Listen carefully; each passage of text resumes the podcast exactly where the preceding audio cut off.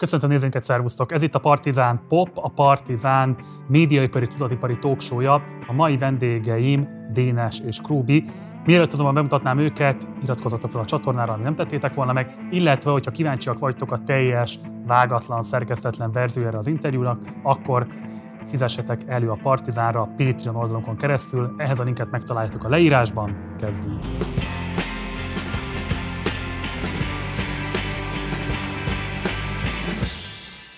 És akkor nagy szeretettel köszöntöm a stúdióban Dénest és Krubit. Sziasztok, srácok! Nagyon köszönjük, hogy eljöttetek. Köszönjük, hogy itt lehetünk. Köszönjük. Um, Dénes helyett most Krubival kell kezdenem, mert hogy a legutolsó hír, ami rólad szólt, az picit riasztó volt, nevezetesen egy egészségügyi probléma, közelebbről nem leírt szívproblémák miatt elmaradtál a nyilvánosságtól még a pandémia előtt, aztán jött a pandémia. Mit lehet most tudni igazából az egészségügyi állapotodról? Mi az, amit ebből megosztanál a nyilvánossággal? Hát nem takargatok ebben semmit, inkább csak úgy nem akartam egy ilyen social media posztban annyira részletekbe belemenni. Egy szívizomgyulladásom volt, ez nem egy krónikus betegség, teljesen felépültem belőle, annyi, hogy ezt természetesen komolyan kell venni, az embernek a szívével van baj. Ez így sok mindentől lehet, nem teljesen egyértelmű, hogy mitől alakult ki. Egy mandulagyulladás szövődménye is lehet, kullanstól is lehet, tehát ez, ez sokféleképpen kialakulhat ilyenkor annyi, hogy jó pár hónapig nem szabad megerőltetni magad, stb. Így, így a koncertek nyilván nem jöhettek szóba, bár amúgy se jöhettek szóba végül, mert ugye jött a szanyadik, második hullám volt. És ja, de voltam egy hetet kórházból, kijöttem, utána szedtem még a kis antibiotikumomat, pihentem otthon egy pár hónapot, és még novemberben már mondta nekem az orvos, hogy tekintsem magam egészségesnek, úgyhogy szerencsére ezen úgy tűnik, hogy végérvényesen túl vagyok. Tehát akkor megnyugtathatjuk a nézőket, a rajongókat, hogy teljesen Így és egészséges vagy legjobb tudomásod szerint. Így van, igen. Egy kérdés még ehhez kapcsolódóan, hogy mennyiben játszhatott szerepet esetleg az az intenzív életmód, ami a fellépésekből, abból az elképesztő hype ami a személyed körül kialakult az elmúlt években. Tehát ez mennyiben lehetett, mennyire játszott közre abban, hogy kialakult ez a betegséged? Én azt gondolom, hogy nem olyan nagyon, főleg, hogy ez tehát 2020. augusztusában um, kerültem így kórházba, és ugye azon a nyáron összesen kettő darab koncertem volt. Tehát az ilyen szinten a túlhajtás az nem igazán jön szóba. Szerintem ez, ez vagy pusztán pes volt, vagy ha már valamit, amilyen életmód, és esetleg hozzájátszhatott ahhoz, hogy mondjuk az immunrendszerem ezt nem küzdött el magától, stb. Az inkább a, szerintem ilyen egészségtelen táplálkozás, meg, meg ilyen dolgok, amikre ugye egyáltalán nem jutott eszembe figyelni előtte, így inkább azóta, hogy ettől így nagyon megijedtem, hogy ez történt, azóta figyelek bármennyire oda, hogy mit teszek, mennyit alszok, stb. Előtte ez valahogy így nem is volt a... Ez edukatív jellege van ennek a megbetegedésnek. Abszolút, igen. Egyébként így bizonyos szempontból nagyon sokat tanultam belőle, meg azt gondolom, hogy hosszú távon lehet, hogy az egészségemnek jót tett, hogy egy ilyen úgy tűnik következmények nélkül, de mégis nagyon ijesztő élményem volt, hogy, hogy így, most így visszanézek arra, tehát nem kell ilyen nagyon durva dolgokat elképzelni, csak hogy mondjuk egyáltalán nem foglalkoztam azzal, hogy hányszor eszek gyors kaját, milyen üdítőket iszok, stb. Ez úgy gondoltam, hogy nem fiatal vagyok, ez nem számít.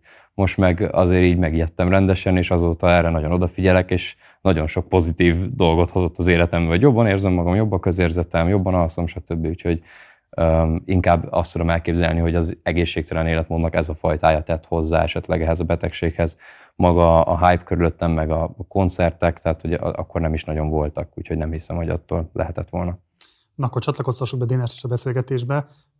Milyen családi háttérről érkeztek? Tehát mit lehet elmondani arról, hogy milyen környezetben nőttetek föl, mivel foglalkoztak a szüleitek? Dénes elsőként akkor te. Hát én alapvetően azt gondolom, hogy magyar viszonylatban jó családi háttérből érkezem, és foglalkozásukat tekintve informatikus, valamint nyelvtanár szülőkkel rendelkezem. Milyen nyelvet tanított? Angol, német. Édesanyád, édesapád? Édesanyám. Édesanyád. Írod azt, vagy mesélted egy interjútban, hogy keresztény családban nőttél fel, és vittek templomba is. Ezt hogy kell elképzelnünk? Hát ö, olyan formán, hogy ö, ahogy ez így elhangzott az imént, keresztény családban nőttem fel, és, és magam is sok ideig a plébánia közösségnek része voltam, és, és aztán idővel ez, ahogyan így a saját személyiségem bontakozott ki, és más dolgok kaptak szerepet, ez, ez elmaradt. Ugyanakkor az érdeklődés a témakör irányába nyilván a mai napig kitart. És ez mennyire eredményezett konfliktust a szüleiddel?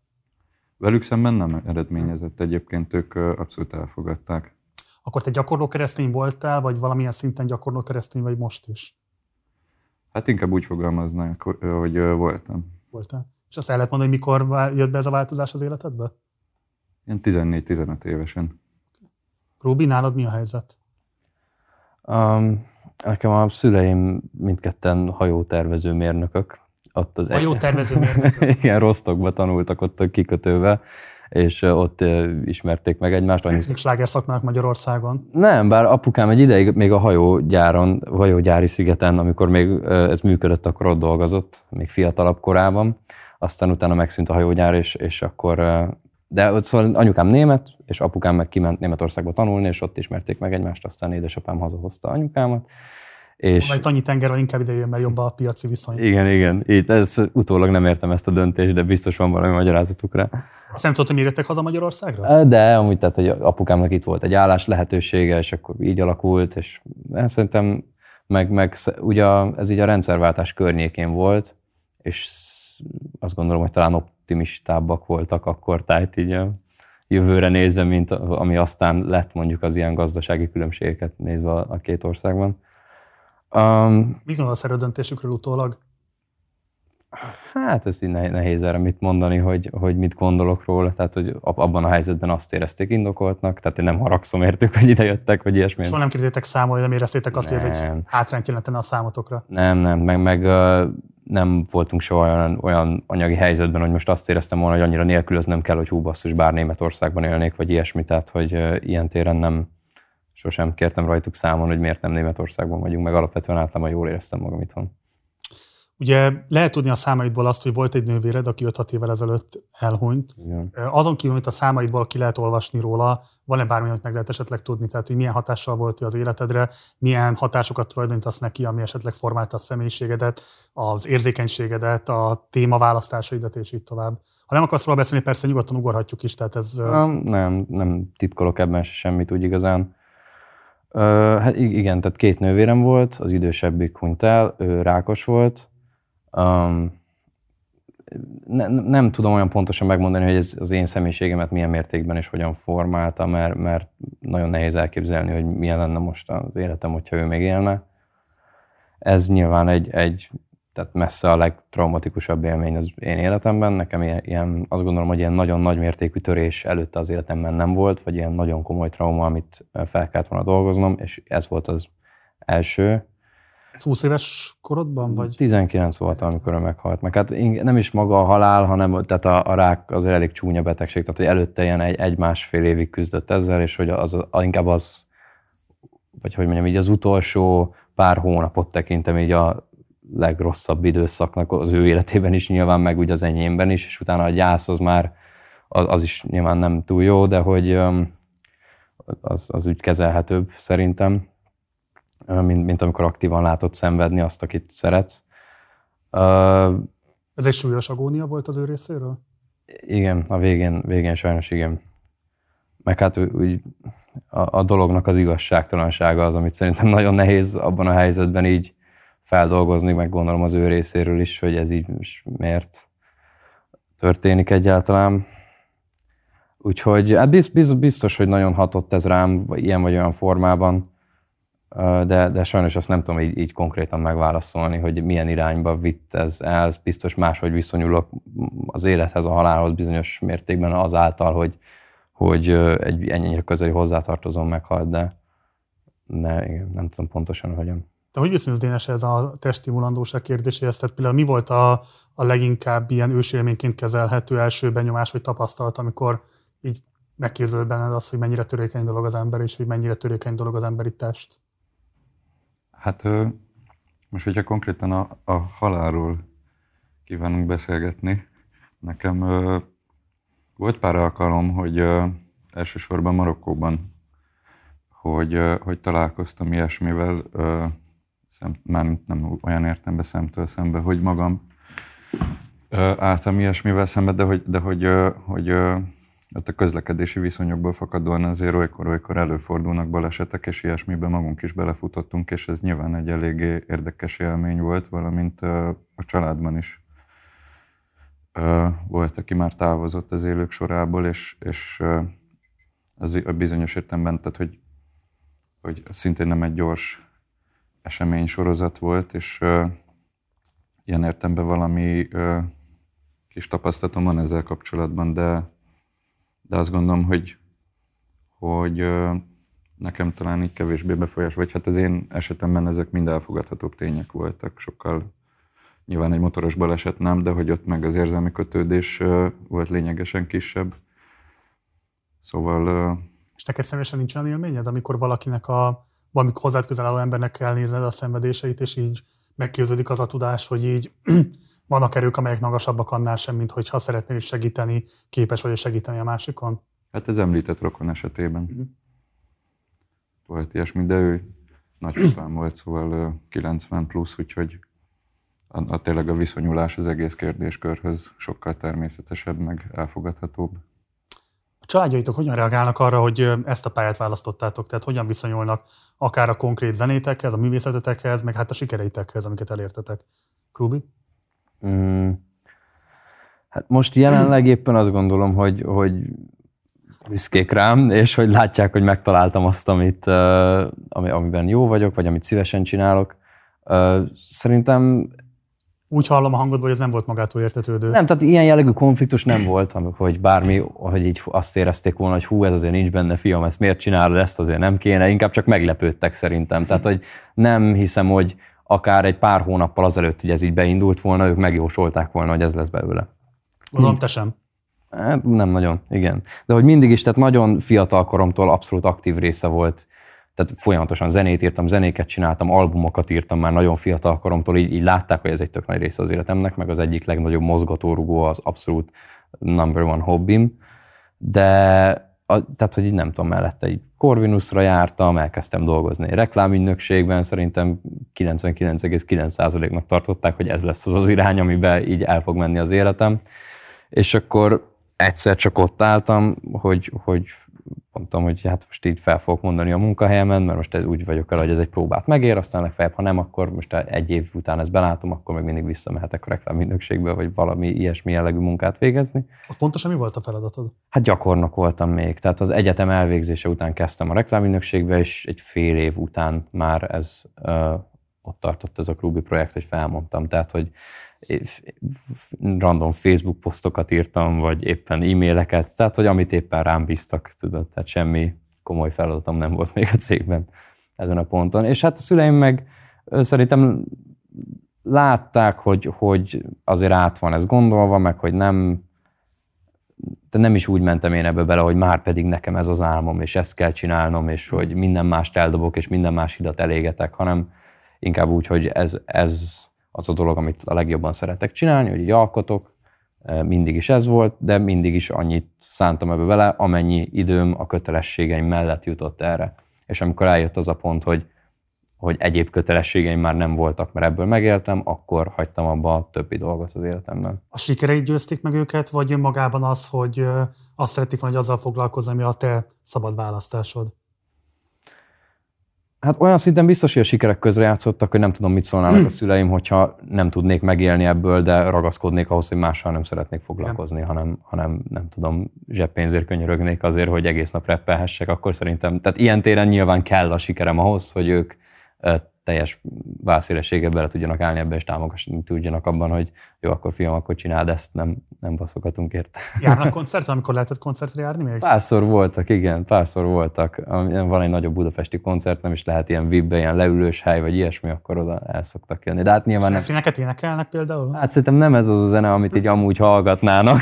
De... Rákényszerülnek, vagy feltesz, hogy meghallgatják. Igen, igen, igen de szerintem tudják valahol értékelni, meg elfogadják, hogy ez egy más generáció, meg más stílus, de... Hát amikor rázendít a tömeg, hogy birké kicsikét még Feri, akkor ők nem állnak ott a közönség soraiban. Hát nem szúrtam még ki, hogy tátognák a szöveget, nem, nem. Nálad hogyan, mit lehet elmondani a szülői viszonyulásról? Hát esetükben is abszolút elfogadás jellemzi a dolgot. Um, sőt, tehát hogy, hogy bizonyos aspektusainak értemszerűen tudnak örülni is. Uh, az imént említett viszony, a, tehát hogy a, a keresztény közösség, ugye, ami szóba került az imént, hogy a, az ő értékrendjükkel például ez abszolút nem megy szembe, és nem látnak benne ilyen értelmű kivetni valót, mivel ők pontosan tudják detektálni, hogy, hogy milyen formában jelenik meg mondjuk ez a témakör a dalokban.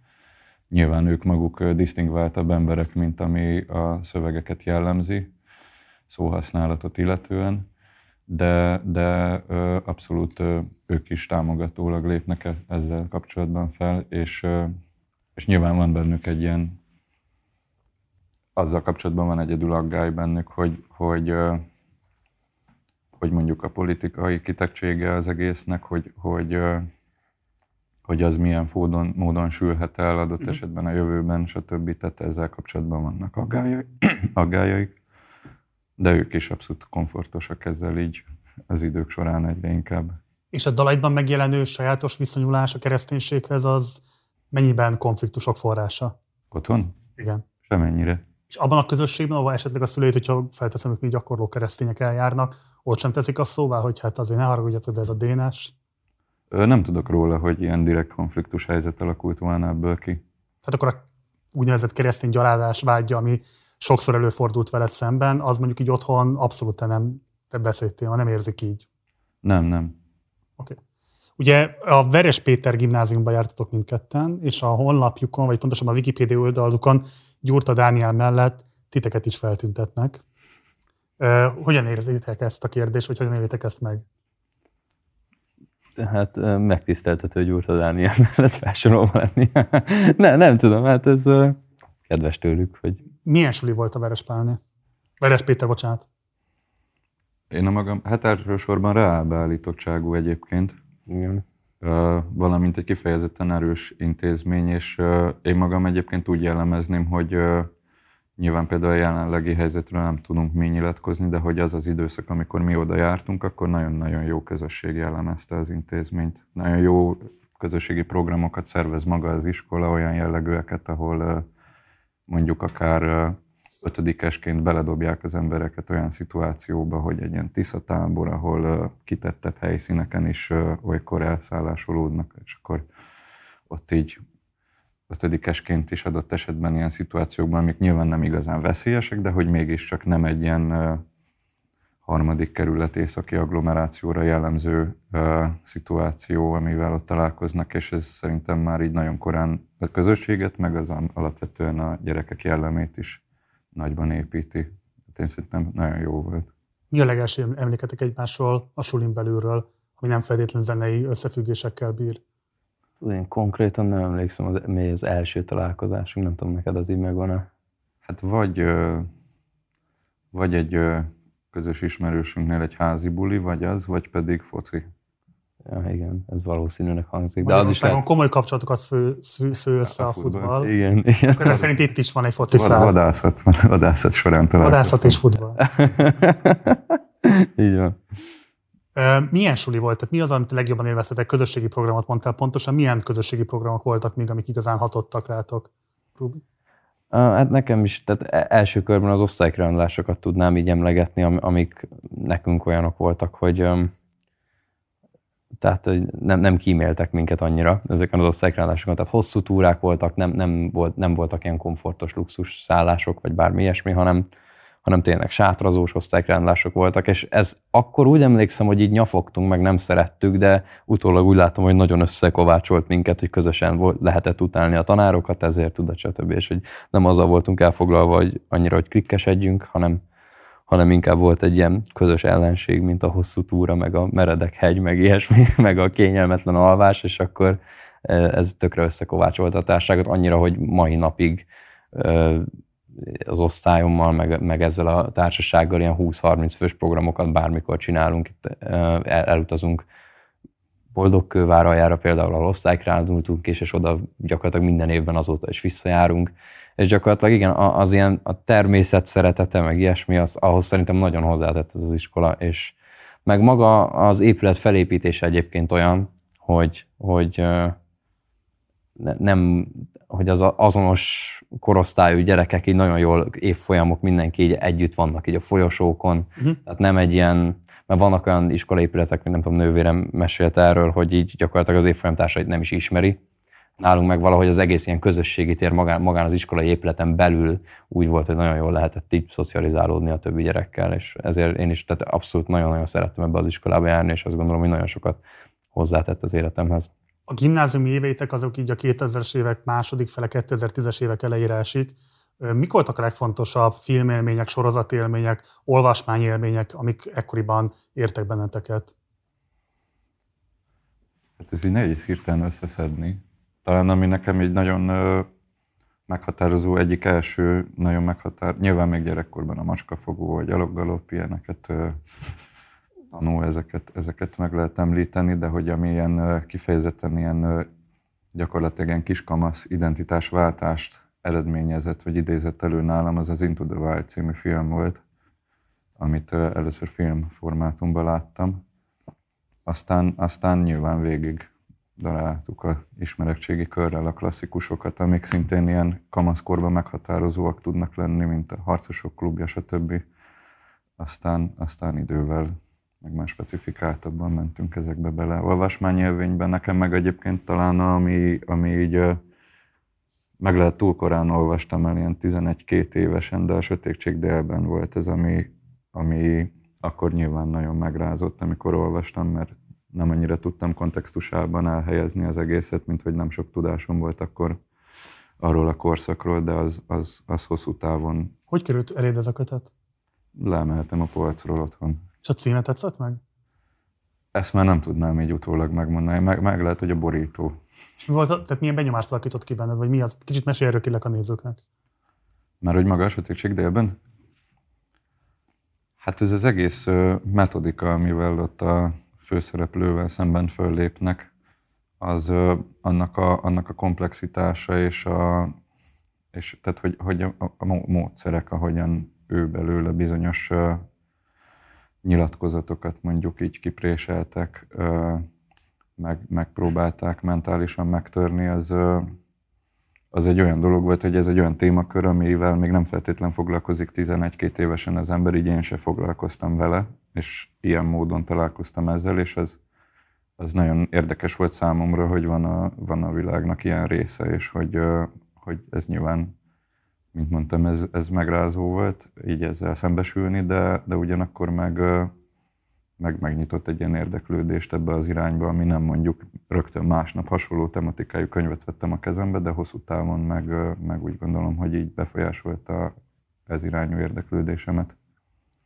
Nálad? Mondjuk, um, Nekem hát könyvek terén én szerintem tínédzser koromban az általam elolvasott könyvek több mint 50% a Stephen King könyv volt, tehát neki ugye nagyon, nagyon sok könyve van, és én, én azt akkor így nagyon éltem, úgyhogy én azokat olvasgattam sokat. Mi volt az első kötet, amit olvastál? Kujó, emlékeim szerint ami egy ilyen veszett kutyáról szól, és akkor azt tartja a terrorban a környéket, tehát ilyen klasszik Stephen King. De azt én nagyon szerettem akkoriban, meg hát nagyon fiatalon is kezdtem el olvasni, és akkor még ugye pusztán az, hogy úristen, milyen durva könyveket olvasok, az is olyan izgalommal töltött el. Az itt vagy a Shining, az mikor került eléd? Fú, hát az is valamikor abban az időszakban, de azokat is nagyon szerettem, igen. És hát így filmek, én sosem voltam akkora ilyen, nem, nem néztem annyira sok filmet se sorozatot, nekem valahogy, meg úgy, tehát könyvek is nekem úgy leginkább, már nagyon fiatal koromban is így a, a mindig zenét, én albumokat, diszkográfiákat fogyasztottam, azokat a blogokat olvasgattam, amik lemezkritikák vannak. Tehát én nagyon-nagyon ezt éltem, nekem abszolút az ő művészeti oldalról egész fiatal koromtól mindig a, a zene volt így a meghatározó ami, amiben így korszakokat tudok mondani az életemben, hogy ú, akkor ezt szerettem, akkor azt szerettem, és a filmek, az mindig inkább olyan volt, hogy így, ami így mellette, így jó, hogy mindenki ezt nézi, akkor én is megnézem, de hogy annyira nem, nem is értek annyira ehhez a témához, olyan szinten nincs is szemem hozzá, úgy érzem, tehát mai napig azt gondolom, hogy a filmfogyasztásom az eléggé felszínes. Uh-huh. Sorozatok? Akár nálad is, Dénes? Hát nekem a, a The Wire volt így szerintem a legmeghatározóbb, az, amit így... Hány évesen láttad? Hú, hát először szerintem, tehát kétszer néztem végig, először szerintem ilyen tizen sok évesen már, 18-19, aztán később ilyen 20 pár évesen is újra néztem, de hogy nekem az volt az, ami ilyen legnagyobb hatást gyakorolt rám. Nem tudom, nagyon tetszett, hogy egy ilyen nagyon komplex, tehát gyakorlatilag az egész infrastruktúrát abban a Baltimore városában így megismerhetjük a sorozaton keresztül, ami nekem nagyon ilyen elképesztő volt akkor, és meg hát ilyen nagyon izgalmas is nyilván, meg érdekes ez a világ, ami ott zajlik, amit én úgy nem ismerek, ugye. A politikai összetettsége hogy hatott rád annak a sorozatnak? Hát rémisztő volt leginkább, hogy így, ez, ez csak nem tényleg így megy, de, de hát gondolom tényleg így megy. Meg hát amennyire utána olvastam annak, hogy hogyan készült ez a sorozat, hogy, hogy tehát, hogy ezek ugye nagyon sok olyan ember involválásával készült, akik tényleg beleláttak ezekbe a dolgokba akkoriban. És tehát, hogy azt csinálja jól, az a, az a nagyon jó ebben a sorozatban szerintem, hogy nem csak bemutatott egy aktuális helyzetet, hanem hogy az a, a az emberi természet, ahogy, uh-huh. a, a, ahogy működik az emberi természet, az, az valójában az, ami, amiatt elfajzik. Szerintem ott a viszony a politikában, ugye az oktatás is be van mutatva, a munkás réteg, a, a gettó, minden, és hogy az, annak ellenére, hogy változik a környezet, feltételezem ma a drogdílerek már más technológiával dolgoznak, a nyomozók is más technológiával dolgoznak, de hogy maga az emberi természet meg valószínűleg ugyanaz, és hogy, és hogy így mai napig azt gondolom, egy nagyon tanulságos sorozat lehet. Más David Simon sorozatokat megnéztél? Elkezdtem a... Volt egy, ami New Orleansról szólt, most nem emlékszem hirtelen mi a címe. Um, a Maggie Gyllenhaal-lal? Fú, azt hiszem, igen. Igen, igen, igen, igen. Igen, igen, tudom. Nem, Tremé talán ez, a, nem, nem tudom mi a címe, elfejtettem. De az ilyen, a, ott volt azon a, a Katrina, a nagy izé, hurrikán vagy tornádó, nem is tudom mi a megfelelő kifejezés. Nem, akkor az másik, bocsáss meg, az egy másik, igen, tudom. Nem tudom. A címe. De nem is tudom akkor, de mindegy. Azt... tudni fogják, meg az IMD főként, úgyhogy... Igen, igen, de azt elkezdtem, nem néztem végig. Illetve elkezdtem, volt most nemrég egy Fú, de jó, abban szóval James jó. Franco volt most ebben az... Na, én arra gondoltam, igen, igen. Igen, igen, ja, igen, igen és abban volt, igen, igen. Juice. Az, az, azt is elkezdtem, és azt se fejeztem be. Szóval a hero nem láttad? Nem. Négy részes, szerintem az egyik legjobb műve. Azt nem is, nem is hallottam róla szerintem. Azt mondtam, fönn van legálisan is. Jó. Egyszer írtál egy 120 oldalas kötetet, mint kamaszkorodban. Megengedte valahogy elolvasd, Dénes? Nem kezdeményeztem. Nem? Elolvasotta az bárki rajtad kívül? É, hát ugye szüleim, szerintem egy-két haveromnak is odaadtam, de ez ilyen 11-2 éves koromban írtam. Ez az nagy szó, 11-2 éves hát de koromban, nagyon, 120 oldalas regényt összerakni. De nagyon szar. Milyen sikered, de az más kérdés, azért mégiscsak te leírtál 120 papírt. Hát olyan, olyan szempontból impresszív, hogy, hogy leültem és végigvittem ezt a projektet annak ellenére, hogy amúgy nem, nyilván a koromból kifolyólag sem voltam túl jó benne, meg azért utólag azt gondolom, hogy amúgy sem. Akartál írni egy kingszerű kötetet, vagy mi volt ott? Szerintem abszolút. Nem, nem, akkor az még nem is kingszerű volt, szerintem utána kezdtem el nagyon kingszerű dolgokat írni, mert egy ideig voltak ilyen ambícióim, hogy én majd író leszek, meg indultam ilyen versenyeken is, ahol le kellett adni a novellát, és van, van egy ilyen, hogy fú, man, semminek a nevére, Police, talán volt egy ilyen verseny, hogy akkor ott lehetett nevezni, és akkor minden évben megjelent egy novellás kötet, amiben a 25 legjobb novella megjelent, és abban meg voltam említve, mint hogy nem, nem volt benne a novellám, de meg, hogy mondjam, ilyen... Megkaptuk, köszönjük. Igen, igen, igen. Úgyhogy ez volt a nagy sikerélményem, és az például egy nagyon Stephen Kinges novella volt. Az, ez a regény, amit írtam, ez meg ilyen abszolút, ez olyan fantazi lények az erdőben, ilyen félig ember, félig állat. Meg kiskoromban nagyon szerettem az összes ilyen ilyen állatos dokú, dínos dokú, ezeket így imádtam, és akkor abszolút ez a minden olyan filmet szerettem, aminek az a lényege, hogy ú, valami lakatlan sziget, és ott ilyen szörnyek, meg lények vannak, és akkor ez abszolút ez, a, ez, az volt az irány akkoriban. Jurassic Park találkozott a Stephen Hát a Jurassic Park az, mind, az, az Jurassic Park mindent visz? Az, az volt gyerekkoromban az abszolút kedvenc film, nagyon dínos voltam gyerekként. Az első rész volt folytatások is? Az első volt a kedvencem, de, de nagyon szerettem a kettet. Úgy nézhettem ezt akkoriban, hogy ugye én kazira felvették a szüleim, és úgy, hogy kikapcsolták a felvételt, amikor a dinók embereket esznek. Tehát a lényeget nem láthattam a filmből. Mit láttál igazából? Tehát akkor az van, hogy az legeleje összeomlik az infrastruktúra, és amikor a T-Rex kiszabadul, vágás. Igen, gyakorlatilag. És hát láttam, hogy egyre kevesebb szereplő van, de és feltételeztem, hogy mi történt velük. Valahogy így. De azt Néztétek együtt valaha a Jurassic Parkot? Nem. valószínűleg nem. Ebben az nem imádatában nem láttam. osztozol. Szerintem nem is láttam Jurassic Parkot. Nem láttam a Jurassic Parkot. Elképzelhetőnek tartom, hogy ilyen focis edzőtábor, általános iskola, hosszú buszutazások, ilyen jellegű filmek során így az is sorra került, de nem hagyott így maradandó élményt, ez biztos. Pedig jó cucc.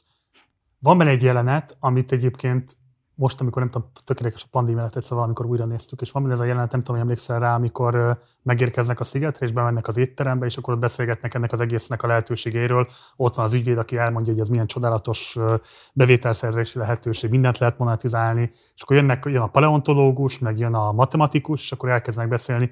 Az egyik legjobb jelenet szerintem a Igen, filmben. igen, Ennyi igen. fut, tehát kisgyerekként a dinók kötnek le, Igen, igen, igen. Felnőttként pedig az a beszélgetés, hogy mit jelent egyébként a génsebészettel való foglalatoskodás és az abból beláthatatlan következmények.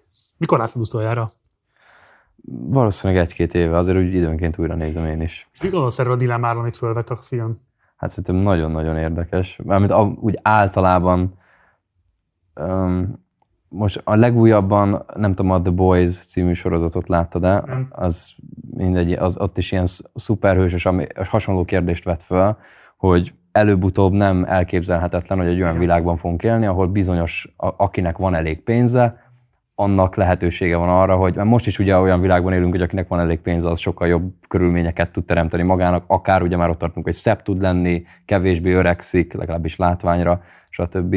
És ez lehet, hogy addig tud fajulni, vagy fejlődni, attól függ, hogy nézzük, hogy konkrétan génmódosításokat tud végrehajtani az, akinek van erre pénze, és ugye kérdés, vagy hát kivéve ha az állami egészségügy is ezt lehetővé teszi mindenki számára, de hogy ez egy nagyon érdekes morális kérdés szerintem, hogy akkor ebben hol húzzuk meg a határt, hogyha már ott tartunk, hogy, hogy, hogy tényleg van, akik sokkal tovább tudnak élni, mint mások. Tehát, hogy ahol tényleg az lesz a kérdés, hogy gyakorlatilag szupermenek vannak az átlag emberek között, és hogy kinek ez milyen formában jár, az szerintem egy nagyon-nagyon nehéz kérdés, és inkább ijesztő belegondolni, mint, mint ahogy, tehát nehezebb optimisz, nehéz optimistán ránézni erre szerintem.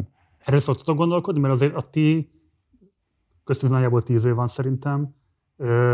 Lehet, hogy már az én életemben is, de szerintem a ti életetekben mindenképpen lesz lehetőség arra, hogy génsebészeti eljárásokkal valamilyen módon modifikáljátok akár valamelyik testrészeteket, akár valamilyen módon lehet, hogy nem tudom, az életkilátásaitokat lehet ezzel meghosszabbítani, stb.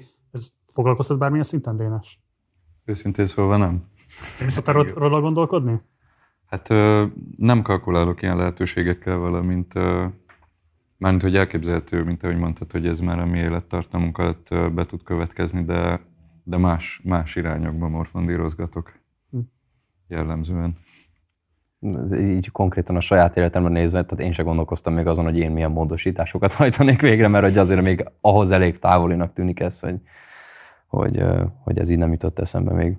De akkor Dinóval nem keresztelnéd a génállományod. Hát, es, esetleg egy Baryonyx, de amúgy nem. Egy T-Rex klubi azért az, az elég igen. hangálnak körülten és énekelni, vert ki. igen, igen. Esetleg a látásomat, hát kiskoromban rendkívül büszke voltam arra, hogy a legkiválóbb érzékszervem a, a szemem volt, és számháborúban akár már olyan távolságokra, amikor már kijön a fa mögül az opponens, akkor azt sejtve, hogy hiszen ő sem lát, te se látod, akkor én hunyorítottam egyet, és effektíven tudtam részt venni a küzdelembe, és ezt sok képernyő nézés által szerintem mostanra elvesztettem, bár nem sok lehetőségem nyílik tesztelni, de, de hogy egy ilyen számháborús szuperharcosként visszatéréshez lehet, hogy egy ponton majd igénybe veszek egy ilyen optikai segítségnyújtást. Azt mondod, hogy a Jurassic Parkot nem láttad, mik még a legnagyobb ilyen vakfoltjaid a filmművészet területén? Például Star Wars, Azokat láttam. A régit, vagy az újat? Az újakat, amik most jöttek ki a Disney gondozásában, abból szerintem egyet láttam, az elsőt. Ezeket az ilyen side filmeket nem. De, de a klasszikus első hármat, aztán a új első hármat, ezeket láttam. Ami, ami, ami ilyen, ö, tehát a hetedik azt nem láttam, ami ilyen klasszikusabbnak mondható, akkor a bárányok Mondta, hogy nem hallgatnak. láttad? Nem láttam.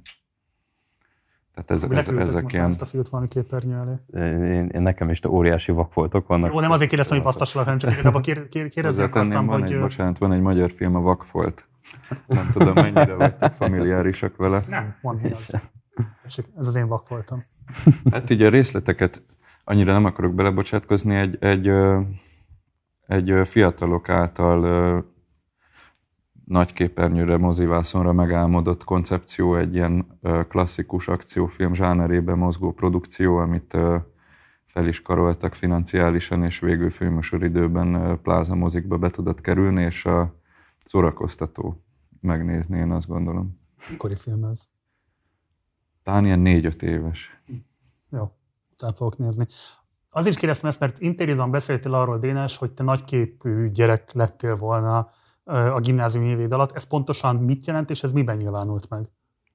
Hát most ez, hogy a nagyképűséget pontosan hogyan definiálja az ember, az, az tehát sokféleképpen lehet, hogy hát elsősorban abban nyilvánult meg, hogy, hogy akkoriban volt egy ilyen, nyilván így kiskamaszként, középkamaszként az embernek sok kérdése van mondjuk így önmagával szemben, és, és ezeket a kérdéseket, bizonytalanságokat sok esetben olyan módon kompenzálja, hogy így kialakít magának egy ilyen identitást, amiben ő beleáll, akár mondjuk ilyen zenei, filmes, irodalmi ízlés kapcsán, amit így piedesztára emel, és, és úgy gondolja, hogy az képvisel értéket, és minden, ami nem tartozik bele abba a körbe, az, az silány, igénytelen, és akkor akik mondjuk ilyesmiket olvasnak, hallgatnak, akkor azokat ö, minősíti magában.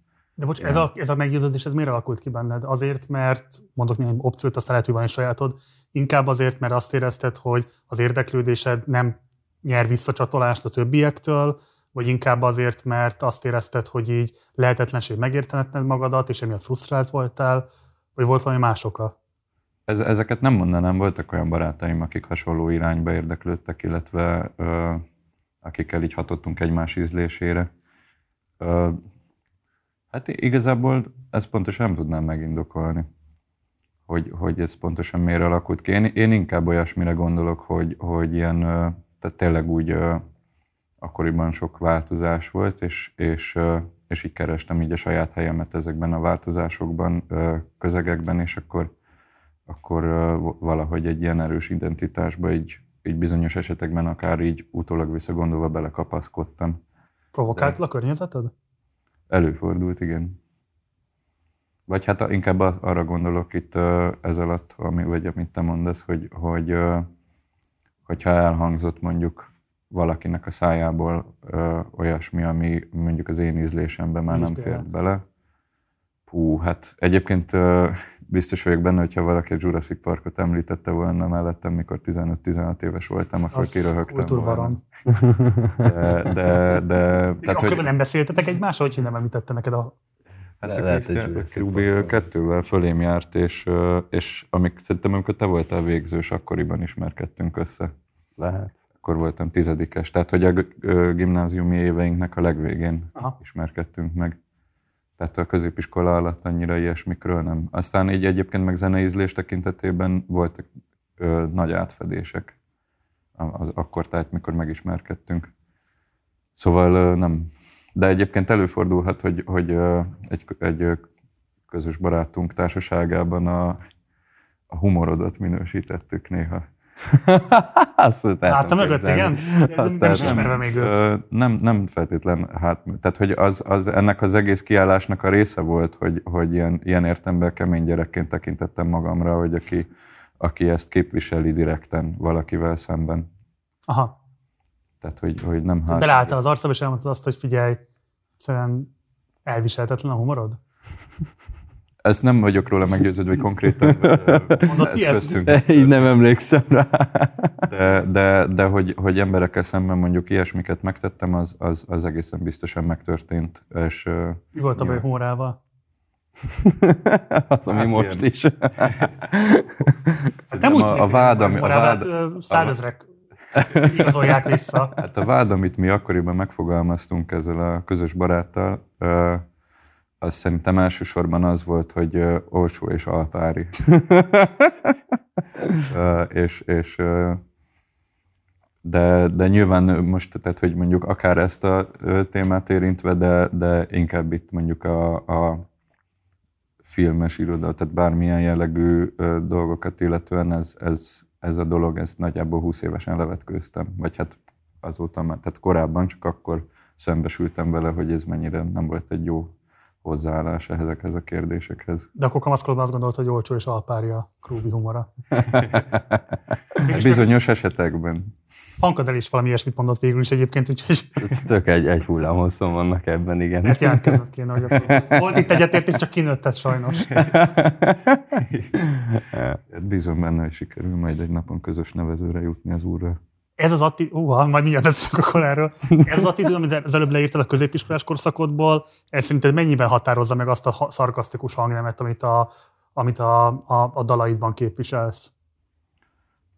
Szerintem nem, nem különösebben, mivel tényleg, vagy hát olyan módon, hogy, hogy volt egy, egy tehát tényleg ilyen nagyjából 19-20 éves koromra tehető periódus, amikor ezzel a, az előtti magatartásommal így abszolút szembe helyezkedtem, és, és adott esetben mondjuk így túlkompenzálni is, is próbáltam, és aztán ez szép lassan mostanra úgy érzem, hogy ezért beállt egy ilyen balanszra, és, és tehát, hogy, hogy így ez az ilyen, tehát, hogy ez szarkazmus, ezt itt akkor megfogalmazhatjuk piszkálódásként is, és hogy ez, a, ez az aspektusa a, annak, ahogy mondjuk bizonyos témakörök megjelennek számokban, ez, ez lehet, hogy mindig is így a kommunikációmnak, vagy így a dolgokhoz való, dolgokról való komfortos kommunikációnak így a részét képezte, ezt nem tudom.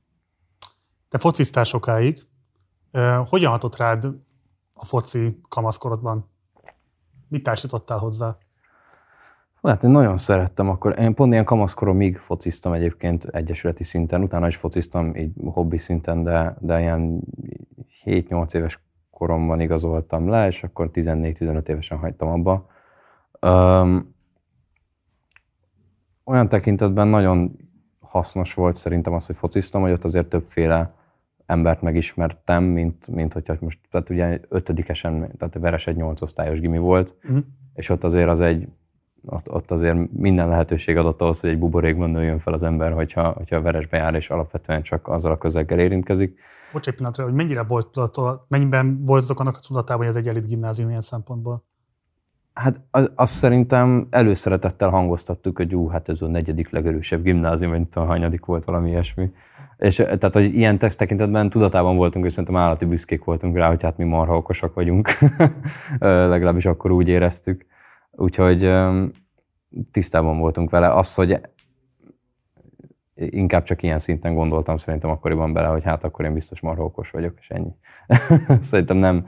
Tehát ilyen komolyabban ilyen társadalmi szinten, hogy ez mit jelent, meg minek köszönhetően van nekem egyáltalán lehetőségem arra, hogy ide járjak, ezt így nem biztos, hogy gondolkoztam azon, hogy akkoriban értelmezzem. De mondjuk a foci például ilyen szempontból hasznos volt, hogy ott azért mindenféle gyerek megfordult, és hogy alapvetően ab- abban a közegben is meg mindig nagyon megtaláltam a helyemet, úgy éreztem, tehát hogy nem voltam ilyen kívülálló és ö, ez lehet, hogy annak köszönhető, hogy ennyire fiatalon bekerültem egy ilyen közegbe is. A dalaidban később többször tematizálod a macsóizmus, szexizmust. Ez a fiúöltözői hangulat, ez milyen hatással volt akkoriban rád? Fú, hát akkoriban az én emlékeim szerint, e- e- tehát ez, ez az egész, ez nem hiszem, hogy az annyira a focihoz köthető, hanem hogy inkább úgy általában, tehát én az ilyen 2000-es évek második felében voltam ugye ilyen serdülőkorú. És hogy emlékeim szerint akkoriban, hogy ilyen egymásnál alvós ilyen fiús bulik voltak, akkoriban óriásit mentek az ilyen amerikai pite utánzat filmek, az ilyen straight to DVD, hangyák a gatyában, német pite, tudnám sorolni, mai napig egyébként néha nosztalgiában megnézzük ezeket a filmeket. És szerintem ez a, az ilyen jellegű humor, illetve az a szinkron, ami azokban a filmekben van, amilyen elképesztően színvonaltalan és nagyon szórakoztató, és nagyon szeretjük. Ez az, ami, ami így visszaköszön a zenémben mai napig, hogy egyszerűen ez ilyen alpári, közönséges, de valamiért nagyon jelen volt akkor, pont sokkal jobban jelen volt, mint szerintem előtte vagy utána bármikor. Hogy az egy olyan időszak volt ilyen kulturálisan, hogy már le voltak döntve mindenféle tabuk, tehát már túl voltunk, ugye az amerikai pitén, Igen. túl voltunk, nem tudom, Eminem, Marilyn Manson, ilyen előadókon, és egyszerűen már nem volt az, hogy mondjuk valami annyira vulgáris, vagy annyira alpári legyen, hogy egy ilyen major stúdió azt mondja, hogy emögé nem állunk be. Tehát az már így nem volt a 2000-es években de még nem is volt az, hogy, hogy mondjuk óvatosabbnak kellett lenni, mert, mert hogy bizonyos emberek elvesztik a karrierjüket, mert, mert hogy túl durva dolgokat mondanak, vagy megsértenek közösségeket. És ott volt egy ilyen 5-10 éves ablak, ahol egyszerűen eszméletlen alpárinak lehetett lenni az ilyen jellegű filmekben. Ez számodra felszabadítóan hatott?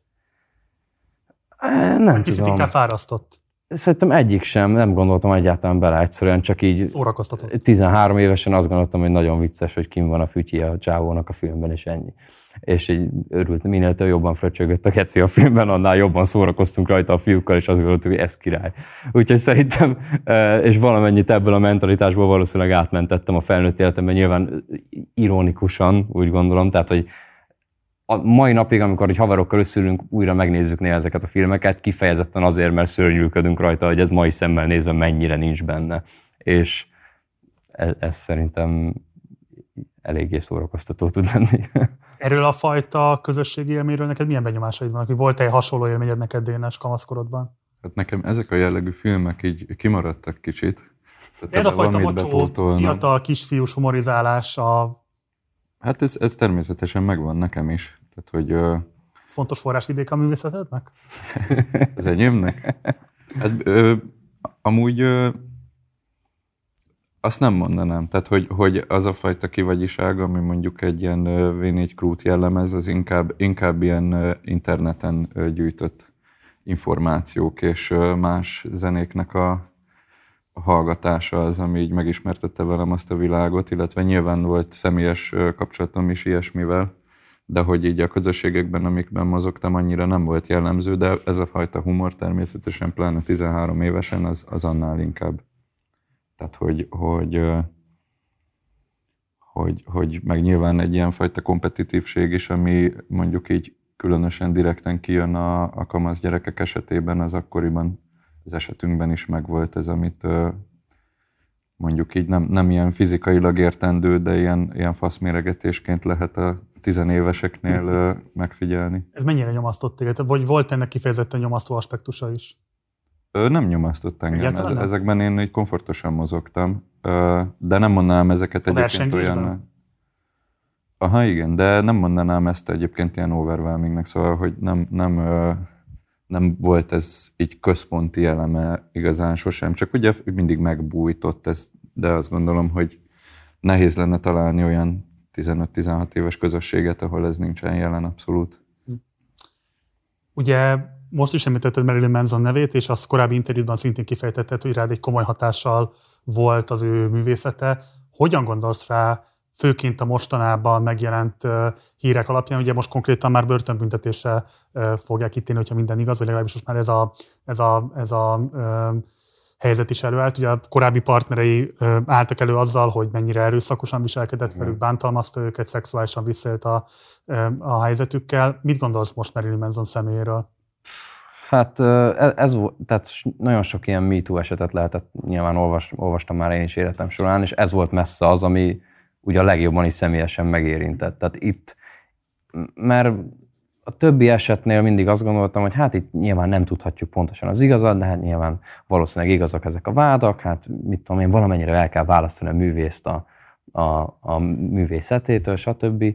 És itt volt az a helyzet, hogy úgy személyesen támadva éreztem magam, hogy ú, basszus, annyira remélem, hogy ez nem igaz. És így egy pillanatra megértettem azt, hogy azok, akik annak ellenére, hogy már minden bizonyíték arra utal, hogy jó, ez az ember, ez tényleg egy szörnyű ember, akit ők szeretnek, annak ellenére így ragaszkodnak hozzá és védik, hogy egy pillanatra így azon kaptam magam, hogy én is vágyom arra, hogy ezt érezhessem, hogy nem, ő biztos nem csinált ilyet, hiszen visszaemlékszem a kilenc éves énemre, hogy így iszonyatosan imádtam, és felnéztem rá, és stb. És hogy ez egy nagyon furcsa, furcsa érzés volt. Um, egy jó ideig utána egyáltalán nem is hallgattam a zenét, és megkérdőjeleztem magamon, hogy fogom-e tudni én ezt valaha újra úgy hallgatni, hogy így ne legyen ez közben a fejemben. És ráadásul sokkal jobban utána is olvastam, mint egyébként szoktam ezeknek az eseteknek. Nyilván úgy elolvassa az ember, hogyha ilyet, ilyet hall, de hogy itt úgy rendesen beleástam magam, mert hogy úgy nyilván érdekelt. És hát nagyon ilyen felkavaró, amik így kiderültek azért róla, vagy, vagy amivel vádolják legalábbis, és uh, hát nem. Meg az is az érdekes, hogy mondjuk például neki van, van egy könyve, amit mit tudom, 97-98-ban kiadott, és én azt gyerekként olvastam. Angolul? Um, magyarul szerintem le volt, le volt fordítva, igen.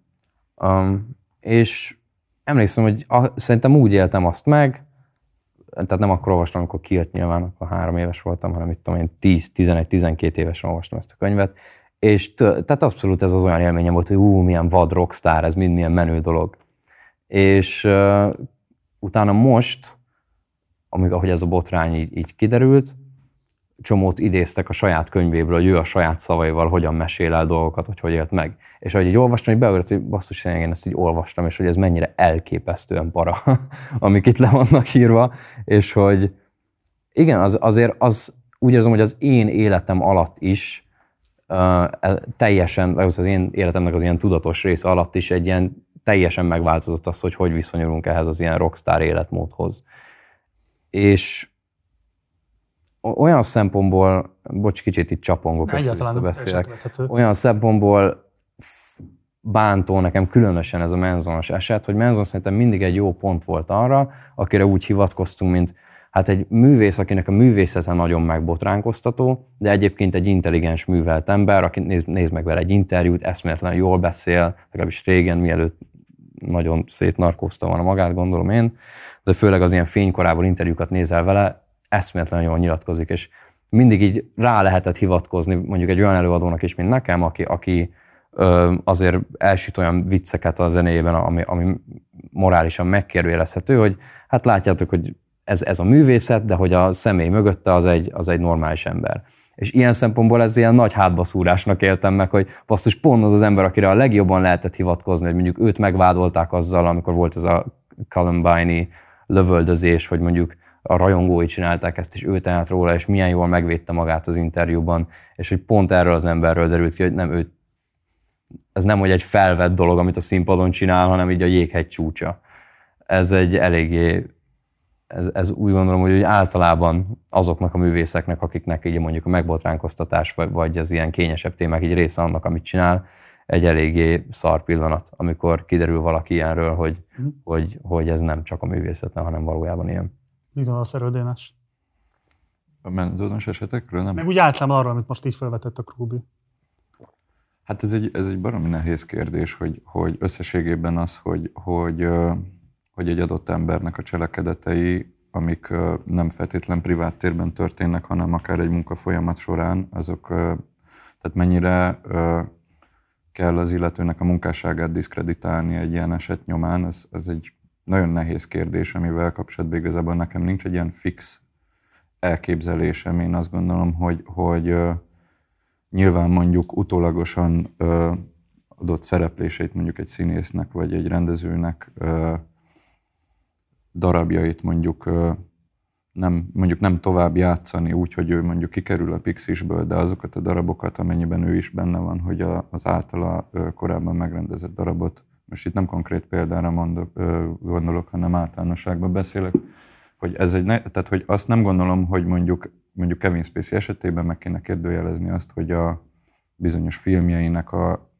különböző televíziócsatornákon játszása az, az megkérdő, megkérdőjelezhető-e. Az, hogy nyilván a további involváltság a projektekben egy-egy ilyen személynek az, az mennyire, tehát az már egy másik kérdés, és az, az tehát inkább arra gondolok, hogyha valaki így abszolút a munka közegén kívül ö, van dokumentált eset, vagy olyan eset, ami, aminek a kapcsán fölmerülnek ö, erősebb kérdések, az, hogy őt, ö, hogyha egyébként mondjuk így a munkafolyamatok során nem ö, történtek a részéről visszaélések, akkor ő maradjon-e, vagy nem maradjon-e, ez már egy olyan mesdje, amiben én nem tudnék így világosan állást foglalni. Igen, az érdekel, hogy szerintem ami a Menzon personájában a legizgalmasabb kérdés, amit a Krubi is felvetett, hogy én pontosan emlékszem, hogy ugye volt egy ilyen erőteljes konzervatív felháborodás a személyét illetően, amiben az volt a vád vele szemben, hogy konkrétan ö, legitimálja az erőszakot a művészetével, és arra enged következtetni, vagy legalábbis azt teszi lehetővé, hogy így fiatal emberek azt gondolják, hogy ez tehát nem biztos, hogy külön képesek választani az iróniát a valóságos állítástól, és ugye a Menzon tudatosan használta a művészetét arra, hogy hát ez csak egy poén, vagy ez csak egy társadalomkritika, és utólag úgy tűnik, hogy ahhoz, hogy elfedje azt, hogy valójában ugyanezek szerint rendezi az életét, és ilyen hatalmi viszonyokban gondolkodik a hozzá közel állók fölött. Mit gondoltok erről a kérdésről? Tehát utólagosan kell emiatt felülbírálnunk Menzonnak az akkori tevékenységét, akár a kolumbáni lövöldözéssel kapcsolatban, akár bármilyen más, kapcsol, más aspektussal kapcsolatban?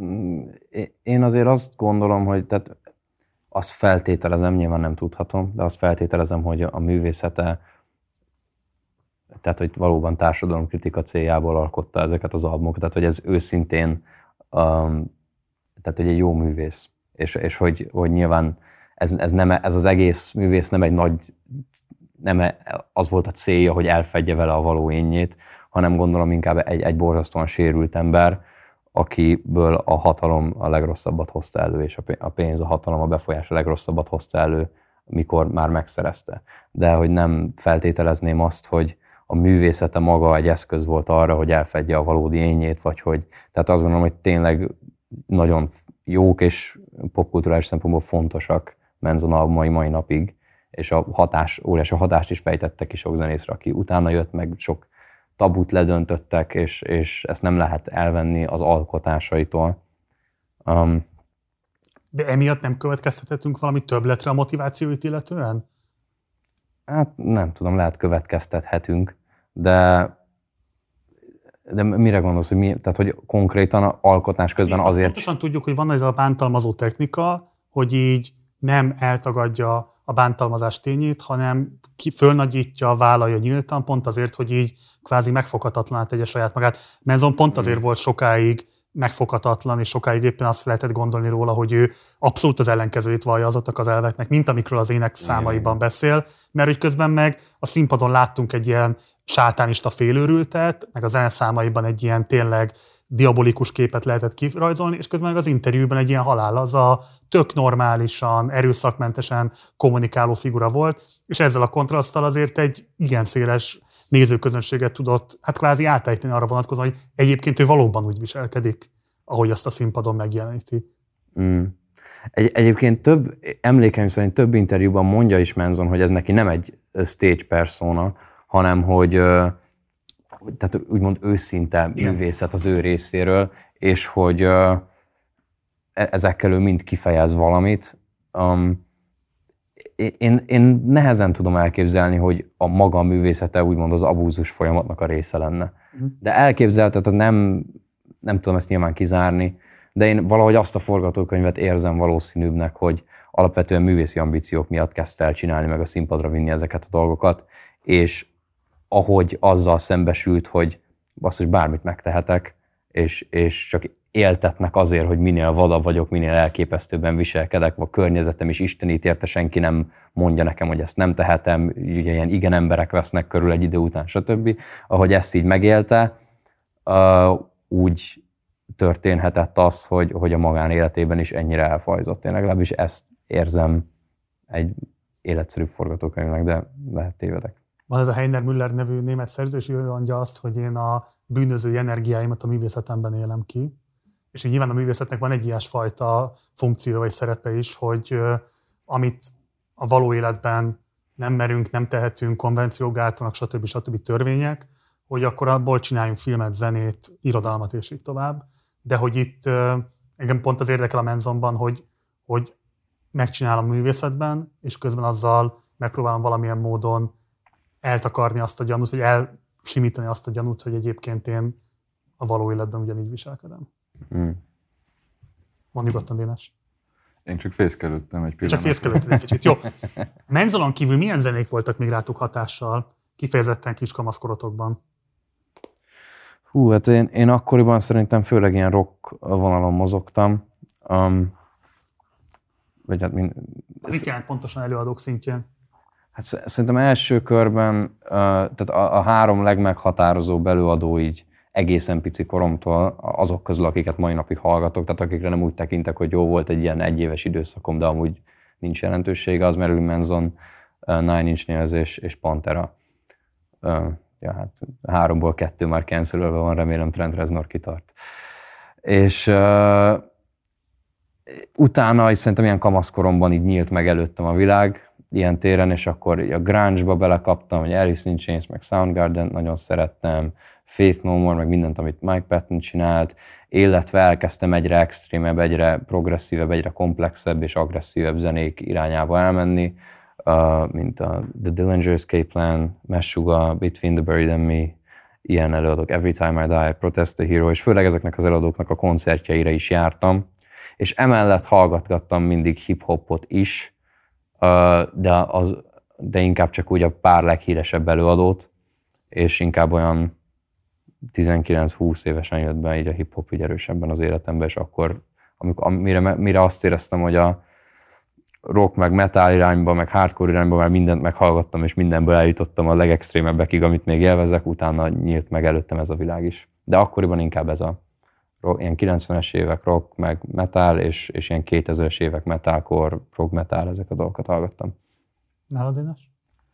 Hát nekem volt ennek egy ilyen evolúciója, hogyha lehet erre így tekinteni, hogy így, és olyan értemben is, hogy, hogy tehát ilyen nyolcadikos korom környékén, tehát az a zenekar, amit mondjuk nyolcadikos koromban már nagyon szerettem, és a mai napig nagyon szeretek, ez a Radiohead, illetve a mellé bejöttek Tom Yorknak különböző más projektjei, illetve akkoriban Kaiser Chiefs, Franz Ferdinand, ilyesmiket hallgattam, meg Kollárnak a különböző formációit, és, és aztán nekem is bejött ilyen 16 évesen nagyon erősen a grunge, illetve Mike Patton személye. És én még hozzátenném a grunge-hoz a magam részéről, én a pearl is nagyon-nagyon szerettem. Nyilván az Into the Wild-nak a Eddie Vedder írta számos zenéjét, szóval ez ilyen módon össze is fonódik. És és aztán ezzel, tehát hogy ezt követően meg volt egy időszak, amikor elsősorban az ilyen 70-es évek brit progresszív rockja, Gentle Giant, a King Crimson, ami meg egy még nagyobb intervallumot ível át, meg ilyesmik voltak, amiket, amiket nagyon szerettem, és, és a mai napig nagyon szeretek. És rap, rap pedig a belgát említeném elsősorban, nagyon-nagyon szerettem.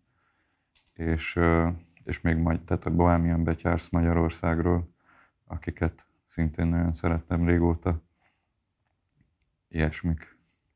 Ugye kamaszkorotokra esik Orbán Viktor első megválasztása 2010-ben, pontosan a második 98 után. Nyilván nem követtétek az eseményeket, mert nem voltatok olyan élethelyzetben, de van-e bármilyen más olyan politikai vagy társadalmi esemény, ami nagyon meghatározó volt ebben az időszakban a számotokra? Most kifejezetten a kamaszkornak ezt a középső szakaszát kérdezem, Tudtok -e esetleg ilyesmit megemlíteni? Hát nekem már 2010 is, tehát két, sőt, mint ebben a 2006-os választások voltak azok, amikre én nekem nyilván a halvány lila gőzöm nem volt sok mindenről, de, de, de pár ilyen véleményt hallottam, különböző teóriákat ezzel kapcsolatban, hogy a kampányidőszakban ki mit miért csinált. És tehát, hogy így a, egy minimálisan így akkor is érdekelt ez a dolog, és, és ilyen formán az első ilyen meg, meg, meg volt, tehát akkor voltam én negyedikes 2006-ban, és a, az osztályban így lehetett tudni nagyjából azt, hogy kinek a szülei szavaznak MSZP-re, kinek a szülei Fideszre, és akkor ennek volt egy ilyen nem olyan erejű közösségformáló ereje, hogy, hogy ez mondjuk így bizonyos kohéziókat akár megbontott volna, de hogy itt így ez, erről beszélgettünk, és, és, és ez egy ilyen tehát tényleg nem tulajdonítottunk ennek különösebb jelentőséget, csak amennyire, bármennyire ilyen kis közösségformáló erejű dolgoknak negyedikesen az ember, és aztán... És esetleg itt politikai ideológiákról beszéltetek, vagy a két politikai vezetőnek a személyéről? Inkább magukról a pártokról, és arról, hogy valaki narancs vagy vörös, vagy piros, fogalmazzuk ki. Értékek társultak ehhez, hogy melyik mit szimbolizál? Negyedikben nem mondanám, nem. hogy társultak különösen. Akkor ezek érzületek voltak. volt inkább az, hogy hogy mondjuk így a, akkor még egy olyan iskolába jártam, ami egyértelműen favorizálta a későbbi győztest 2010-ben, és akkor én ott már így részben így a Tehát, hogy, hogy ott, ott én így letettem a voksomat 13 évesen az LMP mellett, és akkor, és akkor ez, ez ügyben néha így szóba került mondjuk akár az osztályfőnökkel szemben, akár, illetve tehát ott ki volt plakátolva, ez egy ilyen most emlékem, hogy ki volt plakátolva Horváth Csaba, akkori főpolgármester jelölti közvetlenül az osztálytermükkel szemben, és a, és a hitanórán a, ott oktató tanár gyakran megemlítette, hogy ez provokáció, az, az hogy kiplakátolják az intézménnyel szemben Horváth Csabát egy óriás plakáton. Ez, ez volt egy meghatározó élményem, tehát Horváth Csaba és a tanár úr viszonya, a plakát és az ember. És, és aztán meg ezek a beszélgetések mondjuk, amik így abban a közegben lezajlottak, hogy, hogy akkor elhangzanak ezek, hogy a régi SZDSZ-nek az újraszerveződése, stb. És akkor így ez a, ez a fajta ilyen tehát ott például ezzel nyilván van egy ilyen kisebbségben voltam ezzel a véleménnyel, ami nyilván egyáltalán nem volt egy kiforrott vélemény, csak hogy pár ilyen címszó, ami mondjuk is számomra szimpatikus volt az akkori kommunikációjukból, ami mondjuk így elütött attól, ami ott jellemző volt így a dolgokhoz való viszonyulás tekintetében, bár egyébként nem mondom így vészesen elütőnek a tehát, hogy, hogy talán már akkor is azért inkább a, az LMP így egy ilyen középpártként határozta mi meg. Mi fogott meg 2010-ben az LMP-ben? Hogy mi fogott meg? Ezt, ezt, ezt át kéne gondolnom, hogy erre egy, egy ö, ö, jó választ tudjak adni, de talán hát nyilván van az zöld politika, amit már akkor az ászlajukra tűztek. Ezt akkor... már akkor foglalkoztatott? Inkább ilyen módon értesültem róla, és szimpatikus volt a számomra. Vagy hát akkor nyilván rohadt sok mindenki volt plakátolva mindenféle pártok részéről, és akkor akkor meg hozzánk járt a HVG, meg a heti válasz, és azokat én így lapozgattam, és akkor ami abból kiderült, valamint a, a plakátokról, internetes újságokat akkoriban szerintem még nem nagyon olvastam ilyen, ilyen témákban, ilyen 13 évesen. Öm, de, de talán mondjuk így a zöld politikát mondanám, illetve azt, hogy tehát ezt az attitűdöt, ezt a kívülről jövős attitűdöt, ezt a, ezt a civilséget, felvállalt civilséget, amit akkoriban kommunikáltak. Ez szimpatikus volt még a számomra, hogy, hogy, tehát hogy, hogy ezt, ezeket mondanám. Nálad, Krúbi? Volt-e bármilyen olyan társadalmi, politikai, bármilyen ilyen kataklizma, ami meghatározó volt a számodra? Mm, semmi, ami úgy számomra úgy érzem, hogy nagyon fontos lett volna, egy, amire emlékszem, az így az összödi beszéd, hogy az így egy olyan, az így téma volt, mikor volt, hány éves volt, mert 12, 13, uh-huh. Akkor az volt, és az, az úgy emlékszem, hogy így arról is szó volt így az osztályban, meg ilyesmi, meg, de ez nem tudom, hogy ez csak annyit van csapódott le bennem, hogy vicces, hogy csúnyán beszél a miniszterelnök, tehát nem, nem tudom, hogy, hogy ezen felül túl gondoltam el. És 2010? Hogy 2010, ott mi a 16, én arra emlékszem, hogy a szüleim nagyon nem szerették Orbánt. Ez az, ami így bennem megvan, és hogy ezzel így a osztálytársaim közegében, tehát ez volt a kisebbik. Nyilván mindenki csak szajkózta azt a pár mondatot, amit megjegyzett a szüleitől, de hogy, de hogy kevesebben gondolták úgy, mint én, vagy mint az én szüleim.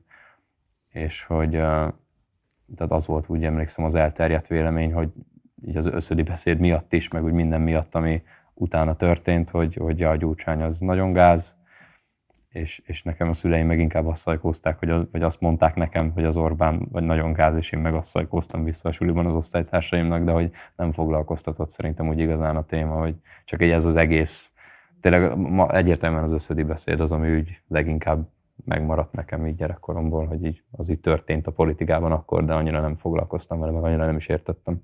A tírpa iránti érdeklődés, rajongás az mikor jött be az életedbe? Szerintem kamaszkoromban hallottam először tirpát, szerintem, szerintem konkrétan emlékszem, hogy a Gágyik 2 című szám. Akkor most megállítalak, és nézzük meg azt a számot. Jó. Fölösleges sugattod meg kiakaszt a dumád Amit tőled akarok, baby, csak az, hogy rázd a bulád Velem ne lelkizzél, nem dumálni hívtalak Kajak, amik csöndbe botta, esküszöm, hogy bírtalak Sorry, szenyorita, látom, hogy most haragszol Feledhetetlen oltás, kaptál egy jó nagy parasztól De már nem bírom a rinyálásot hallgatni A sztoriaidnál nem tud semmi jobban elaltatni. Mert neked megfelelni nem lehet Ha örökké szar kedved van, akkor nyald ki a seggemet. Az urad én vagyok, te nem vagy más, csak rabszolga Az baszna be, ha a egy kurva nadzol. Ja. Minél gecibb vagyok, annál jobban imádtok. Az oltásokra lesz a legjobban nedves a pinátok. Csípitek a mocskos szavakat Nekem mindent tettem fain, én nem oltom magamat Maga biztos dumám van, nekem semmi se bizonytalan. Akkor is minden pinák megbasztítva a viszonyba van. De nektek ez kell, hogy meglegyetek alázva. A nap 24 órájába be vagytok parázva. Itt a pénz beszél, baszhatod a bókodat. Akkor vagy mélyponton, ha a csajod is oltogat Értetek a szemtelenkedéshez De rábasztál baby, mert ma a szöksz helyett verés lesz Nem vagyok hűséges típus, te arra ne számíts Hidd csak el, hogy kevés vagy ahhoz, hogy engem megállíts A faszom az úr, engem az irányít Egy csajba se bízom, leszarom, hogy melyik mit állít Szép dal. Ezt hány évesen hallgattad? Szerintem ez 16 hét. Nem tudom, hogy mennyire hallgattam, de hogy akkor az, ez volt az első tirpa szám, ami, ami szembe jött velem. Szerintem, amiről úgy megjegyeztem a nevét, hogy úristen, na ez durva. Ugye te a saját számidban nagyon tudatosan élsz azzal, hogy az ilyen hip-hop toposzokat figurázott ki. Szerinted a tirpánál is van ilyesmi? Tehát lehet ezt ironikusan kezelni, amiről ő énekel, vagy ez ebben igazából nincsen irónia, ő azt mondja el, amit gondol ezekről a dolgokról. Nem, van egyértelműen benne irónia az ő részéről van benne? Igen, hát máshogy, mint nálam, az biztos. Tehát nekem, nekem a, mondjuk az, hogy ez így lenyűgözött kamaszként, pont olyan oldalról nyűgözött lehet, most látod a borítót, fegyverekkel áll egy ilyen kigyúrt kopasz faszi a, a, a borítón, tehát hogy ez a pusztán a, nem hogy a gangster élet, a magyar lakótelep is nem, nem egy olyan közeg volt, amivel én úgy igazán érintkeztem, nekem inkább az volt a, extrém, tehát hogy ez a, nekem inkább a sok hatás volt az, ami megfogott szerintem, hogy, hogy ez mennyire vulgáris, mennyire durva. Tirpánál meg szerintem ez inkább egy, de nem annyira szeretnék az ő nevében nyilatkozni.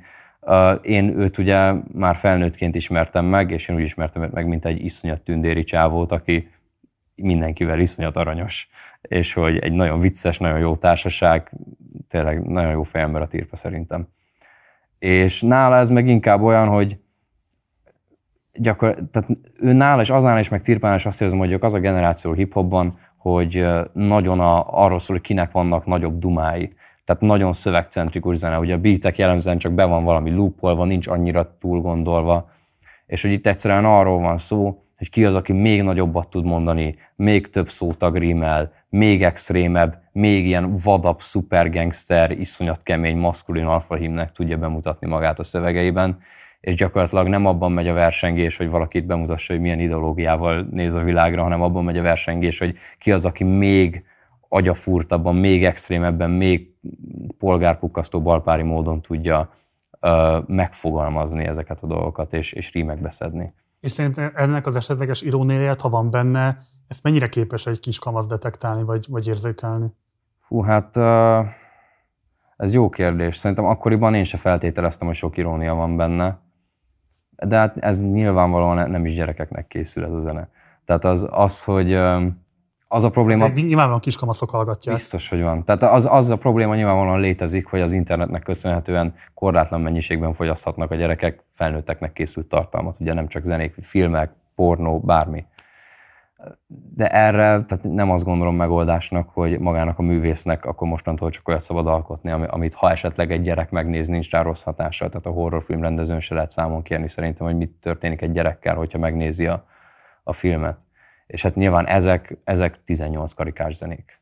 Mm. És azt gondolom, hogy egy felnőtt ember pedig remélhetőleg tudja ezt a helyén kezelni, de még ha egy felnőtt ember sem tudja helyén kezelni, akkor is tehát továbbra sem azt érzem a megoldásnak, hogy a művésznek kéne idomulni ahhoz, hogy a legalacsonyabb közös nevezőre menjen ebben. De akkor azt mondod, hogy te mondjuk például ezt a zenét, amit a Tirpa itt énekel, tehát ezt te nem ajánlanád 18 éven aluliaknak? Abszolút nem. A legtöbb, legtöbb saját zenémet sem. Tehát én azt gondolom, hogy biztos, hogy sokan hallgatják, és én is hallgattam mindenféle ilyen gyerekként, elkerülhetetlen, de alapvetően szerintem az az elfogadható álláspont, hogy ha valami ennyire vulgáris, akkor az, tehát nem én határoztam meg ezt a 18 éves kort, hogy innentől számít valaki teljesen beszámítható felnőttnek jogilag, de ha már ez lett kitalálva, akkor szerintem ez így korrekt. Akkor ennek van értelme nem csak ilyen jogi szempontból, hanem ilyen tényleges szempontok alapján is, hogy nem való feltétlenül. Nem való feltétlenül. Nyilván a pontos kort nem tudom meghatározni, meg egyéne is válogatja, hogy kire hogyan hat egy adott dal, de nyilvánvalóan létezik az a jelenség, hogy bizonyos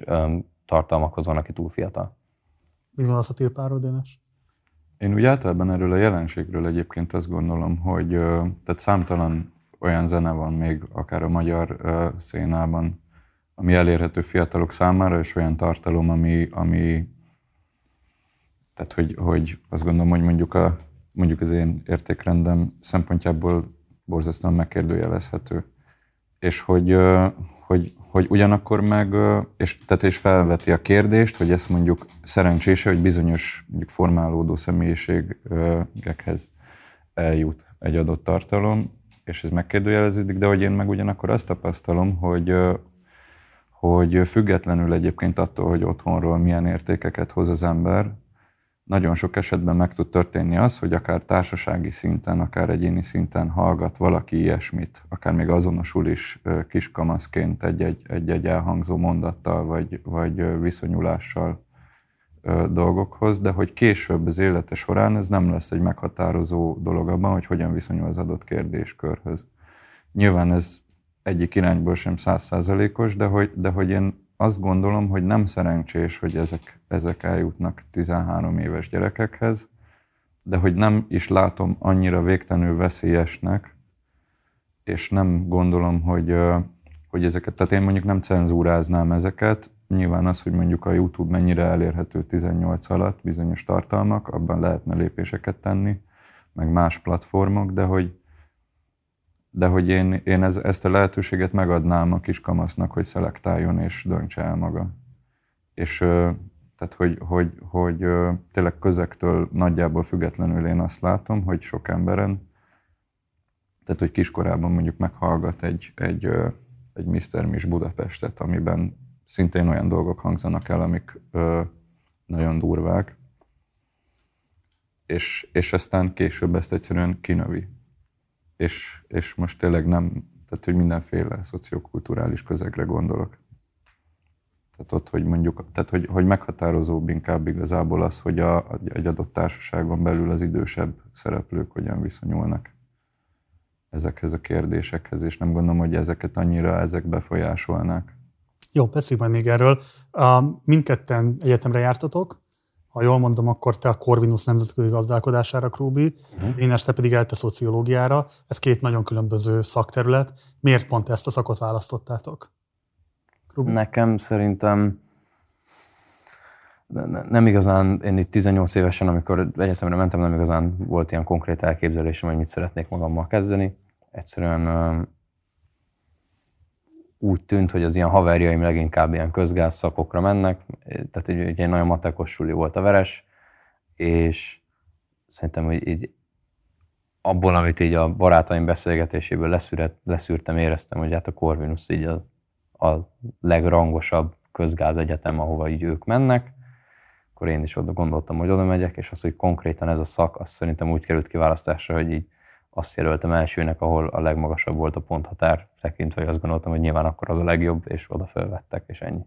Tehát, hogy nem volt túl mély gondolat benne. Ugye apukám, tehát a hajótervező mérnöknek tanult, de aztán később ő is elvégezte a közgázt, és, és uh, inkább így a ilyen üzleti szférában helyezkedett el utána, és gondoltam, hogy hát akkor biztos én is valami ilyesmit csinálok. Szerintem valami ennyi volt kb. a fejemben. Yes.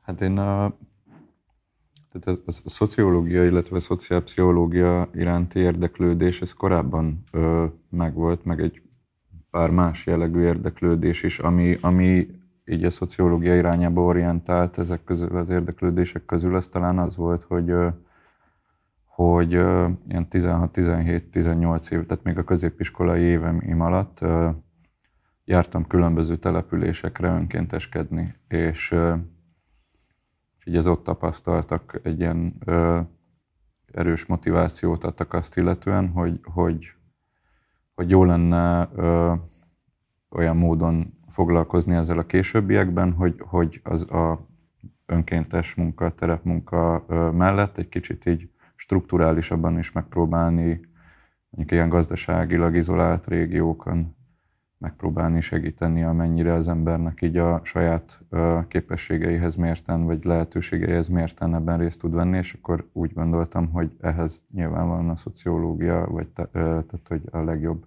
választás tanulmányok tekintetében. És ezt visszaigazolta az egyetemi éveid?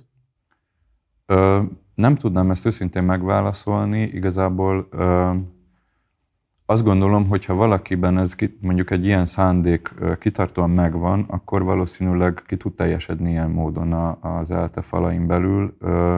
Számomra ez nem derült ki, mert, mert hogy az évek alatt ez a jellegű ilyen erős motiváció, hogy tényleg egy életutat akarok ennek a dolognak szentelni, ez, ez szép lassan először megkérdőjeleződött, aztán belátásra került, hogy, hogy ez egész egyszerűen egy erősebb karaktert kíván meg.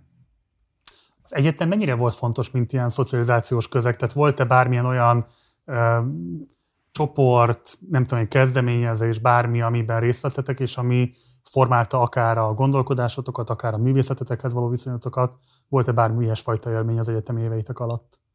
Hát én azt gondolom egyébként, hogy, és ez kettőnkre, nagy, kettőnkről nagyjából elmondható, de hogy a, nagyon sok esetben a, a társaságunk, középiskolai társaság legtöbb ö, tagjáról, hogy, hogy mivel annyira erős közösségből jövünk, ami aztán az egyetem évei alatt is tovább létezett, hogy, hogy nem alakult senki, vagy volt, voltak akiknek igen, de hogy a, talán a többségnek azt lehet mondani, hogy nem ö, lett egy meghatározó közege az egyetem. Uh-huh. Inkább tanulmányi szempontból, mint társasági élet de nyilván mindenkinek lettek emberi kapcsolatai, így nekem is, neked is. Mit hozott a Corvinusos lét, Krubi? Nem sokat, tehát én, nekem mai napig abszolút a gimis társaság maradt meg, így közegi szinten. Tanulmányokban biztos ragadt rám valami, de hát utólag nem vagyok rá büszke, de hogy elég így a, a minimumot tettem bele, hogy így meglegyen a diploma, nem, tehát hogy igazából minden időmben a zenémmel foglalkoztam az egyetem mellett, és um, így, így nem, nem vettem olyan aktívan részt ilyen korvinuszos dolgokban, semmilyen társasági események szintjén, semmilyen uh, tanulmányi lehetőségek szintjén. Vagy... Egyáltalán volt vonzó? Nem. Akkoriban egyszerűen nem érdekelt, szerintem nagyon ilyen megúszós voltam. Tehát, hogy volt ez a zene dolog, amit utólag marhára, tehát ez akkor nem volt így tudatosan a fejemben, utólag tökre úgy néz ki, mint hogyha kötelességből lehoztam volna, amit le kellett, és közben minden időmet abba rogtam volna bele, hogy ezt, ami végül a karrierem lett, felépítsem. És végül is ez is történt, de nem ilyen tudatosan megfogalmazva, csak egyszerűen jobban élveztem a zeneírást, meg ezzel való foglalkozást, és a sulit meg nem annyira szerettem, csak így nem volt annyira nehéz egyébként, és akkor így ilyen zero efforttal megpróbáltam lehozni, és egyébként meg mindent ebbe raktam bele, és ennyi. Így, így az egyetem nem egy olyan meghatározó pont az életemben. Voltak-e ekkoriban anyagi gondjaitok, mennyire voltatok csórók, és mit tettetek ellene? hát nekem olyan szinten óriási előnyöm volt, hogy szüleimnek van egy lakása, vagy volt egy lakása Budapesten, ahol a nővéremmel lakhattunk, amíg egyetemre jártunk, és nem kellett úgymond, amit dolgoztunk egyetem mellett, vagy ilyesmi, az gyakorlatilag a, költ, a plusz költő pénzünk volt. Hát én elsősorban abból kerestem kis plusz pénzt, hogy volt a metal zenekarom, a Pregnant Philippine, aminek volt egy, mai napig talán van egy kicsi külföldi rajongótábora, és akkor pólókat postázgattam meg ilyenek, és ez mindig havi pár ezer forint plusz bevétel, megdolgoztam ilyen call centerben, ilyen ugye német anyanyelvű vagyok, vagy félig német vagyok, és ugye anyanyelvem a német is, és, és hát a, azt hiszem, hogy a UPS van ilyen csomagküldő, Igen na, nekik, hogyha elakadtak abban, hogy feladják a csomagokat, meg ilyesmi, akkor Németországban, Ausztriában és Svájcban, akkor betelefonáltak, és többek között én vettem fel a telefont, és iszonyat stressz és pánik közepette próbáltam elmagyarázni, hogy mit csináljon, és ezt, ezt csináltam. Tudtál segíteni nekik? Hát néha, de inkább csak ott próbáltam valahogy nem, mert ráadásul úgy van az ilyen helyeken, hogy belehallgathatnak a főnökök bármikor a beszélgetésedbe, és az elég nagy nyomásám. Úgyhogy ez, inkább arra mentem, hogy én valahogy jól jöjjek ki ebből, nem annyira érdekelt, hogy ők nekik sikerült elküldeni a csomagot szerintem. És mennyi voltál UPS-es? Egy fél évig nyomtam ezt is szerintem. Vállalnál még valaha életedbe? Hát, ha nem muszáj, akkor nem. Jó. Nálad mi volt, Dénes? Hát én 19 évesen költöztem el otthonról, és, és onnantól nyilvánvalóan Tehát egy ideig részben, aztán teljes egészében, aztán szituációtól függet, függően változóan, de hogy, hogy kellett magam számára anyagi feltételeket előteremtenem ahhoz, hogy, hogy a külön élést finanszírozni tudjam. És hát először mindenféle fusimelókat vállaltam el, tehát nem ilyen konkrét munkahely, rendes munkaidő. dolgoztál, vagy mit? Dolgoztam építkezésen, takarítóként. Takarítottál? Takarítottam is, meg egy jégpályaépítés, ilyen-olyan projektek. Aztán... A Városligeti jégpálya, vagy melyik? Nem, nem, nem. Egy ilyen magán, tehát egy szervezetnek egy ilyen jégpályaja volt ez. Érdekes volt bepillantást nyerni abból, hogy ez hogyan zajlik.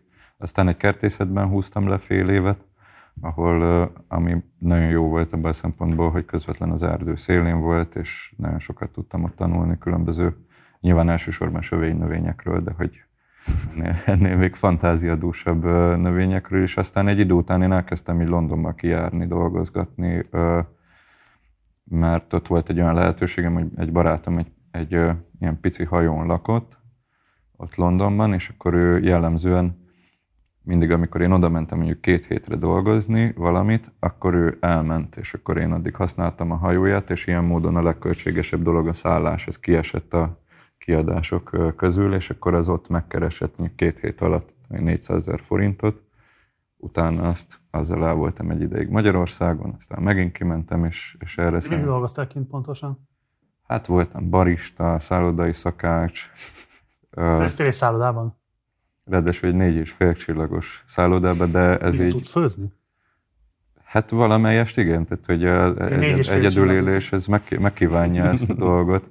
De tehát, hogy ez mindez nagyon Várj, szépen hangzik, és tehát, hogy séf volt a titulusom, amin én magam is meglepődtem, és amúgy volt egy ilyen vicces része, hogy, hogy hát ott voltak ugye ilyen előírások a hajviseletre, az arcfőrzetre vonatkozólag, és akkor mondta a főnök asszony Régcsel, aki egy, ez nagyon jó anekdotákat lehetne egyébként onnan mesélni, de nyilván nem erről szól ez az adás most, de hogy Elszólhat erről, hogy mesélj csak. De hogy uh, amúgy egy ilyen erős vicc ott hangzott el a számból, de akkor erre majd rátérek később. Szóval, hogy, hogy akkor mondta, hogy séf vagyok. És én először így azt hittem, mert valójában nem voltam séf azért, hogy, hogy ilyen adózási körülmények miatt vagyok séfként bejelentve, és akkor így mosolyogtam, hogy ja, jó, séf vagyok. Aztán rájöttem, hogy nem, tényleg séf vagyok, és hogy ott, ott talán nem így működnek ezek a dolgok. De hát ez így, nem tudom, hústál, tehát reggelisztetős séf, tehát ilyen... ilyen Tojásántotat kellett csinálnod? Vagy? Hát például tükörtojás, igen. Uh-huh. Békonöket, meg, meg salátákat, ilyen gyümölcstálakat. Tehát viszont ilyen módon ott az étkezés is meg volt oldva. Ezt gondolom. A, a vendégeké is, mert a tiéd az igen, ez egy dolog. Igen, igen. Nem küldtek vissza semmit?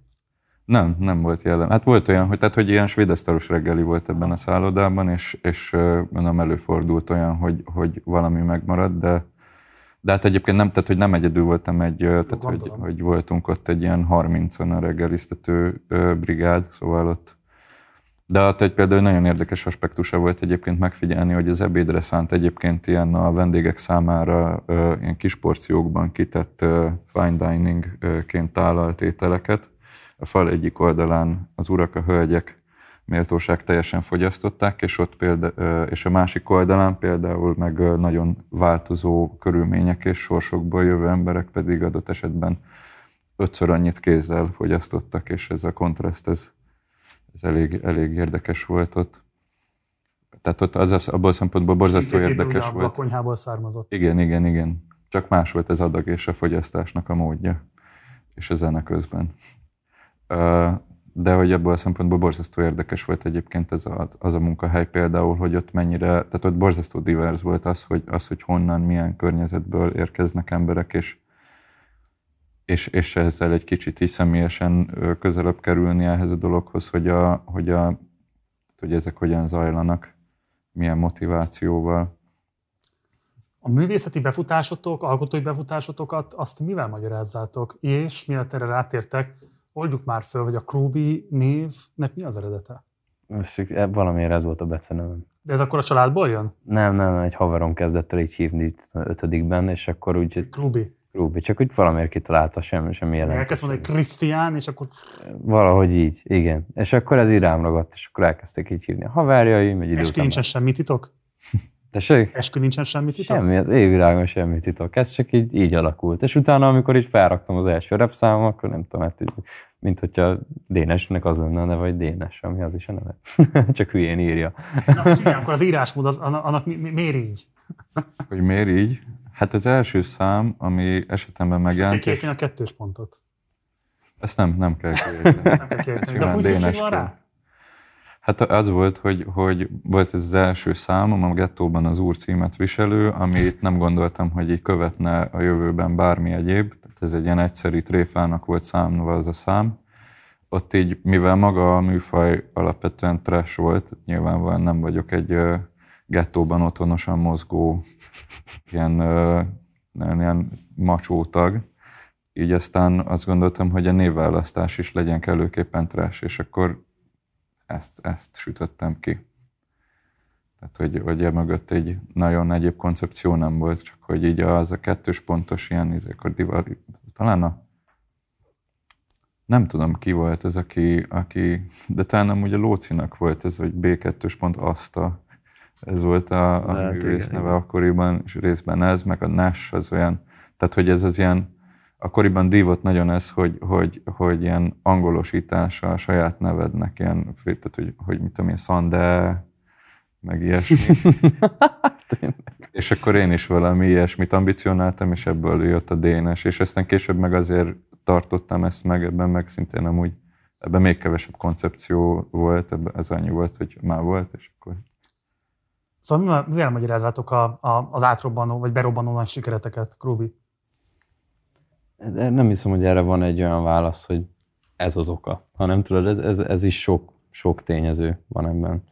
Um, hát én azt gondolom, hogy, hogy vagy azt szeretném gondolni, hogy zeneileg egyébként tök rendben van, tehát mint hip-hop produkció remélhetőleg, vagy igyekszem kiemelkedő dalokat írni, meg kiemelkedő albumokat, és hogy van egy ilyen oldala, hogy, hogy egyszerűen mind, mind így, így zenei oldalról, szövegi oldalról, előadásmódban igyekszem magas színvonalon csinálni ezt, és ezt szerintem sokan a közönségemből is így gondolják.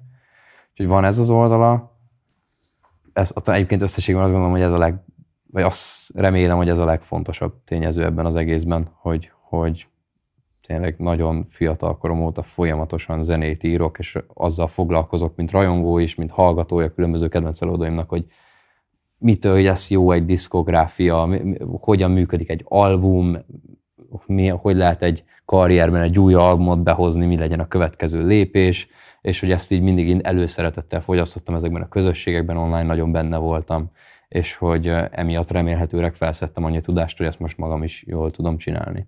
Aztán vannak még nyilván olyan extra tényezők, hogy jókor kell lenni jó helyen, nekem ez a kikeltetős dolog, ez így nagyon szerencsésen jött ki, hogy ott készült rólam egy relatív jó felvétel. Tehát az, hogy a produkció rendben van, az így megvolt, és, és ott készült egy jó minőségű felvétel arról, hogy előadom a kikeltető tehetségkutatón.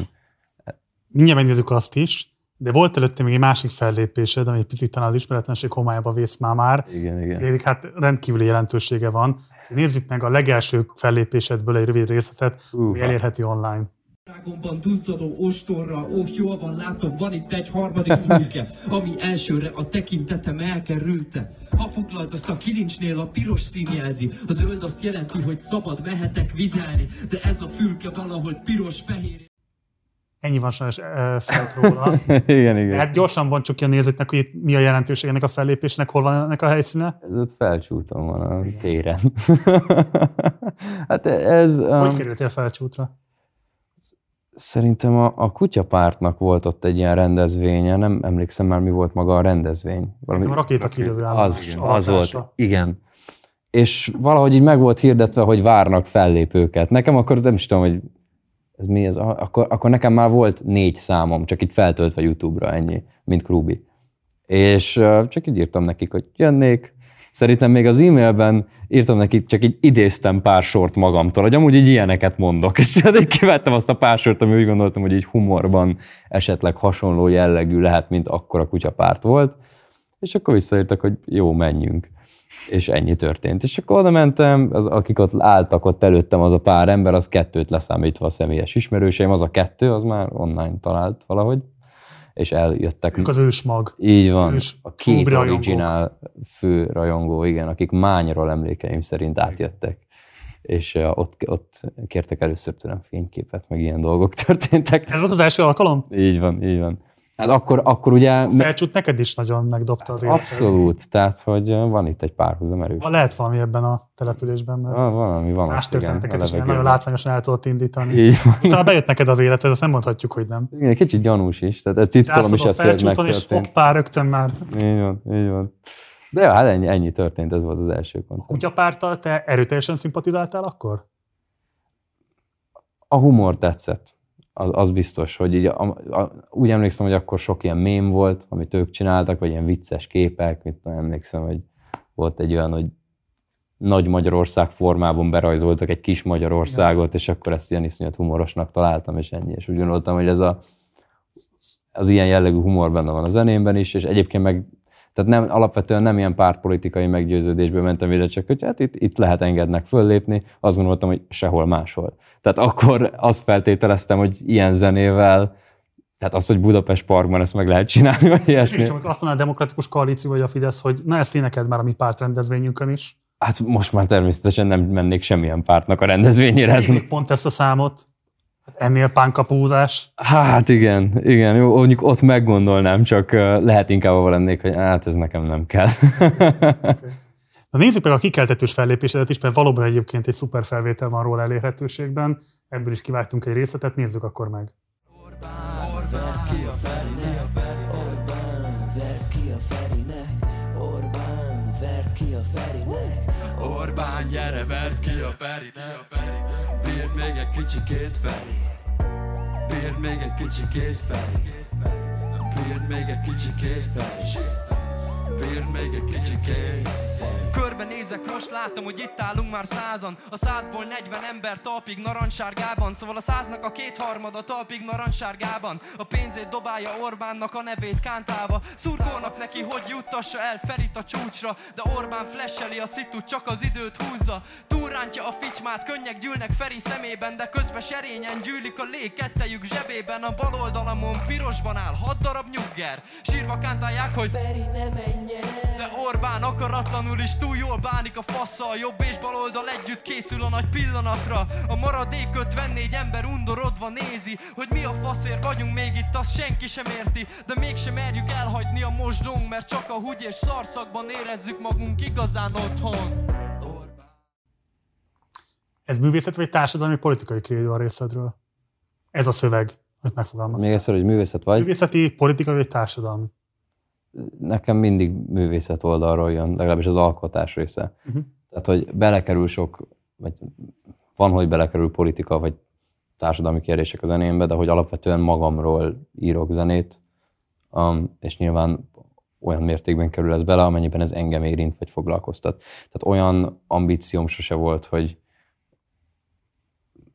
hogy mint politikai szereplő, vagy, vagy akár mint valaki, aki ilyen megmondó emberként működik, vagy, vagy népnevelő céllal, tehát semmi ilyesmi, egyszerűen teljesen öncélú. Ilyen számnak van megmondó emberi aspektusa. Van, de hogy egészen egyszerűen csak azt az élményt próbáltam leír, leírni, amiben én akkor így voltam az ilyen politikai kérdésekben. Ugye ez, ez egy, ez mikor ez a dal 2017-ben adtam ki, ugye pont ilyen választások előtti egy évben íródott az egész első albumom igazából.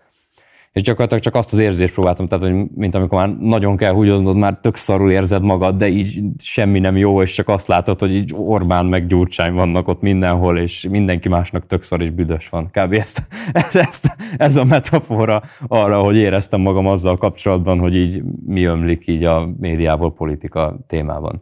De hogy tehát nem akartam ilyen téren megmondó ember lenni, azt próbáltam megmondani, hogy én hogy érzem magam ebben, és ez általában mai napig erről van szó, hogy igazából csak magamról írok zenét teljesen öncélúan. Tudsz arról, hogy akár bármelyikük hallotta valaha ezt a számot? A Gyurcsány tudom, hogy hallotta, ezt honnan is tudom? Valahogy az egyik lányának az ismerősének az ismerősét lejutott hozzám, hogy otthon megmutatták neki, de már és hogy azt mondta, hogy vicces, hogy valami ilyesmi. Hát Orbán, nem, nem, nem tudom. Hozzá nem, nehezebben jutok el. Lejátszottak, én előttetek készült a G. Gáborral az interjú, lejátszott neki ezt a részletet, hát ha esetleg eljutatja a címzethez. Lehet, igen. Négy év spéttel. Te emlékszel hogy mikor hallottad először, és hogy milyen hatással volt rád ez a szám? Ez a szám? Hát amikor készülgetett, akkor hallottam. akkor ismerted, igen? Persze. Uh, hogy mi a, hát ö, én jónak találtam, vagy hogy, hogy, hogy, tehát, hogy így a gondolatiságával tudtam azonosulni, és nagyon kellemesnek ítéltem a refrént. Örültem, Fogtad hogy... te magad is?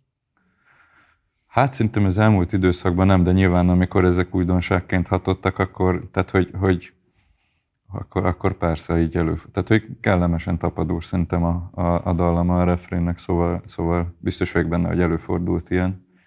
Ö, meg így örültem annak, hogy ö, jó pofa dolgokat talál ki a Krubi, és jól érzi magát.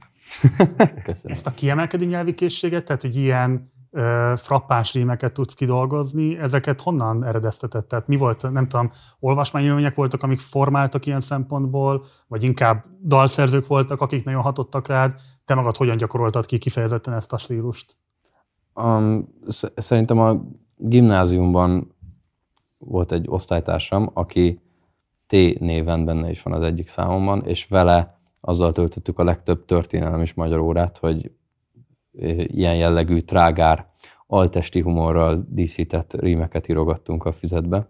Gyakorlatilag csak így végigmentünk az osztályon, a tanárokon, és mindenkit így kifiguráztunk, és ezzel szórakoztunk. És ezt, ezt azért így éveken keresztül minden nap csináltuk a suliba, és előtte is már ugye én, én voltak ilyen ambícióim, mint mondtam, hogy író leszek, vagy költő is akartam lenni, bár tényleg nem voltam olyan nagyon tehetséges ezekben a dolgokban így akkor szerintem de, de hogy minden esetre tök nagy gyakorlatom volt igazából ebben, így utólag úgy látom, hogy valójában iszonyatosan feledzettem magam erre, nem tudatosan, de mire eljutottam oda, hogy most Krubiként dalokat adjak ki, addig annyi szöveg volt már mögöttem, amit megírtam, hogy azért gondolom, azt gondolom, hogy ezért lehetett az, hogy ez így nekem jól megy, és emellett sok zenei tudás is volt mögötte, tehát úgymond azért a szövegben a ritmika, meg hogy hogy adod elő, hogy nyújtod meg, hogy hangsúlyozod, az is nagyon sokat hozzátesz, nem csak az, hogy Persze. tartalmilag mi, és ebben is azt gondolom, hogy elég sok rutinom volt, meg így a zenei oldalról, és így ezt így éreztem, tehát azért megírtam én már előtte egy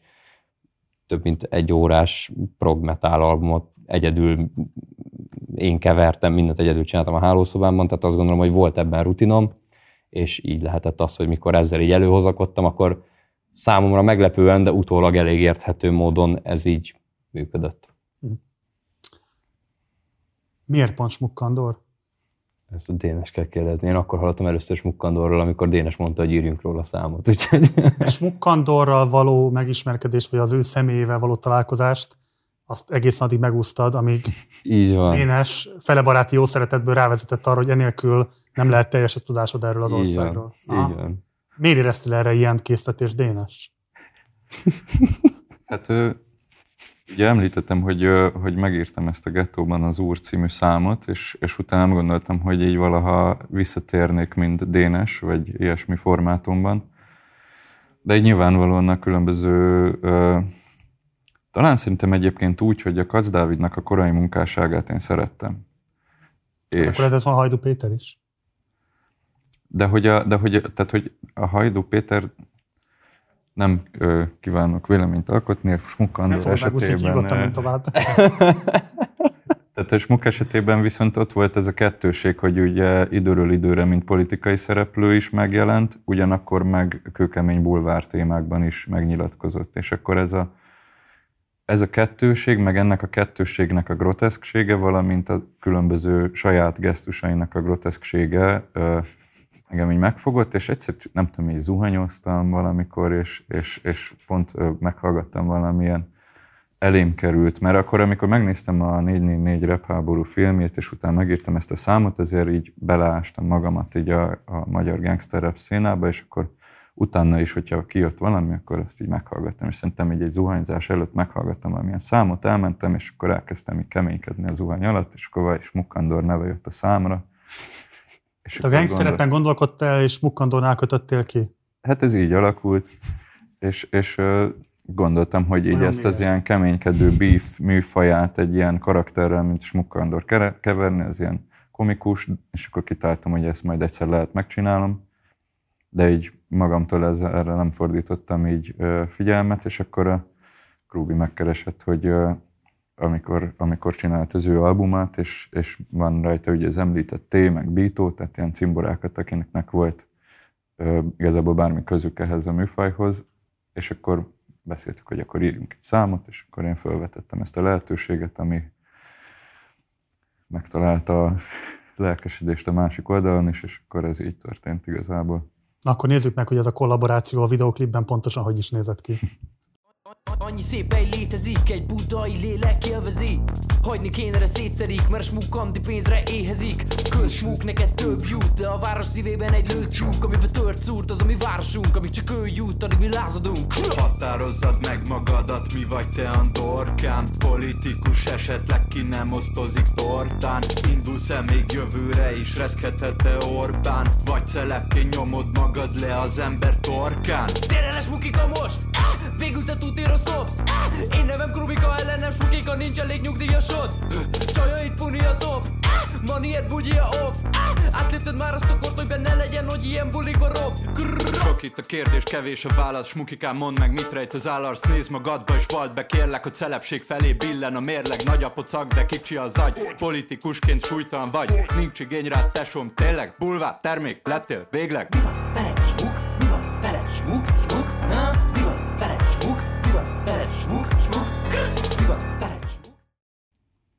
Ki rendezte a videoklipet, hogy jött az ötlete? Nem, te nem? A, nekem, a, itt még a reklámügynökségben dolgoztam, amikor ez a videó készült, és ott az egyik videós munkatársam, um, ő, ő ráfleselt, hogy lehetne csinálni egy videót, én meg akkoriban pont így már látszott, hogy ebből így lehet valami, meg lehet kéne klippeket csinálni, mert előtte csak így mindig a nővérem valamilyen rajzával vagy festményével feltöltöttem a számokat YouTube-ra, és ennyi. És akkor, ak- ekkor viszont már az volt, hogy ilyen kiadókkal tárgyaltam, meg ilyesmi, és akkor jött az, hogy aha, akkor finanszírozás is lesz klippekre, oké, okay, és, és akkor így, így jött, hogy végül vele megbeszéltük, hogy így kb. mi legyen a koncepció, nem is tudom már, ott aztán lementünk a nagyszüleimhez, és forgattunk. Na, ők a nagyszüleid. Így van. Te instruáltad őket? hát igen, igen, ott közösen. itt most tornázni kellene? Vagy Igen, igen, igen, igen. Szerintem jól érezték magukat. mit szóltak a végeredményhez? Hát szoktak rajta röhögni, meg néha megismerik őket, és attól féltek, hogy ez, ez egy ilyen szégyenfolt lesz az ő életükben. Szerintem nem, nem biztos, hogy felmérték akkoriban így a ilyen YouTube, meg internet, meg azt, hogy ez a Krúbi dolog, ez így mennyi embert elérhet. De aztán mondták, mondta is nagymamám, hogy attól félt, hogy ő, ő egy nagy tiszteletben álló tanár ott a környe, vagy hát tanár volt, és Volt. igen, és, és Klip kijövetelőig.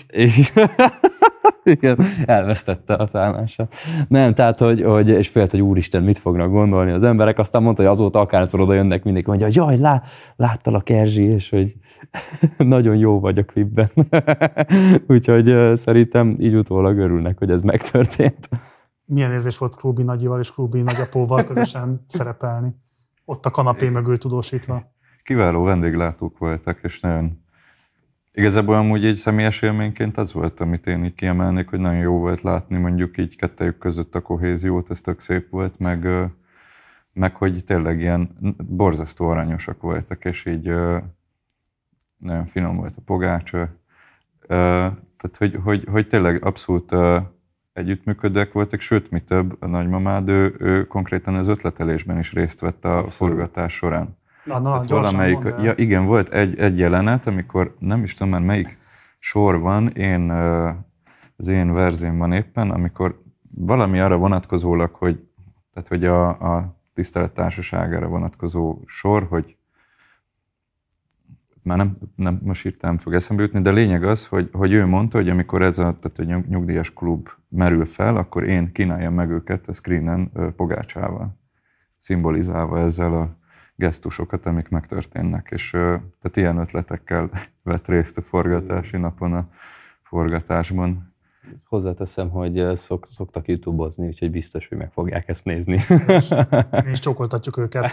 Vagy viszont ahhoz a kritikához ők hogy viszonyultak? Mert nyilván a klip azt próbálja problematizálni, hogy Smukkandor a tisztelet társaságával egy igen kiterjedt, ö, idősekből álló hálózatot tud működtetni. Ugye vannak legendák, amik arról szólnak, hogy ezt hogyan konvertál szavazatokra, meg hogyha szükség van vattázni bizonyos rendezvényeken, akkor megjelennek bizonyos ellenszolgáltatásért cserébe ezek a tömegek. Tehát itt nyilvánvalóan valamilyen módon ezeket az ilyen instrumentalizált nyugdíjasokat akartátok problematizálni. Ehhez például hogy viszonyultak a, a, a nagyszülők? Nem érezték esetleg azt, hogy ez egyfajta ilyen nyugdíjasokon való gúnyolódás vagy nyugdíjas gyalázás lenne?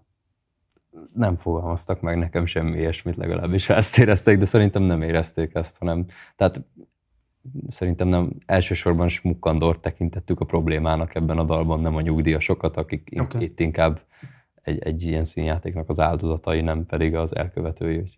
Oké. Igen, én is úgy gondolom, hogy, hogy nem erre fókuszál elsősorban a szám, hanem sok aspektus között ez is megjelenik. Smukkandor egyébként azt nyilatkozta rólad, hogy az egész klub egy marketingfogás, ott ül a Rózsadomban, aztán 3000 forintos jegyekért eljátsza a nagy lázadót, de hát ilyen ez a média szakma. Nem reagáltál még soha a szavaira, mit gondolsz erről? Uh, hát soha nem laktam a Rózsadomban. Um, hát uh, igaza van. Nem, nem, nem hát ez, ez, ez szerintem nehéz erre bármit mondani. Ezt konkrétan emlékszem, hogy annak kapcsán hozta föl, hogy volt egy ilyen vicces, val- minek kapcsán, egy ilyen sneakers-es sztori, van egy ilyen internetes copypasta, amiben az a lényeg, hogy mindig lecseréled a, az illető nevét, akiről ez a poszt szól. Ja igen, volt egy rekorderes interjú velem, és megkérdezték, hogy hogyan indult a rappelés, és ez egy ilyen, e- tehát e-mailben kaptam a kérdéseket, és válaszoltam, és akkor ezt, ezt az ilyen eh, copypastát eh, küldtem be nekik, amiben az a lényeg, hogy Smukkandor előttem állt a sorban a CBA-ban, és milyen illetlenül viselkedett. De ezt csak egy szó szerint lefordítottam egy ilyen létező angol copypasta mémet, ami már több különböző zenésszel, politikussal láttam.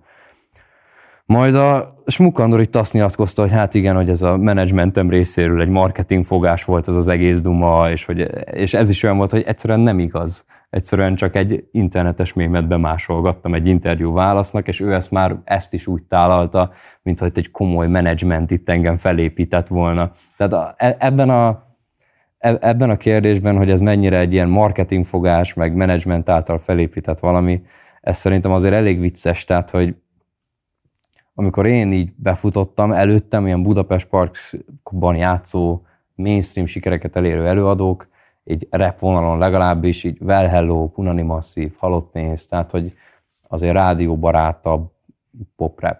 Igen. Nem gondolom, hogy lett volna egy olyan menedzsment itt Magyarországon, aki azt tanácsolta volna nekem, hogy hé, figyelj, szerintem ilyen holokauszt viccek kellenének a zenébe, és akkor abból biztosan Budapest Parkos előadóvá válhatsz, meg ilyesmi. Tehát, hogy annyira alpári, annyira megbotránkoztató sokszor, amit csinálok, hogy tehát itt éppen az ellenkezője történt. Itt mindenki azt tanácsolta nekem folyamatosan, és azt jelezte vissza, hogy ezzel azért megvannak a határai egy ilyen produkciónak. Egészen addig, amíg a Budapest Parkot meg nem töltötted. Így van, de meg hát számomra én is azt gondoltam, hogy itt ennek azért nyilvánvalóan megvannak a határai, tehát hogy ez egyszerűen nem volt előttem nagyon erre példa, még a belga talán, aki a, a legközelebb van ehhez, de az is már, tehát azért mi- mikor futott be a belga 90-es vég- évek vége, 2000-es évek eleje, de hogy itt a, az én felnőtt életem, vagy, vagy kamaszkorom alatt nem nagyon volt példa arra, hogy ilyen mainstream sikereket érjen el egy olyan előadó, aki, aki amúgy ennyire trágár, meg, meg botránkoztató tud lenni, és így ez az egész vád, amit itt Smukandor is felhozott ebben az interjúban, hogy ez egy ilyen produktum lenne, amit így egy menedzsment létrehozott, ez, ez egyszerűen nem igaz. Azért a sikereteket látva a Smukkandor is kapcsolt, és ez azért az ő politikai eh, realitás érzékét dicséri, hogy utána viszont meg eh, beleállt a történetbe, és a legnagyobb rajongók egyikévé maszkírozta magát, aki ott csápol a koncerteken, stb. Igen.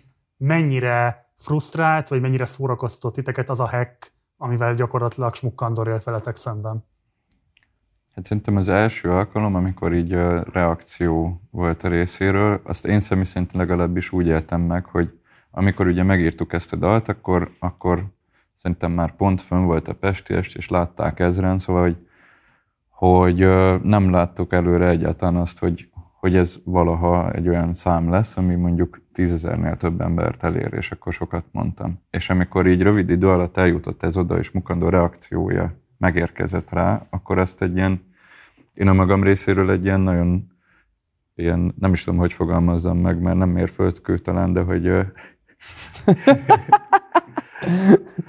hogy, de hogy... ö, Fonogram jelölés nincs a kanyarban ahhoz képest, hogy Smukkandor apróval. Ezt, ezt aláírom. amúgy. De hogy mindenképpen egy jele volt annak, hogy ez valahova addigra már eljutott. Tehát, hogy, hogy, hogy ez egy ilyen nagyon izgalmas meglepetésként ért engem például személy szerint.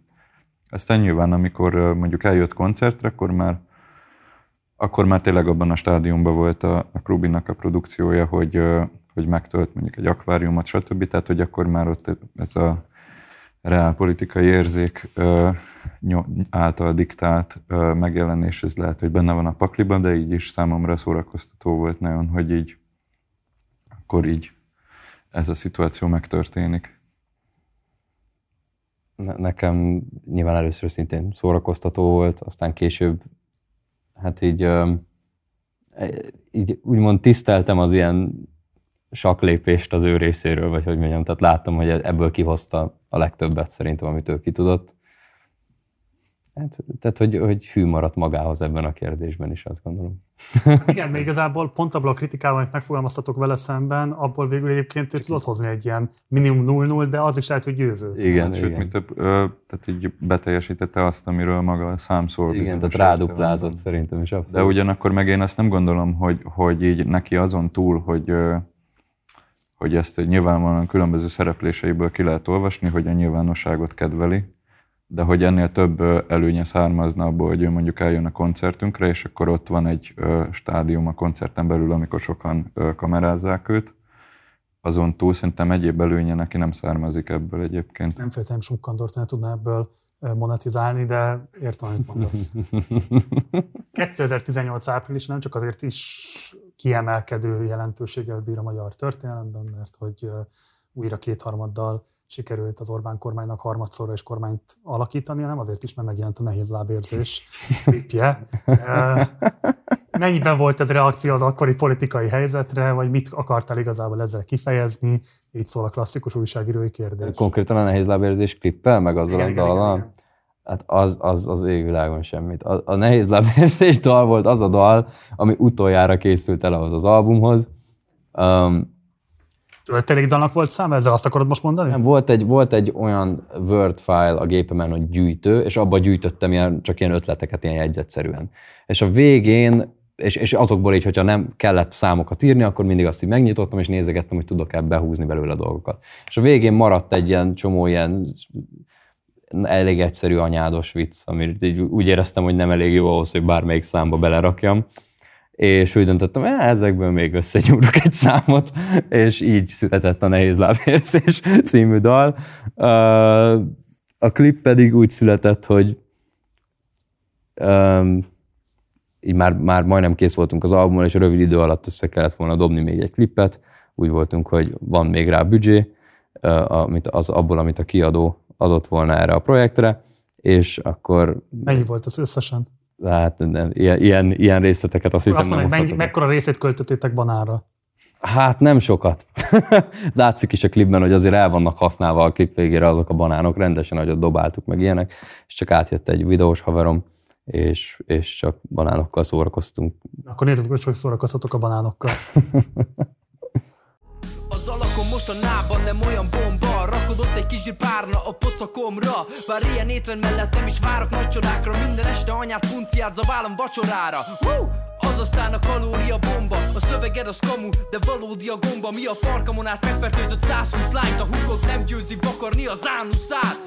Vasárnap egész este nála voltam Aztán a gázra hazafele rátapostam A jogsi mód a rendőr mondta party over Pedig én csak beálltam a parkolóba. Gimiben is így álltam, a tornasorba beálltam Aztán magamat egyből az igazgatónál találtam Még eljárást is indítottak baszki Pedig esküszöm a tanár mondta, hogy hozni kell tesire lasztit Miért van banán?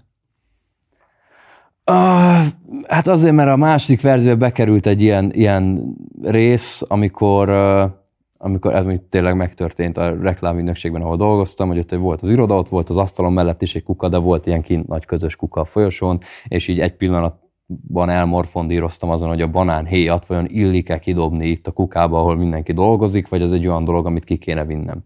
és ez egy olyan napon volt, amikor később után nem is tudom mi volt, valami meetingem, vagy koncert, vagy valamilyen rapper ügyet kellett intéznem, az a lényeg, és valahogy ezen így elkezdtem így röhögni, hogy ez amúgy milyen nevetséges, hogy itt ilyen, ilyen hülyeségeken gondolkozom, itt mint gyakornok, aztán este elmegyek koncertezni, arról rapper, hogy mindenkinek a nőjét megbaszom, meg ilyen dolgokat, és ezt olyan viccesnek ítéltem, és így bekerült a dalba. Plusz akkor már tudtam, mi lesz az albumborító, csak egy ilyen random fotó készült rólam valamilyen nyaraláson, amikor egy banánnal fekszem ott egy ilyen ágyon, és, és akkor az volt a nagy klip ötlet, hogy akkor banánokkal csináljunk valamit, ha már így ez a motivum úgy megjelenik többször. Tehát nem volt túl nagy gondolatiság mögötte, csak ilyen, ami eszünkbe jutott.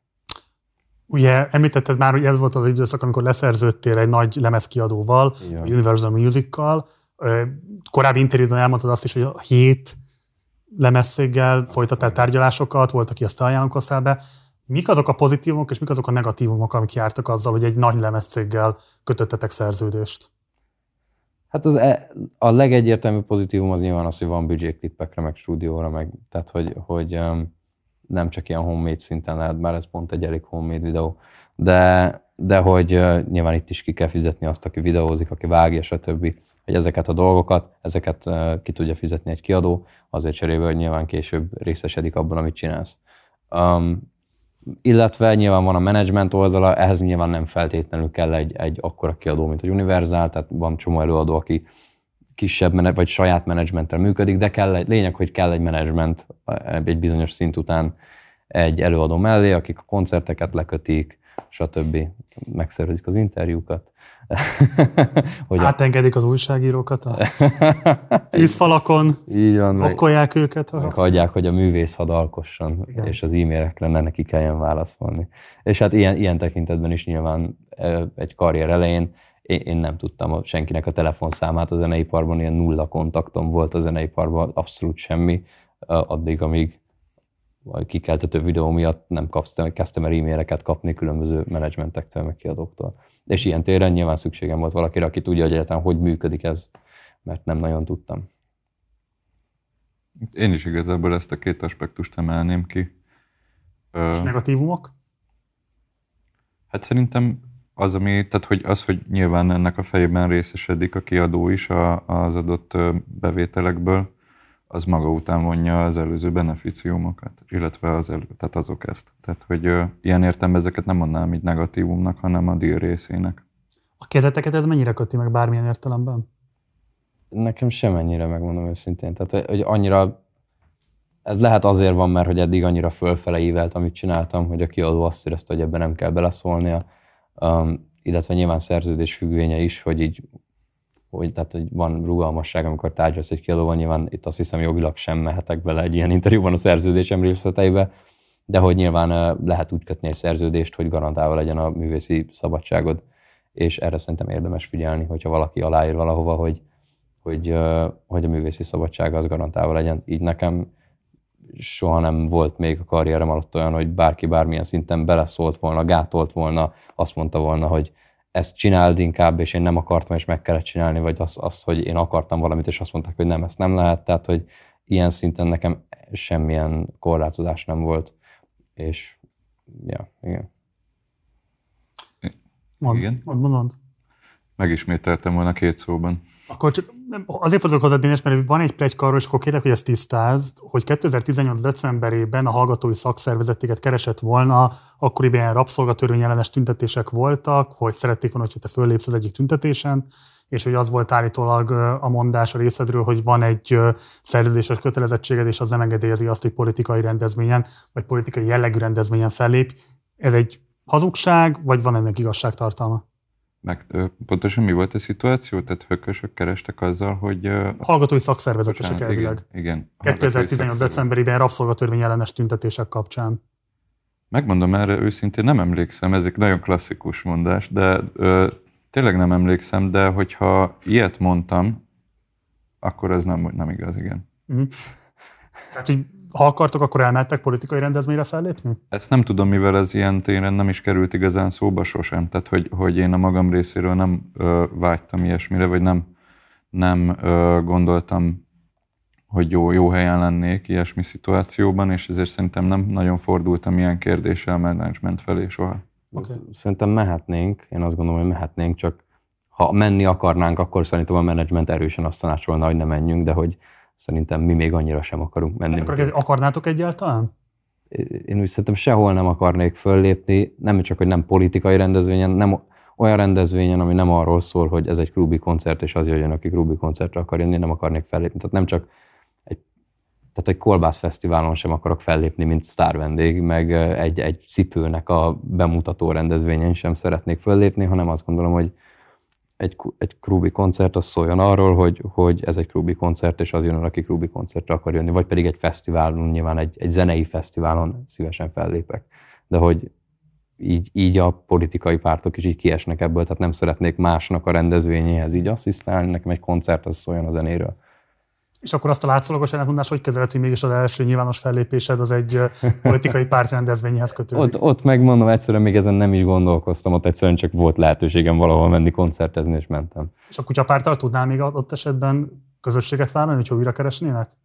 Hát most megkeresnének, hogy lépjek fel a rendezvényükön, nemet mondanék. Eh, Tehát, de mondom, ez bármelyik pártra igaz. De azért, mert politikai, azért, mert korlátozhatja, vagy be- befolyásolhatja a személyed megítélését, miért? Hát elsősorban az előbb említett okokból, hogy, hogy egyszerűen nem is akarnék ilyen koncertet csinálni, de úgy amúgy sem érzem azt, hogy ott nekem helyem lenne egy, egy kutyapárt rendezvényen, mint fellépő, tehát hogy nem érzem azt, hogy ezzel ezen a ponton olyan szinten azonosulok, hogy kifejezetten kis. Tehát ezen a ponton van egy olyan ismertségem, hogyha egy ilyen jellegű rendezvényen föllépek, akkor azért így aktívan kiállok valahol. És ilyen szintű meggyőződésem semmiképpen nincs a kutyapárttal. Én még annyit finom hangolnék az előző szituáción, hogy, hogy azt is adott esetben egy reális szenár, vagy egy reális szituációnak láttam, hogy olyasmi történhetett, hogy megkerestek. Én nekem volt alapvetően egy hozzáállásom ezzel, megkérdeztem a menedzsmentet, ők elmondták, hogy nem tartják szerencsésnek, és én ebből ezt az utóbbit hangsúlyoztam ki. Oké. Okay. De ö, egyébként, tehát, hogy ez, én szívesen megnézem ezt a beszélgetést, vagy érdekel engem is ennek a megfejtése, hogy ott mi lehetett. Oké. Okay. Ugye az, hogy a sikerrel mit nyertetek, az viszonylag egyértelmű a kiváló számára, elismertséget, egy menő kiadóvállalatnak a támogatását, tehát nagyon sok pozitíva van ennek, de nyilván vannak árnyoldala is. Mi az, amit elveszítettetek azzal a sikerrel, az elmúlt években betört az életetekbe? Um, hát az ilyen hétköznapokban legszembetűnőbb dolog, ami nagyon megváltozott, az az, hogy felismernek az emberek minket az utcán. Ez mikor kezdett el? Vagy ez irritál? Most itt az elmúlt évben így a maszkviselés miatt ez abszolút nem volt olyan mértékű, hogy irritáljon. Tehát így, így ez most tök jó. Én nagyon remélem, hogy még egy ideig így nem lesz furcsa, ha valakin maszk van. Tehát most már az utcán nem kéne maszkot hordani, én mindig hordok.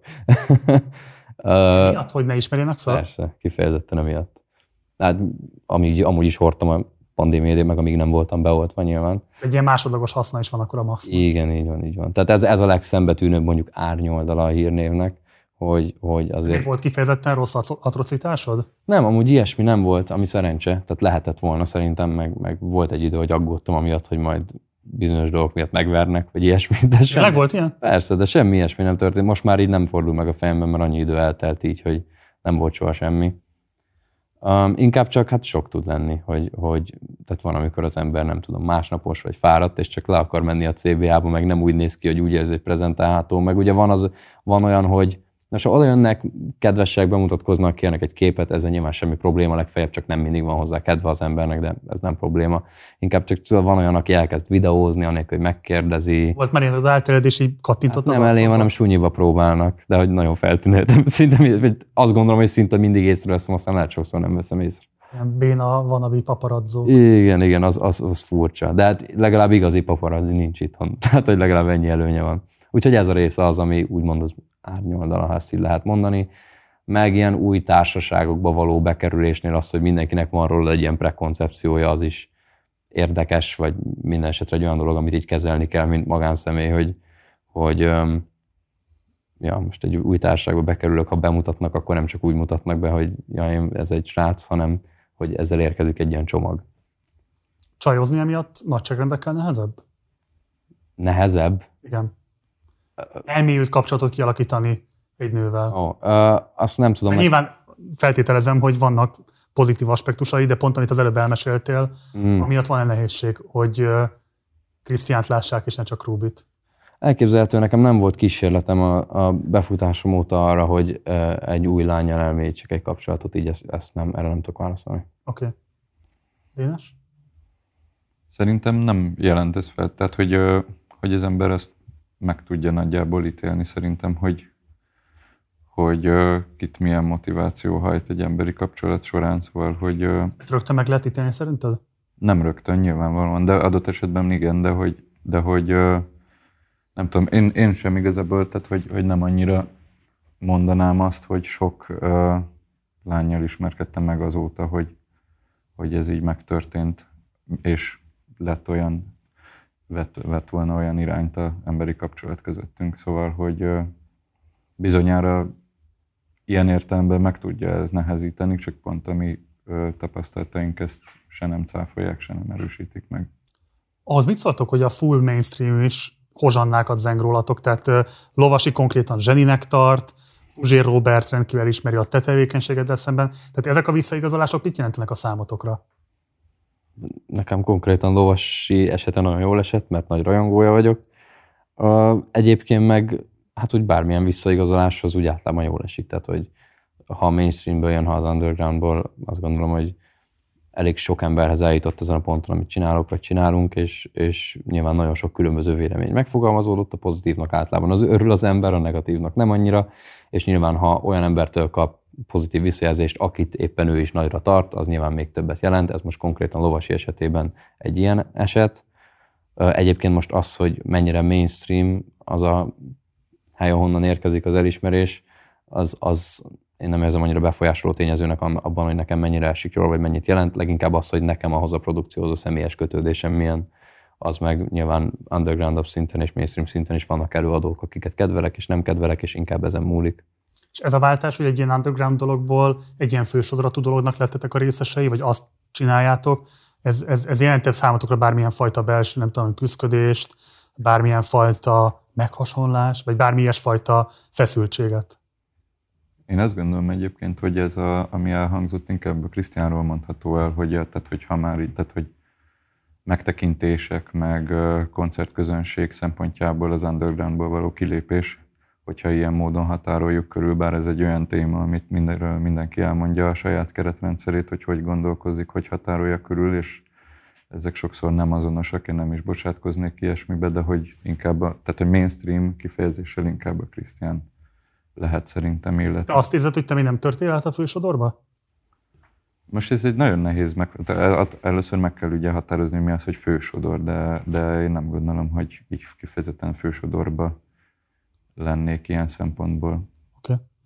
2019-ben kettő díjat is nyertél a Fonogram díjátadón, amin ugyanakkor nem jelentél meg. Nézzük meg, hogy pontosan hogy zajlott a díjátadó a hiányodban. Mi pedig megyünk is tovább. A következő kategória, amelyben díjat osztunk, az az év hazai rap, vagy hip-hop albuma, vagy hangfelvételen. Na végre itt mondják az Animal Cannibals, srácok, lássuk a jelölteket. Izgultok? A győztes? Hallom, hogy tuti, hogy a majka. Krubi, nehéz lábérzés! Gratulálunk! A díjat Peremenszki Krisztina veszi át, a Universal Music ügyvezetője.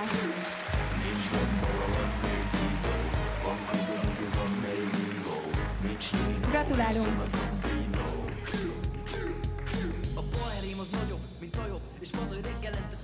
Köszönöm szépen a kiadó nevében, Krubi nevében, aki sajnos ma nem tudott eljönni, és ő is köszöni mindenkinek, aki részt vett az albumon és segített az album elkészítésében, és természetesen gratulálunk a többi nomináltnak is.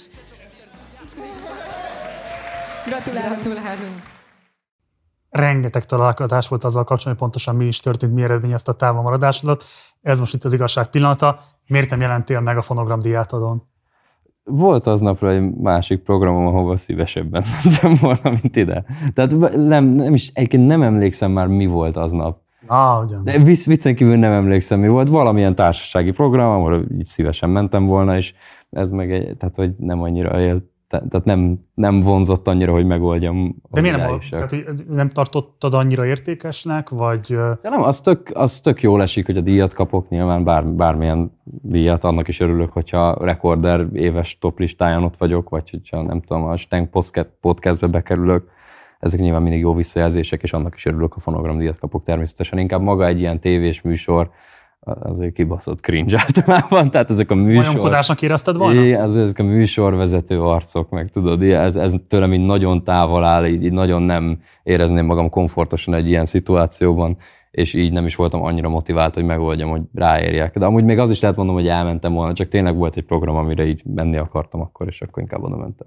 És a menedzsment ilyenkor nem fogja a fejt, hogy azért Krúbi, az Isten verjen meg, hát tényleg mondjuk évente van egy ilyen szakmai díjátadó, Hát lehet, írd már ki tényleg, lehet, behave de, yourself. de én kiálltam magamért. Ez egy fontos értékválasztás a részedről, hogy nem akarsz egy ilyenben az arcoddal megjelenni? Nem is ilyen elvi kérdés, inkább csak abban az állati szerencsés helyzetben vagyok, hogy az a munkám, hogy azt csinálom, amit szeretek, és azt a részét, amit nem szeretek, egyszerűen nem szeretném csinálni, és hogy ez nem igazán vonz az, hogy most két és fél órát üljek egy ilyen rendezvényen, és akkor ilyen kellemetlen TV-kompatibilis beszélgetéseket kell folytatni kellemetlen műsorvezetőkkel, az úgy nem annyira az én világom. És azokra a szakmai kritikákra hogy reagálsz, amelyek azt mondják, hogy te ezzel így konkrétan telibe szartad a magyar pop szakma a legfontosabb, legrangosabb díjátadóját? Hát én nem így érzem, hogy telibe szartam volna. Ö, inkább csak olyan iszonyat nagy érdeklődést nem mutattam. Hát ö, sajnálom. Téged is jelöltek egyszer, jól mondom, ugye jól mondom, 2021-ben. Ja, ja, ja. Igen. Neked ez volt-e bármilyen fajta megerősítés, elismerés, inkább, mint Krúbinak, vagy nem tudom, hogy viszonyultál ez a kérdéshez? Hát szerintem a kategóriája az volt, hogy szerintem szintén ilyen hip-hop felvétel.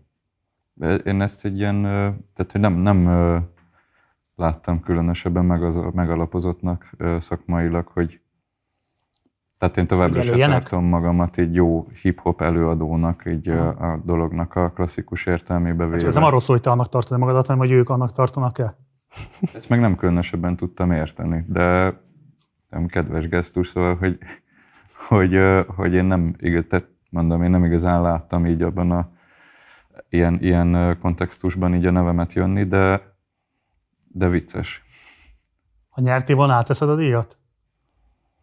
Hú, nem tudom. Szerintem, tehát hogy az ilyen televíziós eseményekhez hasonló a viszonyulásom, meg az ilyen szituációkhoz, bár egyébként volt ilyenben részem már, amikor egy ízben a, a klipszemlén ott jelen voltunk, és de azért ez egy, egy kevésbé ilyen nagyon kereskedelmi tévés rendezvény talán, mint a bár ott is megvannak ezek a részek, hogy akkor ott elmenni, és egy ilyen, egy ilyen felület előtt így lefotóznak átok a díjjal, stb., ami, ami ilyen nagyon ilyen, ö, kicsit ilyen számomra ilyen taszító, ilyen tévés ö, mozzanatok. És szerintem lehet, hogy emiatt nem voltam volna mert, mert már egyszer igazából ezt kipróbáltam így. Tehát, hogy olyan értelemben ilyen szituációkban én amúgy szívesebben részt veszek, amik így alapvetően nem az én világom, hogy egyszer így vicces megtapasztalni egy ilyen közeget, egy ilyen világot. És, és nagyon abszurd, és szórakoztató, és valahol lehangoló, és stb. Sok minden érzést meg lehet ezzel fogal- kapcsolatban fogalmazni. De nem tudom, ez a, ez a válasz vége. Oké. Okay. 19. januárjában jelent meg a következő közös kollaborációtok, a Keresztes Hadjárat videoklipje. Nézzük meg most ebből akkor egy részletet. Uram, állt most meg a küldetésünk, ámen. Add, hogy ne éljen túl, aki ellenáll Magyar föld lesz, Jeruzsálem. Atya, fiú, szentlélek nevében, ámen Add, hogy segítsen a kezemben a kard. Hmm. Add, hogy megvédjen a csapástól a pajzs. Hmm. Magyar föld lesz, Jeruzsálem. Atya, fiú, szentlélek nevében, ámen. Élezzük a kardot, érezzük a harcot. Hirdetjük a tarsolyt, szétvisszük az arcot. Megindulunk délnek, tartunk migráns flóval Szembehajtunk röszke, büszke, bátor tábor Első pihi, gyilok, mámor. Körbe-körbe migránsok, szerpat áramítások Hármat, négyet szétvágok, öld le őket pirvásból Összes migri kidől, folytatjuk az utat Gyorsan megy az idő, ha az ember jól mulat Mi alapján választotok témát? Tehát ez művészeti érdeklődés, társadalmi felelősségvállalás, tehát milyen módon ezek hogyan befolyásolják azt, hogy mi alapján kerekedik ki például egy ilyen zeneszám? Hát ezt társadalmi felelősségvállalásként nem jellemezném. De miért nem, bocs? Hát mert ez inkább hülyéskedés. De, de... Bocs, hát van egy markánsan kereszténységére büszke, azzal folyamatosan érvelő kormányzat, és egy ilyen állami intézményrendszer, aminek ti itt hát vastagon bemutattok, nyilvánvalóan kimutatva ezzel részben azt, hogy milyen ellentmondásokat véltek az értékválasztásban és a kormányzás gyakorlatában. Tehát, hogy ez, ez, ebben nyilvánvalóan van egy nagyon vastag társadalomkritika. Igen, de hogy ugyanakkor a motivációja meg nem társadalmi felelősségvállalás, már csak abból fakadóan sem, hogy amikor ez megszületett, vagy amikor megírtuk a koncepciót, akkor, akkor ott tartott például a projekt, hogy, hogy a Krisztiánnak már volt egy nagyobb elérése, de bőven nem akkora, mint ami mostanában. És én egyszerűen egy ilyen sidekick voltam a koncertjein, akinek szintén ezáltal valamennyire ismerték a nevét, és az ő közönségnek egy valamekkora hányada így szerette azt a számot, meg ezt a performanszot, és nem volt így egyértelmű, hogy ennek mekkora elérése lesz, szóval így ez is benne volt, hogy sosem tör ki ez a, mondjuk ez a dal így abból, hogy, hogy egy minimális, tehát hogy a bar, tágabb baráti társaság és még pár ezeren meghallgassák. Tehát ilyen értelemben inkább arról szólt, és az motiválta a megírását, hogy, hogy mondjuk így engem személy szerint így foglalkoztatott akkoriban nagyon ez a, ez a téma, hiszen minden honnan ez folyt. Nem a keresztes hadjárat feltétlenül, hanem inkább a többi témadók ezen a kis lemezen belül. A keresztes ez inkább csak egy ilyen volt egy beat, aminek volt egy ilyen kellemes mediviális hangulata, és akkor arra kitaláltunk egy ilyen koncepciót. Szóval, hogy ez, tehát ezért mondom a hülyéskedést, hogy ez ott inkább így az akkor akkoriban erős benyomásokból születik egy ilyesmi, de hogy, de hogy nem, nem volt ennek, nem tudtuk azt, hogy ez mondjuk megtek, pár százzer megtekintésig el fogja vinni. De ebben politikai elégedetlenség a jelenlegi rendszerrel szemben konkrétan van, vagy ez csak egy szándékolatlan következmény a dalnak? Krubi? Hát azt gondolom elégedetlenek voltunk sok mindennel akkoriban, és ez tükröződik a dalban. Tehát ez nem tudom válasz a kérdésedre. De hogy... Egy diplomatikus válasz, de válasz. nem, így, nem próbáltam diplomatikusan válaszolni, csak tényleg, hát szerintem ez a dal, itt, itt is, tehát ez a te a LP-dre készült, itt te mondtad, hogy legyen ez a koncepció, én, én, meg, én meg megírtam a részem, vagy együtt is írtuk, talán nálam átjöttél. És hát nyilván van egy, van egy gondolkodásunk, vagy, vagy vannak véleményeink ebben a témában, és, és azok tükröződnek a dalban. Mm. Tehát, hogy nem emlékszem, mi volt a kérdés, de igen. Számoltatok azzal, hogy ez így ki fogja verni a biztosítékot majd? És komoly támadások tárgyává tesz majd benneteket? Nekem személy szerint ez a, ez a mértékű elérés a legmerészebb állományunk között sem szerepelt. Nyilván egy idő után már így ez megtörtént, tudatosult, és akkor azt követően már nem lehet ugyanezt elmondani az azután kijövő számokról, de ennek a kislemeznek az esetében nem. Nézzük meg, hogy hogyan vélekedett Fankadeli erről a számotokról.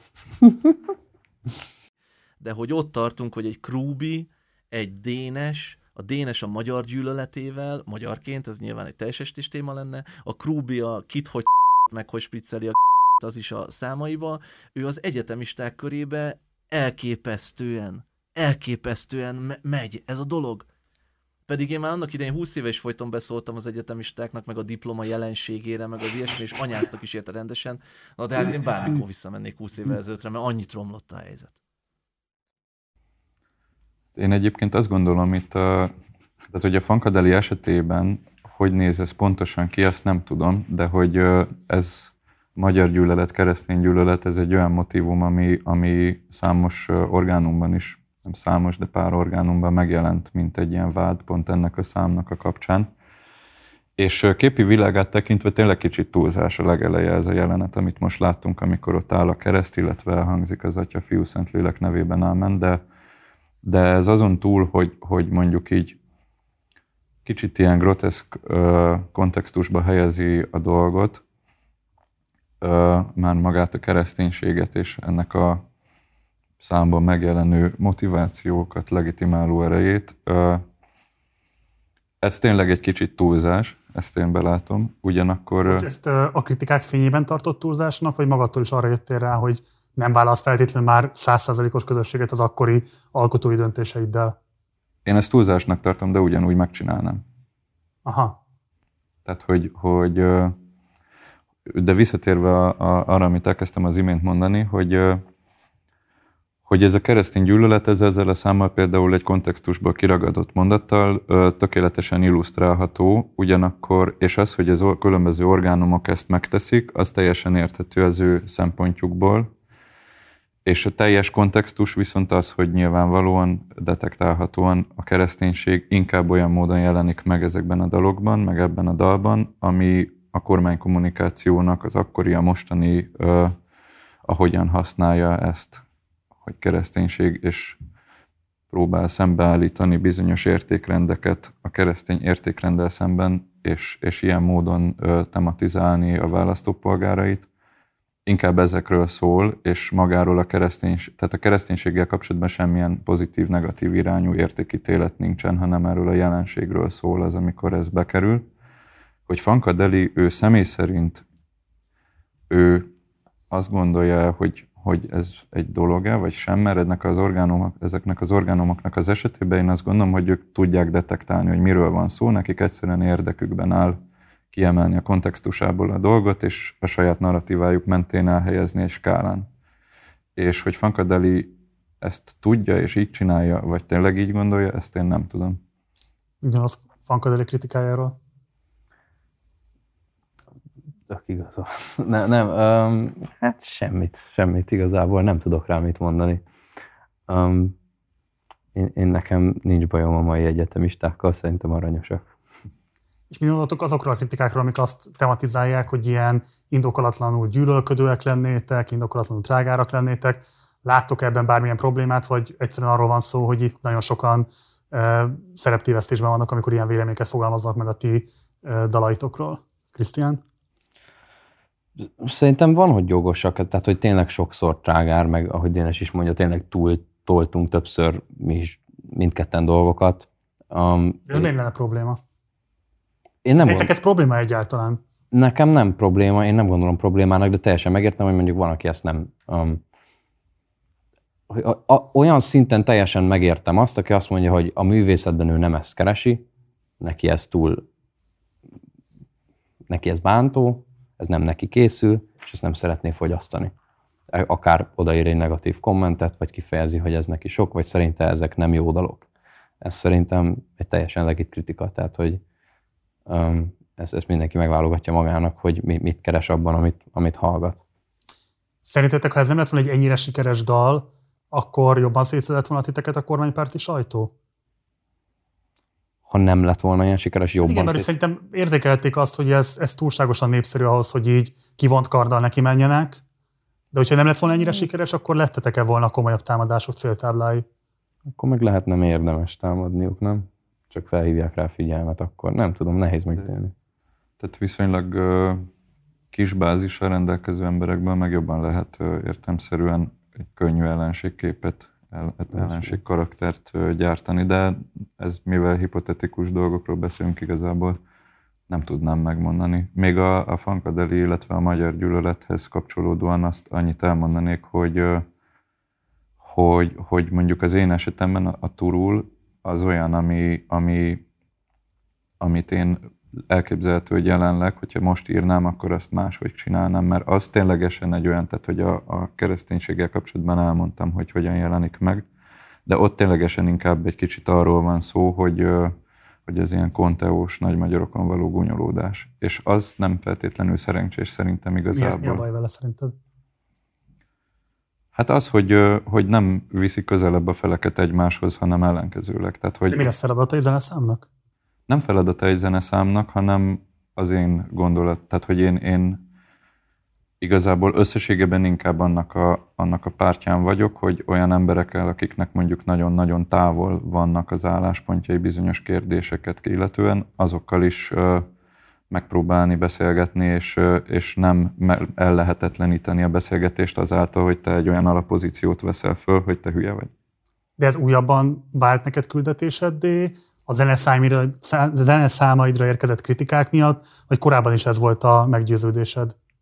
Ez volt inkább a meggyőződésem, csak, csak mivel nagy, tehát hogy ez egy olyan témakör volt, amivel én nagyon sokat érintkeztem, mondjuk olyan, tehát sok olyan szituációban voltam, ahol számomra egészen groteszk gondolatokkal találkoztam, hogy ezt Hetedikes korodban Kárpátia dalokat énekeltél, jól mondom, ugye? volt erre példa, igen. Melyik dalt énekelted? Hát melyiket nem, ezeket. Amit most is tudnál fejből mondani? A Kárpátok zengjetek az egy olyan, ami tartalmilag is eléggé kiemelhető ezek közül. Mondd el a refrent. Na várjunk. A refrén, ö, meg lehet itt akkor vágni esetleg. hogyha, Hogy vágj, hogyha az egyik legjobb pillanat az egész beszélgetésre. Nem, úgy értem a megvágást, hogy morfondírozom, egy kicsit előjön, és akkor az köztás időt, hogyha úgy van. De talán hát van benne egyrészt kettő darab sor, ami, ami, ami számomra egy abszolút a, a píkje gyakorlatilag ennek a számnak, de az egész munkásságuknak, ez a legyen, mint régen volt szeplőtlen nemzetek. Ugye szeplőtlen nemzetek, mint, mint kép, az durva, nagyon durva. Tehát, hogy, hogy, Miért durva? mert azért ott a kontextusban eléggé kibontakozik, hogy ez nem, nem bűntelenségre vonatkozik, és nem erkölcsre vonatkozik, hanem, hanem inkább, illetve tehát inkább etnikai szeplőtlenségre vonatkozik ez, és az, az meg, hogy, hogy ilyesmit kívánni egy olyan szituációban, amikor mondjuk itt élünk, nem tudom, hogy, tehát hogy, hogy iszonyú kevert nép él itt a Kárpát-medencében, és hogy ebben a helyzetben egy ilyet kicűzni, az, az, az egy vörös Khmernél is durvább történet. És mikor nyilván ezt nem rá? tennék meg, csak hogy, hogy mikor ébredtem rá. Sok mindent egyébként közben is detektáltam, csak szerintem csak, csak az, hogy így tudatosult bennem az, hogy, hogy összességében annak a, a megkérdőjelezése, hogy ilyen dalokat szerencsés egy 12-13 éves gyerekekkel együtt énekelni, mondjuk egy ilyen superior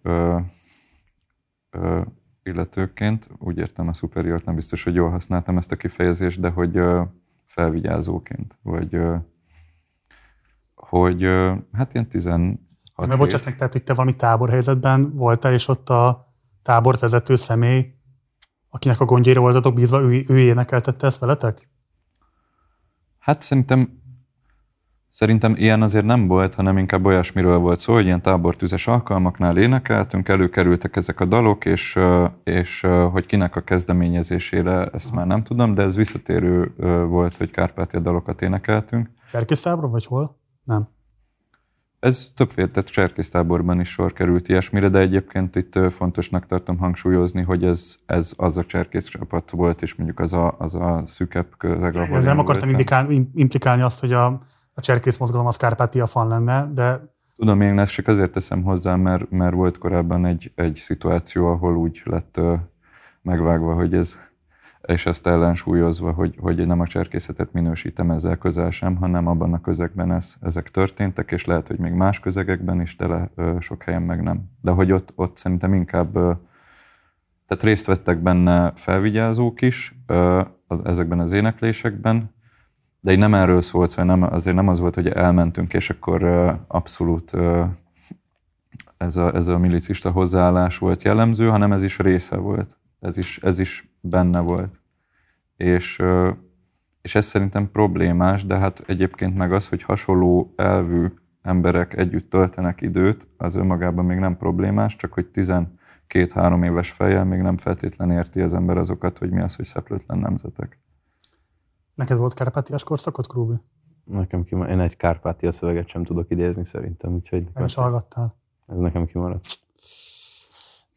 Hogy van ez a karakterjáték, amit a Krúbi karaktere fölépítettél? Tehát miért pont a szexizmus volt, vagy a szexizmus az, amivel a legtöbb ilyen játékot folytatott? Tehát egyszerre figurázott ki ezeket a hip-hop toposzokat, meg használod ezt is arra, hogy így részben beszólj a PC kultúrának, részben triggereld a hallgatóidat, de részben meg így föl is hívd a figyelmeket arra, hogy egyébként ez egy létező jelenség, tehát hogy nagyon komplexen használod ezt, de miért pont a szexizmus az?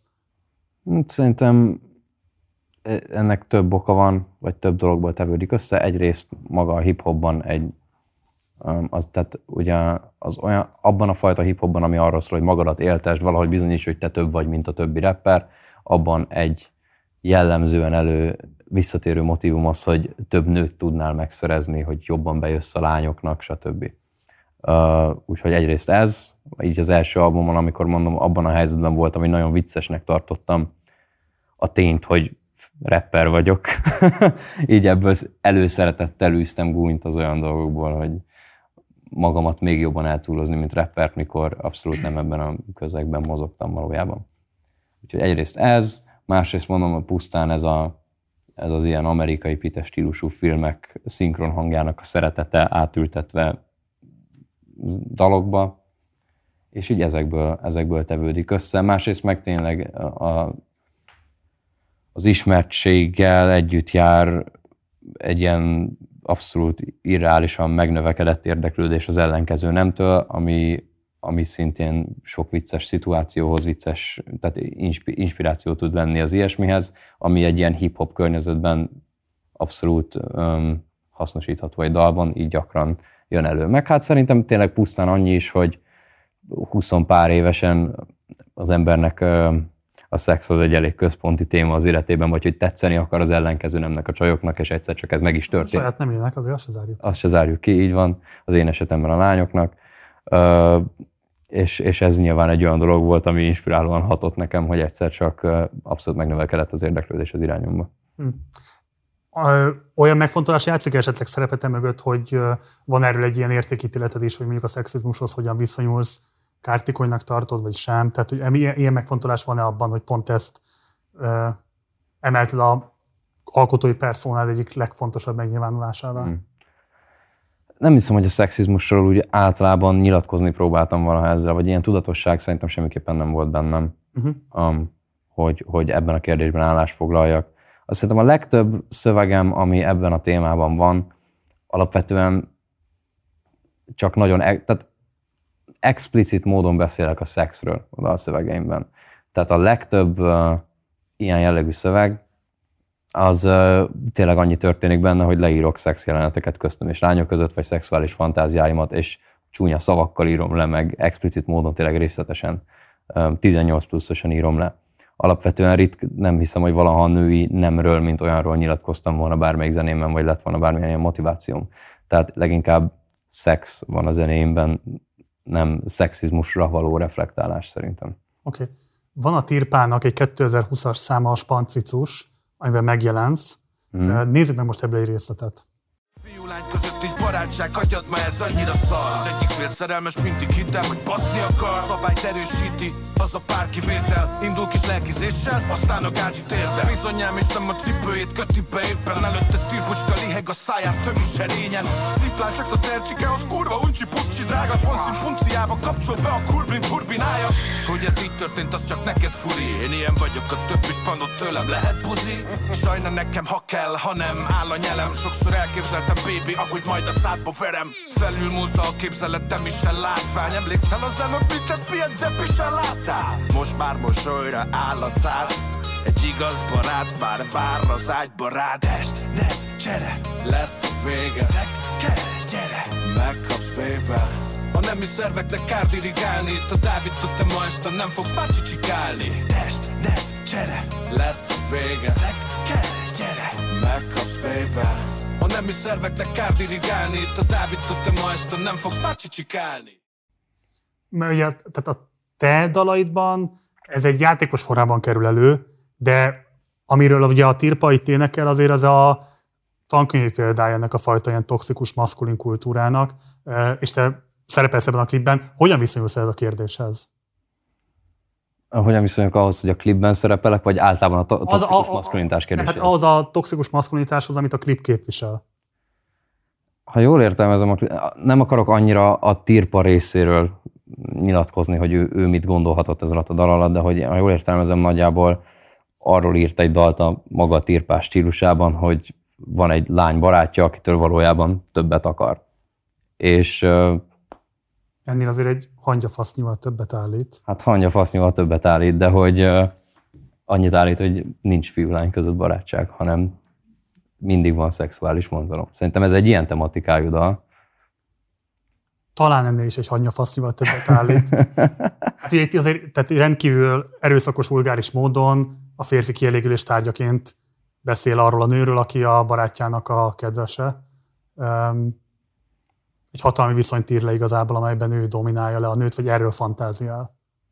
Hát szexuálisan vonzódik hozzá, és nagyon szívesen szexelne vele, ezt írja le szerintem első Attól, hogy szexuálisan vonzódunk valakihez, akkor nem feltétlenül kell egy hatalmi helyzetnek, vagy hatalmi dominanciának. Szerintem az, az, az jelenik meg a dalban, de mondom, itt kicsit ilyen necces trajnak érzem ezt, hogy itt Tirpa nevében nyilatkozok, mert, mert nem, nem te tudom, a saját fejében. képviseled, nem az övét. De hogy ö, alapvetően vannak szerintem az emberben gond, tehát hogy nem tekintem a művészet feladatának, hogy morálisan helyes legyen feltétlenül. Tehát, hogy azt gondolom, hogy egy művésznek az a, hát még a feladat is túlzás, de én, én azokat a művészeket szeretem, akik azt csinálják, hogy megörökítik magukat emberi mi voltukban.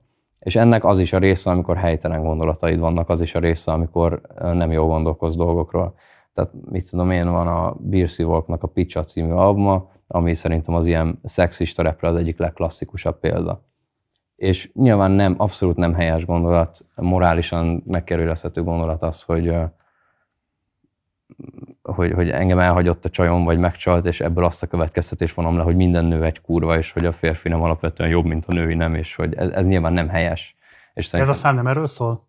lehet, hogy erről szól, csak arra akarok ezzel kiukadni, hogy akármiről is szól a dal, um, mivel nem tekintem annyira művészet feladatának, hogy morálisan, hát, tehát hogy az is egy értékelhető művészi pillanat lehet, amikor valaki egy olyan dolgot fogalmaz meg, amivel amúgy abszolút nem értek egyet. Mit tudom, én nagyon szeretem Alice in Chains-től a Junkhead című dalt. Nem gondolom azt, hogy heroinozni jó dolog. Nem gondolom azt, hogy az, hogy Lane Staley kiáll abban a dalban gyakorlatilag a heroin mellett, és azt mondja, hogy ti hülyék vagytok, csak nem érthetitek meg, nekem van igazam, nincs is ezzel semmi baj, majd pár évvel később nyilván belehalt a függőségébe, tehát hogy ettől függetlenül, ha megkértek volna, hogy a Junket klipjében szerepeljek, azt mondtam volna, hogy igen, mert azt gondolom, hogy egy mű- művészi alkotás tök király. És erről a dalról is azt gondolom, hogy mint rap szám, ami lehet helytelen gondolatokat fogalmaz meg, értelmezés kérdése, meg nyilván kinek mi a morális értékrendje, de bármit is fogalmaz meg, és bármi is az én morális értékrendem, nem igazán ez alapján szűrök. Az én dalaimban is megfogalmazok olyan dolgokat, amiket természetesen nem értek egyet, hogyha racionálisan átgondolom. Tehát mondjuk a való élet is olyan, hogyha kiragadsz belőle pillanatokat, valószínűleg nekem volt már olyan pillanatom életemben, hogy segítettem egy idős úrnak az Aldiban levenni valamit a polcról. Ha ezt ragadnád ki, arra azt gondolom, hogy hú, de jó fej gyerek ez a Krúbi. De biztos volt olyan pillanatom is, amiben teljesen vállalhatatlan voltam, amiben nem tudom, bevágott elém egy öreg bácsi kocsival, és felkiáltottam, hogy minek élsz még vén geci, vagy valami ilyesmi. Amivel meg nyilván abszolút nem értek egyet, és ha csak ezt látnám magamból, azt gondolom, hogy mekkora fasz vagyok. De én azt tekintem inkább a művészet feladatának, hogy mindkettőt megörökítse, és az is belekerüljön a dalokba, amikor valaki helytelen, irracionális, hirtelen haragból, akár abszolút romlott személyiség, ugye erre is vannak példák a művészetben. És nem, nem tekint, tehát ez, azt gondolom, hogy egy művész nem egy politikus, nem képvisel egy közösséget, nem lett megszavazva, hogy adóforintok felett rendelkezzen, csak simán megörökíti a dolgait, és az meg már a közönség feladata, hogy szűrjön, hogy mivel ért egyet, mivel nem ért egyet, akar olyan zenét hallgatni, mivel morálisan nem ért egyet, és így nekem azt, hogy mondjuk megkért a tirpa, hogy ebben a klipben szerepeljek, meg se fordult a fejemben, hogy morálisan egyetértek-e azzal, amit a dal képvisel, azt fordult meg a fejemben, hogy ez egy jó rap száma, és azt gondolom, hogy igen. Ez borzasztó fontos szerintem, amiről beszélsz, nagyon izgalmas is. Vagy akkor igazából azt mondod, hogy a művészeti érvényesség az, amit számít egy alkotás esetében, és a tartalmának a morális megítélése az egy teljesen más lapra tartozó kérdés. Igen. Oké. Okay. Mit gondolsz erről, Dénes? Én nagyjából egyetértek ezzel. Az, az már egy másik kérdés, hogyha mondjuk valaki, ö, tehát hogy azon platformokon mozgó ember, mint mondjuk a YouTube, de hogyha valaki mondjuk tévés személyiségé növi ki magát, vagy, vagy, vagy már, tehát hogy nem kizárólag olyan formában jelenik meg, hogy ő a saját művészeti termékét tárja a nagy közönség elé, akkor már egy ilyen nagyobb felelőssége van abban, hogy, hogy meg lehet fogalmazni sokféleképpen közízlés, vagy, vagy, vagy a saját morális irányelvei, vagy a, közö, meg a közösség meghatározó morális irányelvei szerint járjon el, akkor szerintem érvényesebb ez. Igen, ez- ezzel amúgy... Ilyen, Ja, bocsánat, fejezd be kérlek. ilyen értelemben én sem látok egyébként kivetni valót abban, hogy a Krisztián szerepel ebben a klipben. Csak azt akartam hozzáfűzni, hogy azzal abszolút egyetértek, hogyha valaki híres vagy ismert, akkor van egy felelőssége abban, hogy morálisan mit közvetít, csak nem a művészeti produktumon belül. Tehát, hogy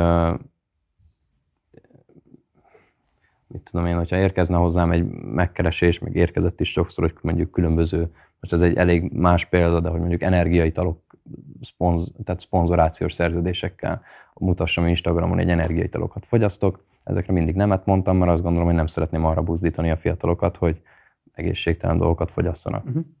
Um, és azt gondolom, hogy ez, ez abszolút nyilván a megnövekedett státusszal, megnövekedett felelősséggel, megnövekedett hatással, amit kifejtesz az emberekre, nő a felelősség is szerintem. Viszont olyan jellegű felelősség szerintem nem terheli a művészt, hogy a hírnevével párhuzamosan a művészetét is korlátozza. Tehát szerintem fontos az, vagy nem is biztos, hogy fontos, de megengedett kell, hogy legyen, hogy egy művész kifejezzen akár helytelen gondolatokat is a művészetében. Tehát, hogyha Tarantinóra rászólnának, hogy minden filmjében csak morálisan teljesen helyes dolgok történjenek, ne legyenek olyan férfiak, akiket szexizmus váda érhet, stb. Ne legyenek glorifikálva legalábbis, mint karakterek. Szerintem az eléggé sokat ártana mondjuk a Tarantino filmeknek, stb. És nyilván nem gondolom, hogy Tarantinónak az a feladata, hogy mivel most már híres lett, ezért ezeket ki kell szedni a filmjéből. Viszont az, hogy Tarantino mondjuk milyen Facebook posztokat ír ki, vagy, vagy Instagram po- posztokat, vagy, vagy hogyan viselkedik, mint magánszemély, hogyan kezeli a státuszát, visszaél a státuszával, a hatalmával, olyan téren terheli több felelősség. Oké. Okay. Lett egy áldoksi sorozatod, amit a pandémia idején ö, publikáltatok. Legendás ribancok nyomában ez a címe. Ö, Nézzük meg ebből egy részletet, és aztán szeretnék kérdezni valamit ezzel kapcsolatban. Zenészként évi 200, 250 napot töltök ribancok között. Ez az életem. Misivel alapítottuk a Mirror Glimpse csapatot. Mindenfelé keressük ezeket a rejtélyes ribancokat az ország teljes területén.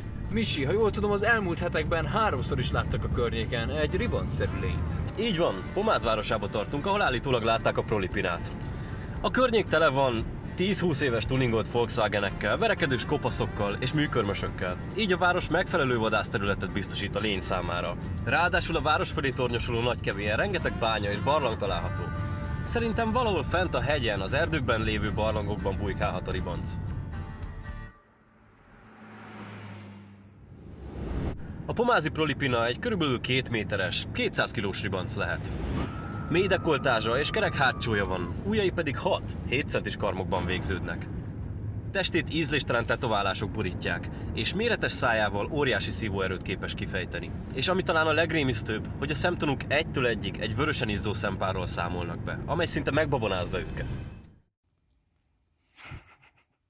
Tudom előre, tudom előre, hogy ez lesz az a pont, hogy ezt bevágjuk egyébként a szerkesztetadásba, amikor majd a kommentelők így nekiállnak vadul, szidni, hogy így tényleg nem vagy képes értelmezni a, a, a klubi által elmondottakat. Én tökéletesen értem, amit mondtál. Üm, még akár igazak is tudom tartani, de ezzel együtt is kérdezem, hogy ott nincs egy határvonal, mert hogy abszolút értem ennek a humorát, értem azt is, hogy hon, mi a forrásvidéke, azok a videók, amiket néztél kamaszkorodban, az egésznek egy ilyen elvonulás a Balatonra, csináltuk egy ilyen rövid pár részes sorozatot, egyáltalán nem humorát kérdezem meg, de amikor mondjuk például az van, hogy a proli, nem, mi, hogy Prolipina. Prolipina, igen, bocsánat, jól mondtam, mert panelprolit akartam. Na, tehát a prolipináról beszéltek, hogy, és ehhez van egy kép, amin hát egy nyilvánvalóan cigánylány illusztrációját használjátok, akkor nem merül fel mégiscsak az, hogy ezzel esetleg azért megerősítettek olyasfajta sztereotípiákat, amelyeknek van kártékony vonása, hogy mondjuk ilyen dehumanizálóan gondolnak sokan például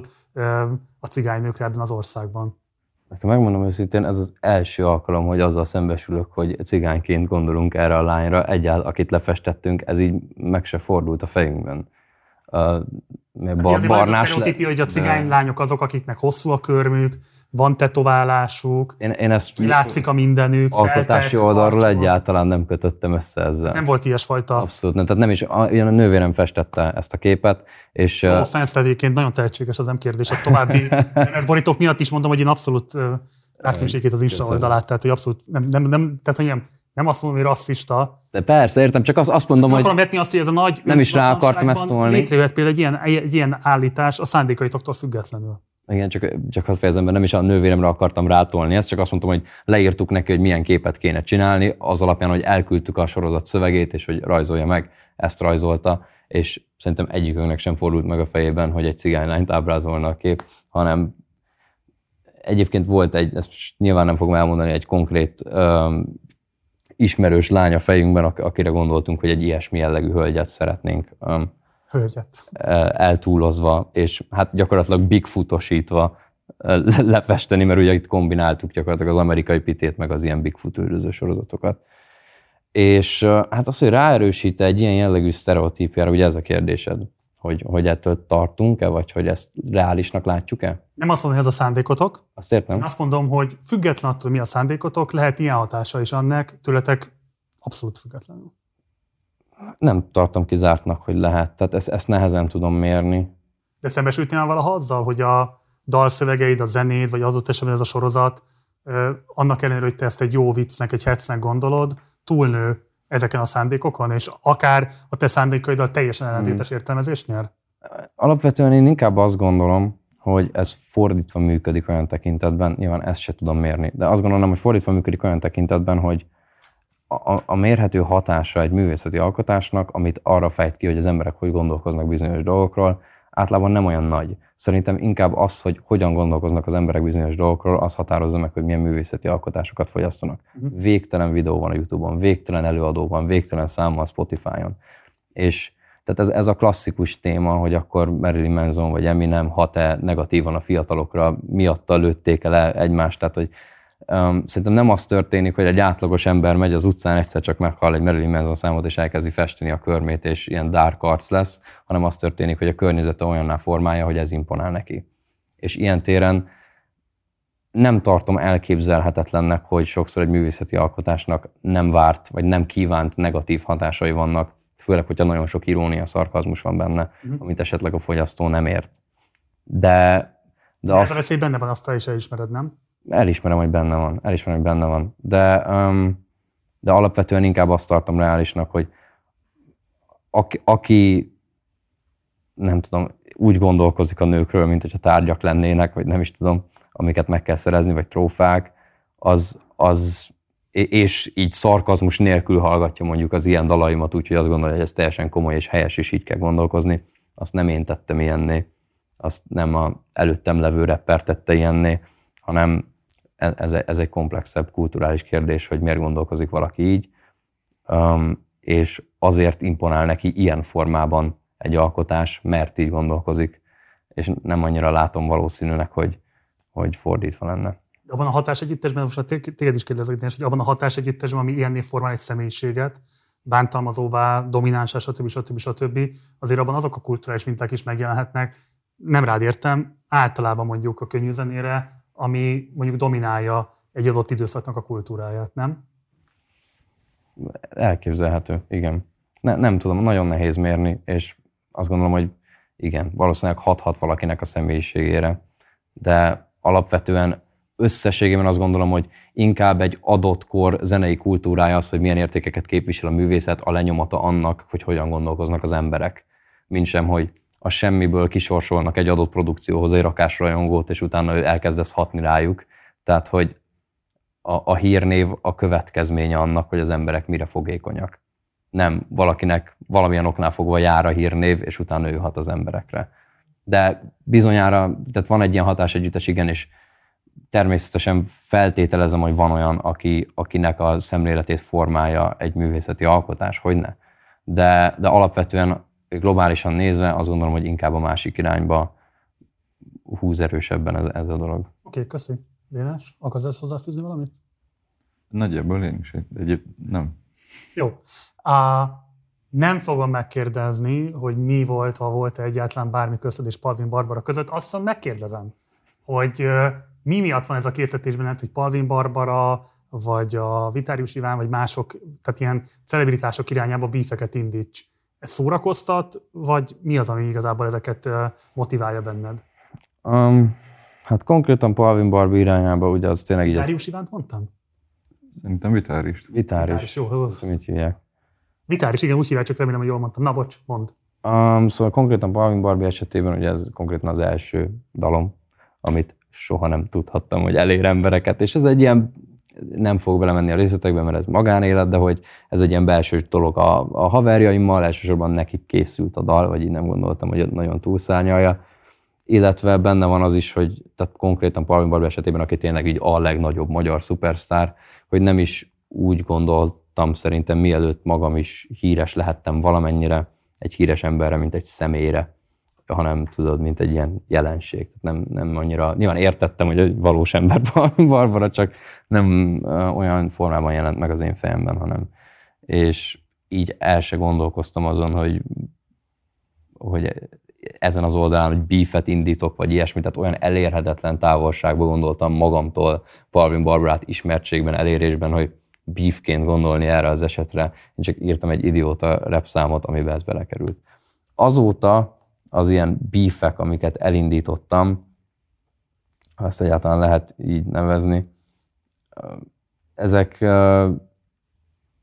hogy mi volt a kérdés, hogy mi a célom ezzel? Nincs, Ha van, van egyáltalán, nincs, mi motiválja célom. ezeket benned, hogy egy Mind, mindig az motivál, hogy az adott dal szerintem a lehető legjobb legyen. És ha éppen van egy olyan sorom, amire úgy gondolom, hogy szórakoztató vagy vicces, akkor általában eléggé öncélúan és, és másokra való tekintet nélkül azt csak úgy beleírom. Tehát ez, ez lehet, hogy megkérdőjelezhető hozzáállás, azt nem Nem, az- vitatom.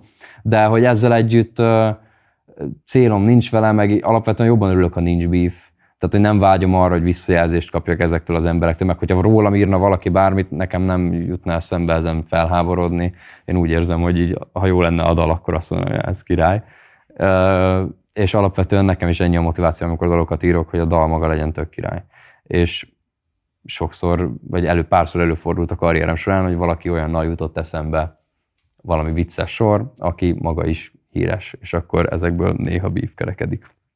Te hogyan viszonyulsz ez a közéleti emberkedéshez, Dénes? A közéleti emberkedéshez? Nekem ezzel kapcsolatban kevesebb tapasztalatom van azért. Ö, mondjuk lehet, hogy ezt a konkrét sort én nem írtam volna meg. Tehát, Most már idézzük, rám írt Iván, tudod, az a parazol, gondolom filmeket javasol, ó, bassza meg, kurni akar, bocs, de smukitól tudom, hogy fogazol. Nem jól mondtam ki a... Nem jól, Tetszett, ahogy előadtad te. salát megadtam. Szóval, hogy én, én kifejezetten ilyen sorokat, még hogyha mondjuk eszembe is jut, nem nagyon, tehát most konkrétan erre példát nem tudnék mondani, vagy nem tudnék ilyenre gondolni, de hogy biztos volt ilyen, de hogy nem, nekem nem célom ilyenekben involválódni, úgy sem, hogy alapvetően nem az involválódás a cél, hanem hogyha egy mód van rá, akkor nem involválódom ilyesmiben. De miért pont arról beszéltünk az előbb, hogy ilyesfajta morális értékítélet nem feltétlenül kell, hogy jellemezze a művészetet, hogyha működik, akkor nyugodtan lehet használni. Na jó, persze, de hogy az meg egy másik kérdés, hogy az ember ő maga hogyan viszonyul bizonyos emberi kapcsolatokhoz, hogy, hogy, hogy fontos-e számára, hogy a, tehát hogy mit priorizál adott esetben. Tehát én lehet egyébként, hogyha lett volna egy olyan sor, ami annyira tetszik nekem, hogy ezt, akkor ezt figyelmen kívül hagyom, de és csak nem volt eddig erre példa. De alapvetően úgy gondolom, hogy, hogy én nem tehát, hogy ér- értem ennek a humorforrását, hogy céltalanul belekötni valakibe. Ezt én, ennek én abszolút értem a humorforrását, egyszerűen nem önazonos az én esetemben. Okay. Mit gondolsz a, a trap hullámról? Tehát ugye mit gondolsz arról a fajta evolúciójáról a hip-hopnak, hogy ami egy ilyen ellenálló műfajként indult el, az mostanra nem igazán, vagy nem feltétlenül a változás lehetőségét próbálja meg propagálni, hanem sokkal inkább rögzíti azt, hogy mennyire elbaszott a világ. Ö, De ehhez nem kéne igazából megküzdési stratégiákat, vagy lehetőségeket, vagy eszközöket, hanem csak rögzíti azt, hogy ez szar, depresszív, és hogy kicsit az is van ezzel keresztül, hogy a változás lehetetlenségét normalizálja a hallgatóban. Mi gondolsz erről a kérdésről? Ezt ilyen szépen sosem fogalmaztam még meg magamnak. Megléni a partizánban. Így van. Partizánban. Uh, jó gondolat. Hát Nem a sajátom részben Mark Fishertől húztam, aki ugye a Kapitalista Realizmus című kötetében ír erről, meg más írásaiban is még. Jó kérdés, nem tudom. Um, ugye szerintem amikor a hip-hop indult, vagy amit eredetileg képviselt, azt én ugye így nem igazán éltem meg a koromból fakadóan. Én, én azért leginkább már ebben a trap világban, vagy a modern hip-hop világában ismerkedtem meg úgy igazán a hip-hoppal. A kevésbé tájékozott nézőinknek is elmondanád, hogy mit értünk trap alatt alapvetően? Hát szerintem a trap az a hip-hopnak egy ilyen új alfaja, újabb alfaja, um, vagy részhalmaza, vagy hogy mondjam, sőt már így, már így sok tekintetben kinőtte. Nehéz definiálni a trappet, szerintem elsősorban egy bizonyos hangszerelés köthető egyébként a traphez, nem is a tematika, inkább csak az, hogy vannak jellemző tematikák, amik megjelennek a trap műfajban. De igen, tehát egy klasszikus trap előadó lényegesen kevésbé szövegcentrikus, mint egy klasszikus rap vagy old school hip-hop előadó. Itt inkább ö, dallamosabb autotune van benne, étóhitek vannak benne, meg ez van benne. És Most, akkor most hallgassunk meg egy részletet a lejtőből, ami ennek bizonyos értelemben a példája, példázata lehetne, nem? Hát valamilyen, azért nem gondolom egy ilyen nagyon klasszikus trap dalnak a lejtőt, de abszolút sok trappes dolog van benne, igen. Akkor nézzük meg, és aztán beszélünk róla, hogy mennyi is ez a trappes dolog benne. Ja, Jól áll nekem, ahogy vérzek itt És pont elfér még a zsebemben a te pénzed is És úgy ízelek nekem a könnyeid Még jó, hogy ilyen jól áll a vállamon a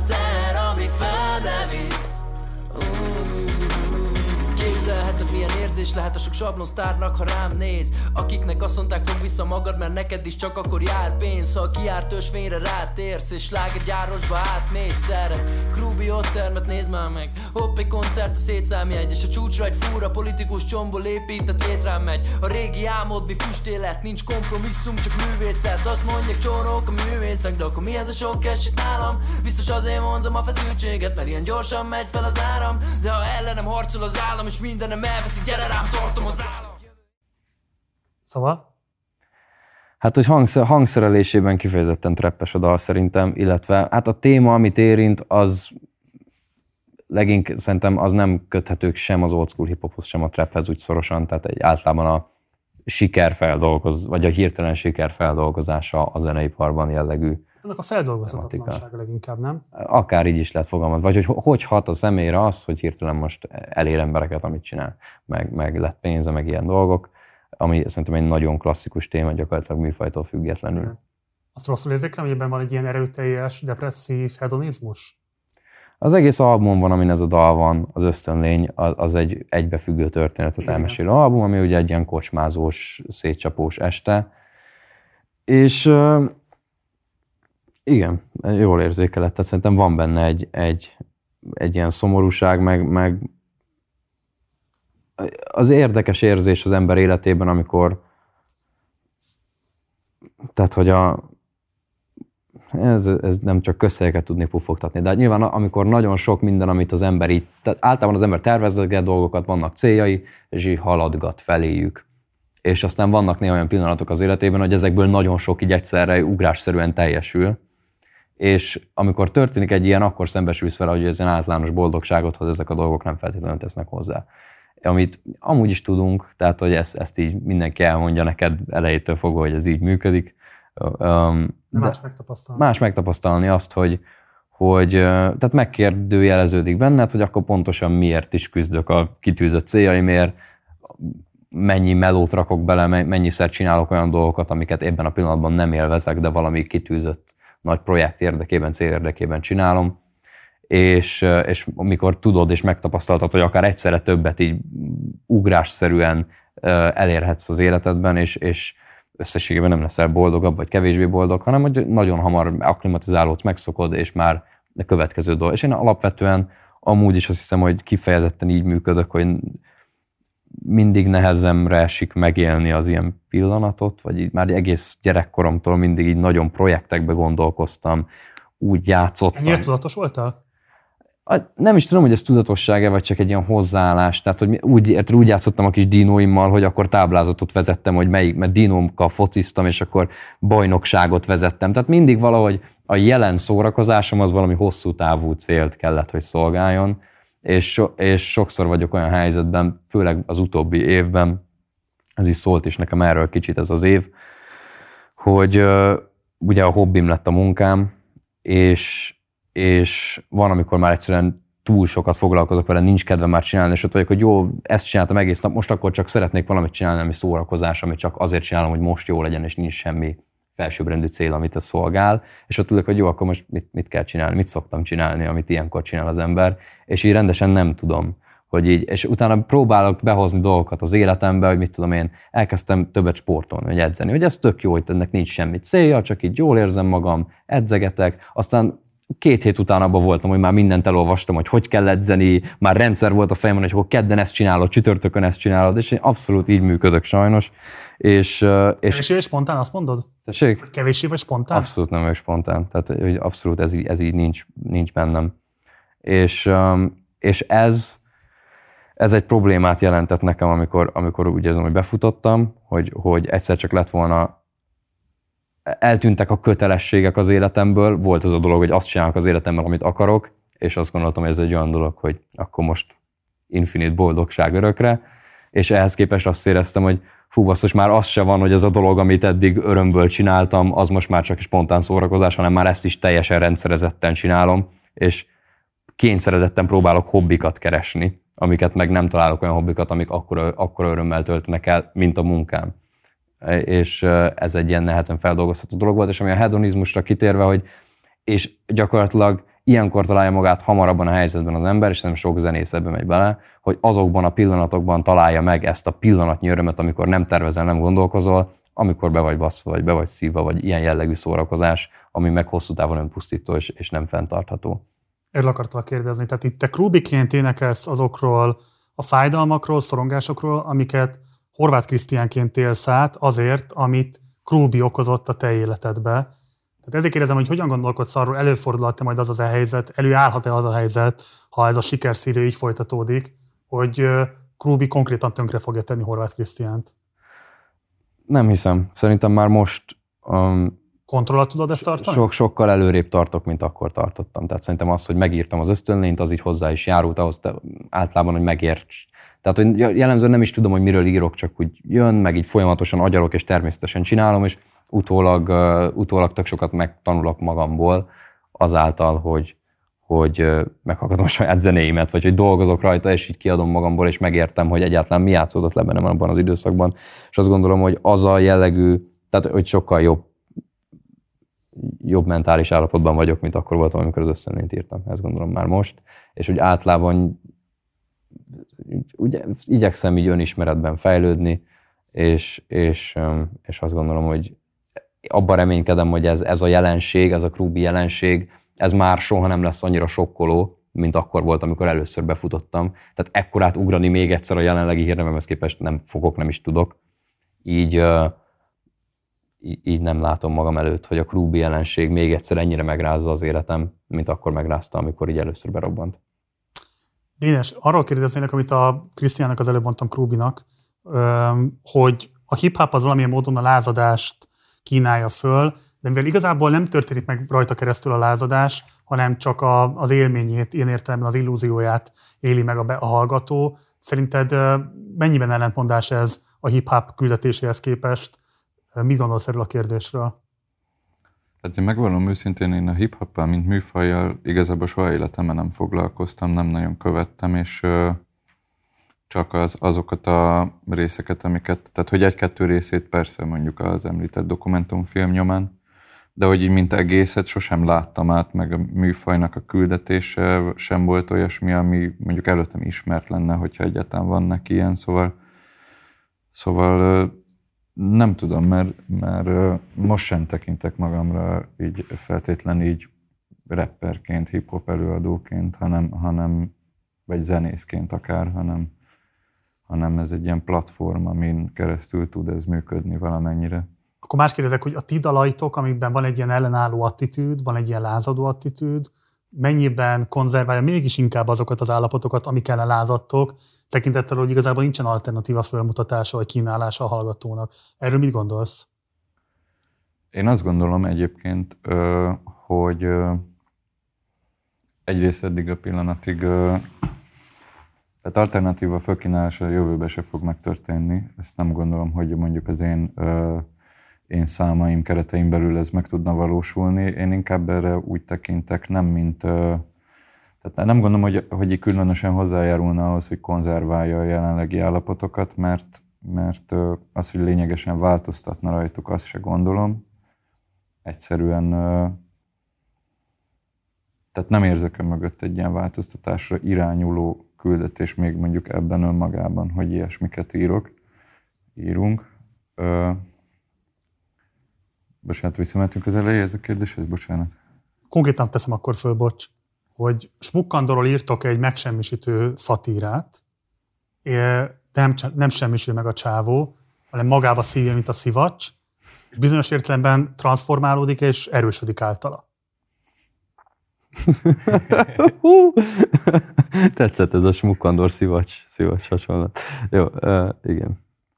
Hát ö, mondjuk, tehát hogy értem, hogy mire gondolsz, de, de tehát, hogy mondjuk a Smukkandor megsemmisítő track önmagában egy vicc volt. Az, hogy Smukkandort megsemmisíteni nyilvánvalóan nem állt szándékomban, és sőt, mi több. Most nem a magánszemélyt mondom, hanem mint egy ilyen közéleti Persze, persze. volt. Csak hogy, hogy ott, ott inkább, tehát, hogy inkább a viccen volt a hangsúly, hogy egy ilyen, ilyen értelemben komolyan vehetetlen karaktert miért bífelne bárkibe. És ennek a humorforrása volt az, ami szülte mondjuk azt a koncepciót, hogy mondjuk a, a kormánynak a különböző kommunikációs metódusainak a kidomborítása vagy támadása, hogy ez inkább konzerválná, vagy érdemben nem tesz ellene, azt én nem vitatom, hogy érdemben nem tenne, mondj- ne, tenne ellene. De nem is ez a cél. Annyit hadd fűzök hozzá, szerintem olyan szinten, tehát érdemben nem tesz ellene ezzel, én is egyetértek, olyan szinten mondjuk én kifejezetten személyes szinten hasznosnak éltem meg ilyen tekintetben Délnes dalait például, hogy az a, azok a csatornák, amikből mondjuk folyik a kormánykommunikáció, azokon a csatornákon keresztül ugye folyamatosan hallod ezeket a dolgokat, és így normalizálódik, megszokod. És amikor ugyanezeket a szavakat egy teljesen másik kontextusban, ugyanezeket a mondatokat megismételve, kidomborítva hallod egy teljesen másik kontextusban, ahol nem ezekhez a mondatokhoz vagy szokva, az így újra visszavisz kicsit nullára, mert ugye ez egy fokozatosan épül ez a populista kommunikáció a Fidesznél például, és, és kicsit visszavisz oda, hogy szembesítve, hogy ja basszus, amúgy mennyire durva is ez, amit már fel se veszek, ami a plakátokon van, ami a tévéből jön. És ilyen tekintetben azt gondolom, hogy még akár pozitív haszna is van, hogy egy ilyen emlékeztető, hogy egy teljesen másik kontextusban megjelenve újra szembesülsz vele, hogy amúgy mennyire abnormális, ami történik, mert amúgy ezt is, minden mást elképesztően hamar megszokjuk. Azt meg, hogy, hogy mennyire konzerválja az állapotokat, azt őszintén szóval nem tudom. Ilyen formában bele se gondoltam még, hogy, hogy ilyen hatása lehetne ennek. Oké. Okay. A pandémia alatt voltak raktárkoncertek, a legjobb tudomásom szerint nektek nem volt raktárkoncertetek. Miért nem volt raktárkoncertetek? Um, én, én, azt gond, nekem egyszerűen annyi volt a gondolatom emögött, hogy me- megkerestek, te nemet mondtam, hogy Mondtál rá? igen, de ennek egyrészt azért, mert azt gondolom, hogy az én produkcióm élőben olyan, hogy nem annyira állja meg a helyét egy ilyen garázsban. Tehát itt nem arról van szó, hogy zenészek hangszereken játszanak, és csak simán a performance-ot nézni így önmagában annyira lenyűgöző, hanem ez inkább, tehát minden koncert valahol elhelyezkedik egy skálán, hogy ez mennyire egy performance, amit megnézel és élvezed az előadást, és mennyire egy buli, amin részt veszel az előadóval. Mhm. És én inkább az utóbbi vagyok szerintem, így egy ilyen garázskoncert, vagy, vagy raktárkoncert, ezt úgy éreztem, hogy ez egyrészt nem az én műfajom, másrészt azt gondoltam, hogy e körül csomó olyan ilyen kérdőjel volt a fejemben, hogy ez hogy is van, kik hogy keresnek ezen pénzt, hogy, hogy így egyszerűen ebbe a vitába így, ezt ki akartam maradni úgy, ahogy van, nem vágytam erre, és emellett így anyagilag sem voltam annyira megszorítva, úgy voltam vele, hogy átengedem a helyemet valakinek, akinek nagyobb szüksége van -e. Dénes? Én pedig el sem morfondíroztam ezeken a kérdéseken, mert nem hívtak. De hívtak volna? Hát akkor elmorfondíroztam volna. És a morfondírozásod eredményeképpen milyen döntés jutottál volna szerinted? Hát ö, nem tudom, jobban utána néztem volna tényleg az egésznek, és, és az alapján hoztam volna meg a döntésemet, hogy, hogy így mi az a kép, amit így kapok ezek által, szóval ezt nem tudnám megmondani. Oké, okay. záró kérdéskör. Itt vagytok a 20-as éveitek közepén. A világ meg itt van 2021-ben. Dübörög a klímaválság, ugye azt mondják a szakértők, hogy nagyjából 10 év van hátra még, ameddig lehet változtatni érdemben. Iszonyatosan nagyok a világban az egyenlőtlenségek, elviselhetetlen politikai rezsimek vannak mindenhol, és hát van egyfajta erőteljes válságélménye mindenkinek abban, hogy így nem tudjuk, hogy hova fog ez az egész majd kifutni, de hogy ebből azért nagyon kevés jót lehet sejteni. Egy általános szorongás szerintem így jellemzi a, a generációnkat, amit aztán így ki, hogy próbál földolgozni. De hogyha mondjuk így abba gondoltok bele, hogy nektek még nyilván van legalább 50-60-70 életéveteket ezen a bolygón, akkor így hogyan képzelitek el a következő évtizedeiteket? Tehát, hogy mi az a szakmai célkitűzés, ami motiválni tud benneteket, mi az a közösségi célkitűzés, ami esetleg érdekel benneteket, tehát hogy hogyan gondolkodtok a saját szakmai érvényesülésetekről, és a pozíciótokról, amit jelenleg elfoglaltok a magyar társadalomban, ami nyilvánvalóan részben visszaigazolja a működéseteket, de szükséges is ahhoz, hogy működni tudjatok. Kezd csak Ilyen nyugodtan. egyszerű záró kérdés gondoltam. Hát én a magam részéről egyébként ezt, a, a, amit az imént behoztál, nem akarom a sátán nevén nevezni, a klíma kapcsán, ö, igazából nem nagyon szoktam így, így, így figyelembe venni, amikor így a, a saját személyes jövőmön gondolkozom el, és ez valahol egy ilyen nem helyes attitűd abban a szempontból, hogy egy kicsit ilyen, ilyen apatikus elzárkózás a kérdés elől. És néha... Azt mondod, hogy ez jellemez téged? E tekintetben igen. Uh-huh. Tehát a, ami a klí- klímaválságot illeti, a tekintetben inkább nyilván foglalkozom, vagy nyilván minimálisan ö, teszek dolgokat, de, de hogy így nem vagyok közelről sem egy aktivista, meg közelről sem úgy élem az életemet, hogy, hogy mindent, amit a jelenlegi tudásunk szerint meg tud tenni az ember, azt megteszem ö, annak érdekében, hogy magam változtassak. Én inkább a változtatásokat illetően, tehát más, más dolgokban gondolkozom, kézzelfoghatóbb, könnyebb dolgokban, ez talán, ez talán egy, nem, tehát hogy amit az imént a klímával kapcsolatban elmondtam, egyébként ez szerintem nem csak engem jellemez, hanem sok embert, és ez egy probléma, abszolút. Tehát, hogy, hogy valahogyan, nem, de ne, aminek a megoldását viszont nem látom, hogy ezt hogyan lehetne több embert elérni ezzel, hogy, hogy több ember realizálja, hogy, hogy mire lenne szükség. Azt ugye mondtad, vagy mondtad te is, Krubi, hogy politikai pártok mellé nem állnátok oda, de mondjuk társadalmi mozgalmak mellé a dalaitokkal odaállnátok, amik mondjuk ilyen célokat próbálnak meg tudatosítani a nyilvánosságban? Ez, ez jó kérdés. Ez esetemben én azt gondolom, hogy egyébként egyrészt jogos, amit a Krisztián elmondott, hogy, hogy, hogy mondjuk egy kon, tehát a koncert ilyen rendezvényen való fellépés esetében, hogy, hogy jó az, hogyha, vagy az az ideális, hogyha egy koncert önmagáért van, és nem valaminek a keretein belül történik, és, és, és hogy, hogy mármint mire gondolsz azzal, hogy számol, tehát hogy hozzájárulni egy ilyen Hát mondjuk lenne egy globális klímasztrájk megint, és azt mondanák, hogy szeretnének egy ö, Krubi Dénes duót fölrakni a színpadra, mert ugye ez fontos lenne az, hogy többen jöjjenek el például, azért, hogy, és mondjuk a klímatüntetésnek vagy a klímasztrájknak az a célkitűzése, hogy mondjuk adóztassák meg jobban a különböző fosszilis energiaforrásokat, és az olajcégeknek a működését korlátozzák Magyarországon is, tehát egy elég komoly érdekkonfliktus. Egy ilyenbe például beleállnátok-e? Én, én el tudom képzelni. Szerintem nem feltétlen koncert formájában akarnék ebbe beállni. Tehát lehet, hogy így a, a művészeti produktumot el akarnám választani az ilyen társadalmi jellegű kérdésektől, amikért akár nyilvánosan kiállok. De az, hogy mondjuk a hírnevemet magát erre a célra használni, Uh-huh.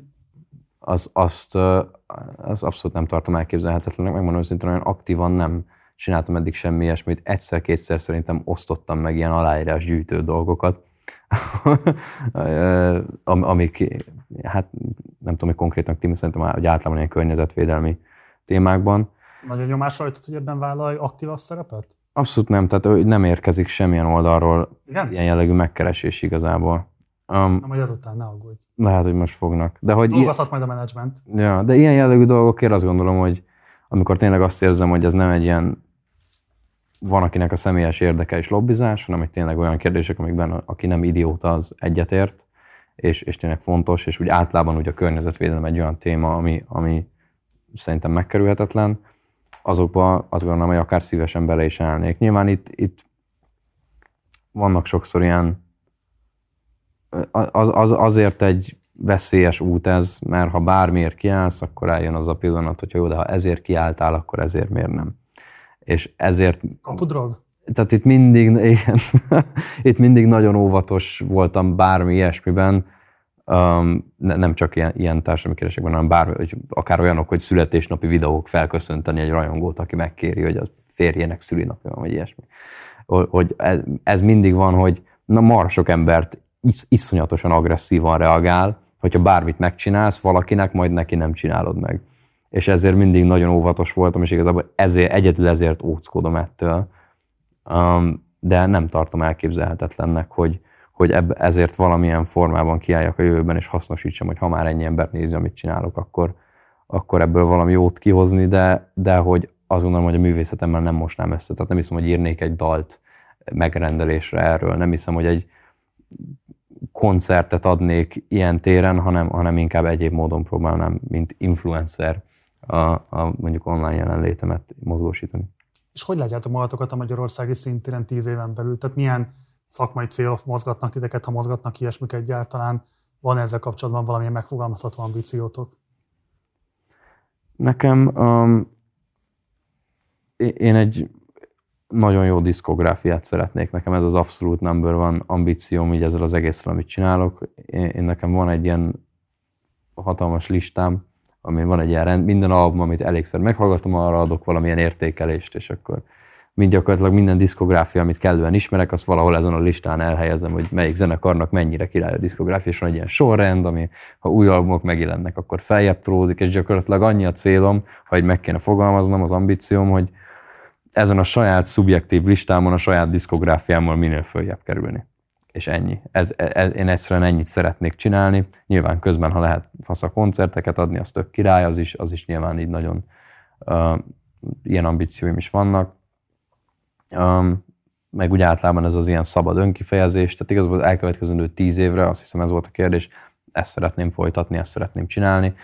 36 leszek tíz év múlva, ott azt gondolom, hogy ott már valami exit plannek is lennie kell akkor tájt, mint rapper.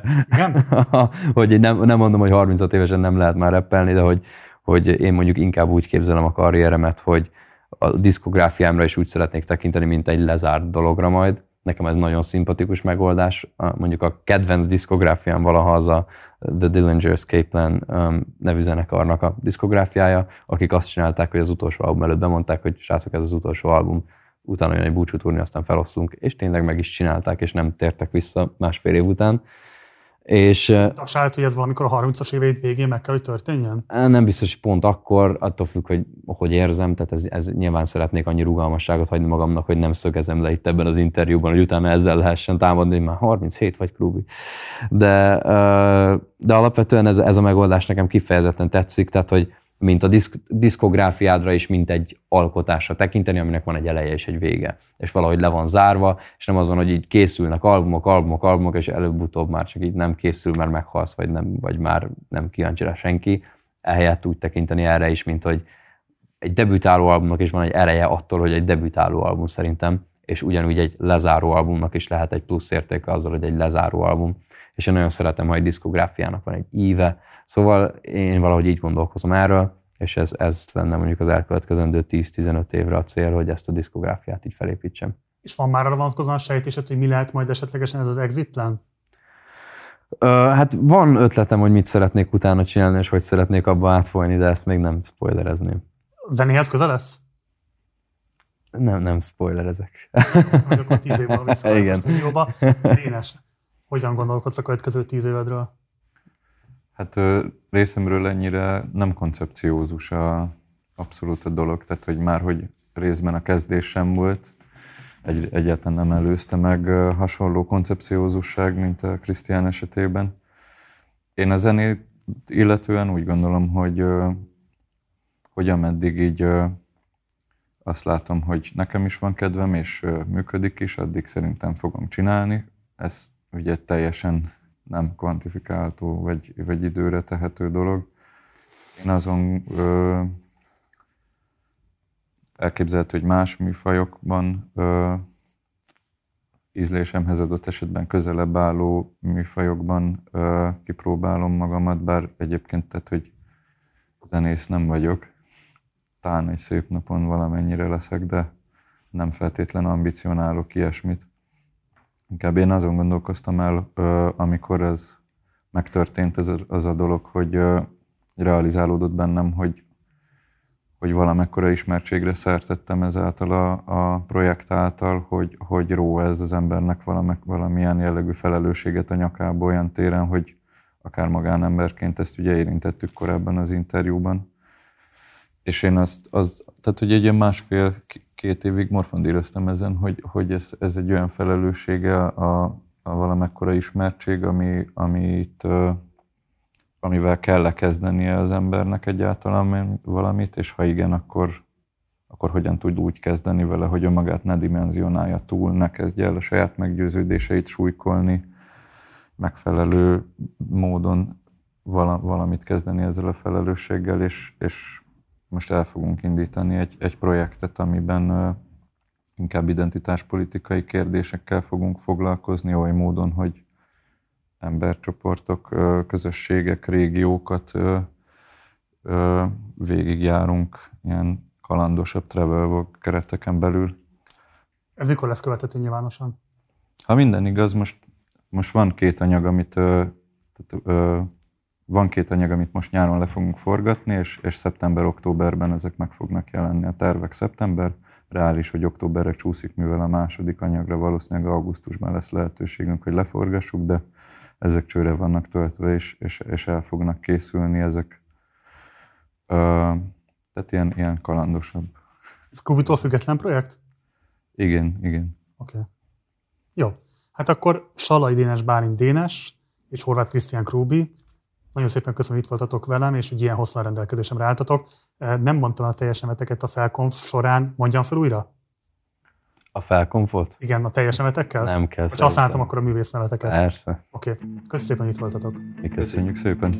Nektek köszönöm szépen a figyelmet, ez volt a beszélgetésem Dénessel és Krúbival. Ha érdekel benneteket nem csak a szerkesztett verzió, hanem a teljes vágatlan verzió is, akkor vagy látogassatok el a podcast platformjainkra, ahol hangban, korlátozás nélkül meghallgathatjátok a teljes beszélgetést, vagy ha szeretnétek képben is látni, akkor pedig fizessetek elő a Patreon oldalunkon keresztül a Partizánra, ehhez a linket megtaláljátok a leírásban. Mindenképpen iratkozzatok fel a csatornára, ha még nem tettétek volna, meg használjátok a like, illetve a dislike gombokat a véleményetek kifejezéséhez, illetve van bármilyen visszajelzésetek, kérdésetek az elhangzottakkal kapcsolatban, akkor várunk benneteket a komment szekcióban. Van még egy Facebook oldalunk, illetve egy Facebook csoportunk, és utóbbinak Partizán társalgó a címe, oda is várunk, és akkor tudunk vitatkozni az éppen aktuális témákról. Az Instagramon megtaláltok bennünket Partizán Politika néven, ha pedig nem szeretitek előfizetőnké válni, de más módon hozzájárulnátok a működésünkhöz, akkor egyrészt van egy bankszámlaszámunk, illetve egy PayPal elérhetőségünk is, ezeket is megtaláljátok a leírásban. Munkatársaink nevében köszönöm szépen a figyelmeteket, hamarosan találkozunk, addig is, ciao.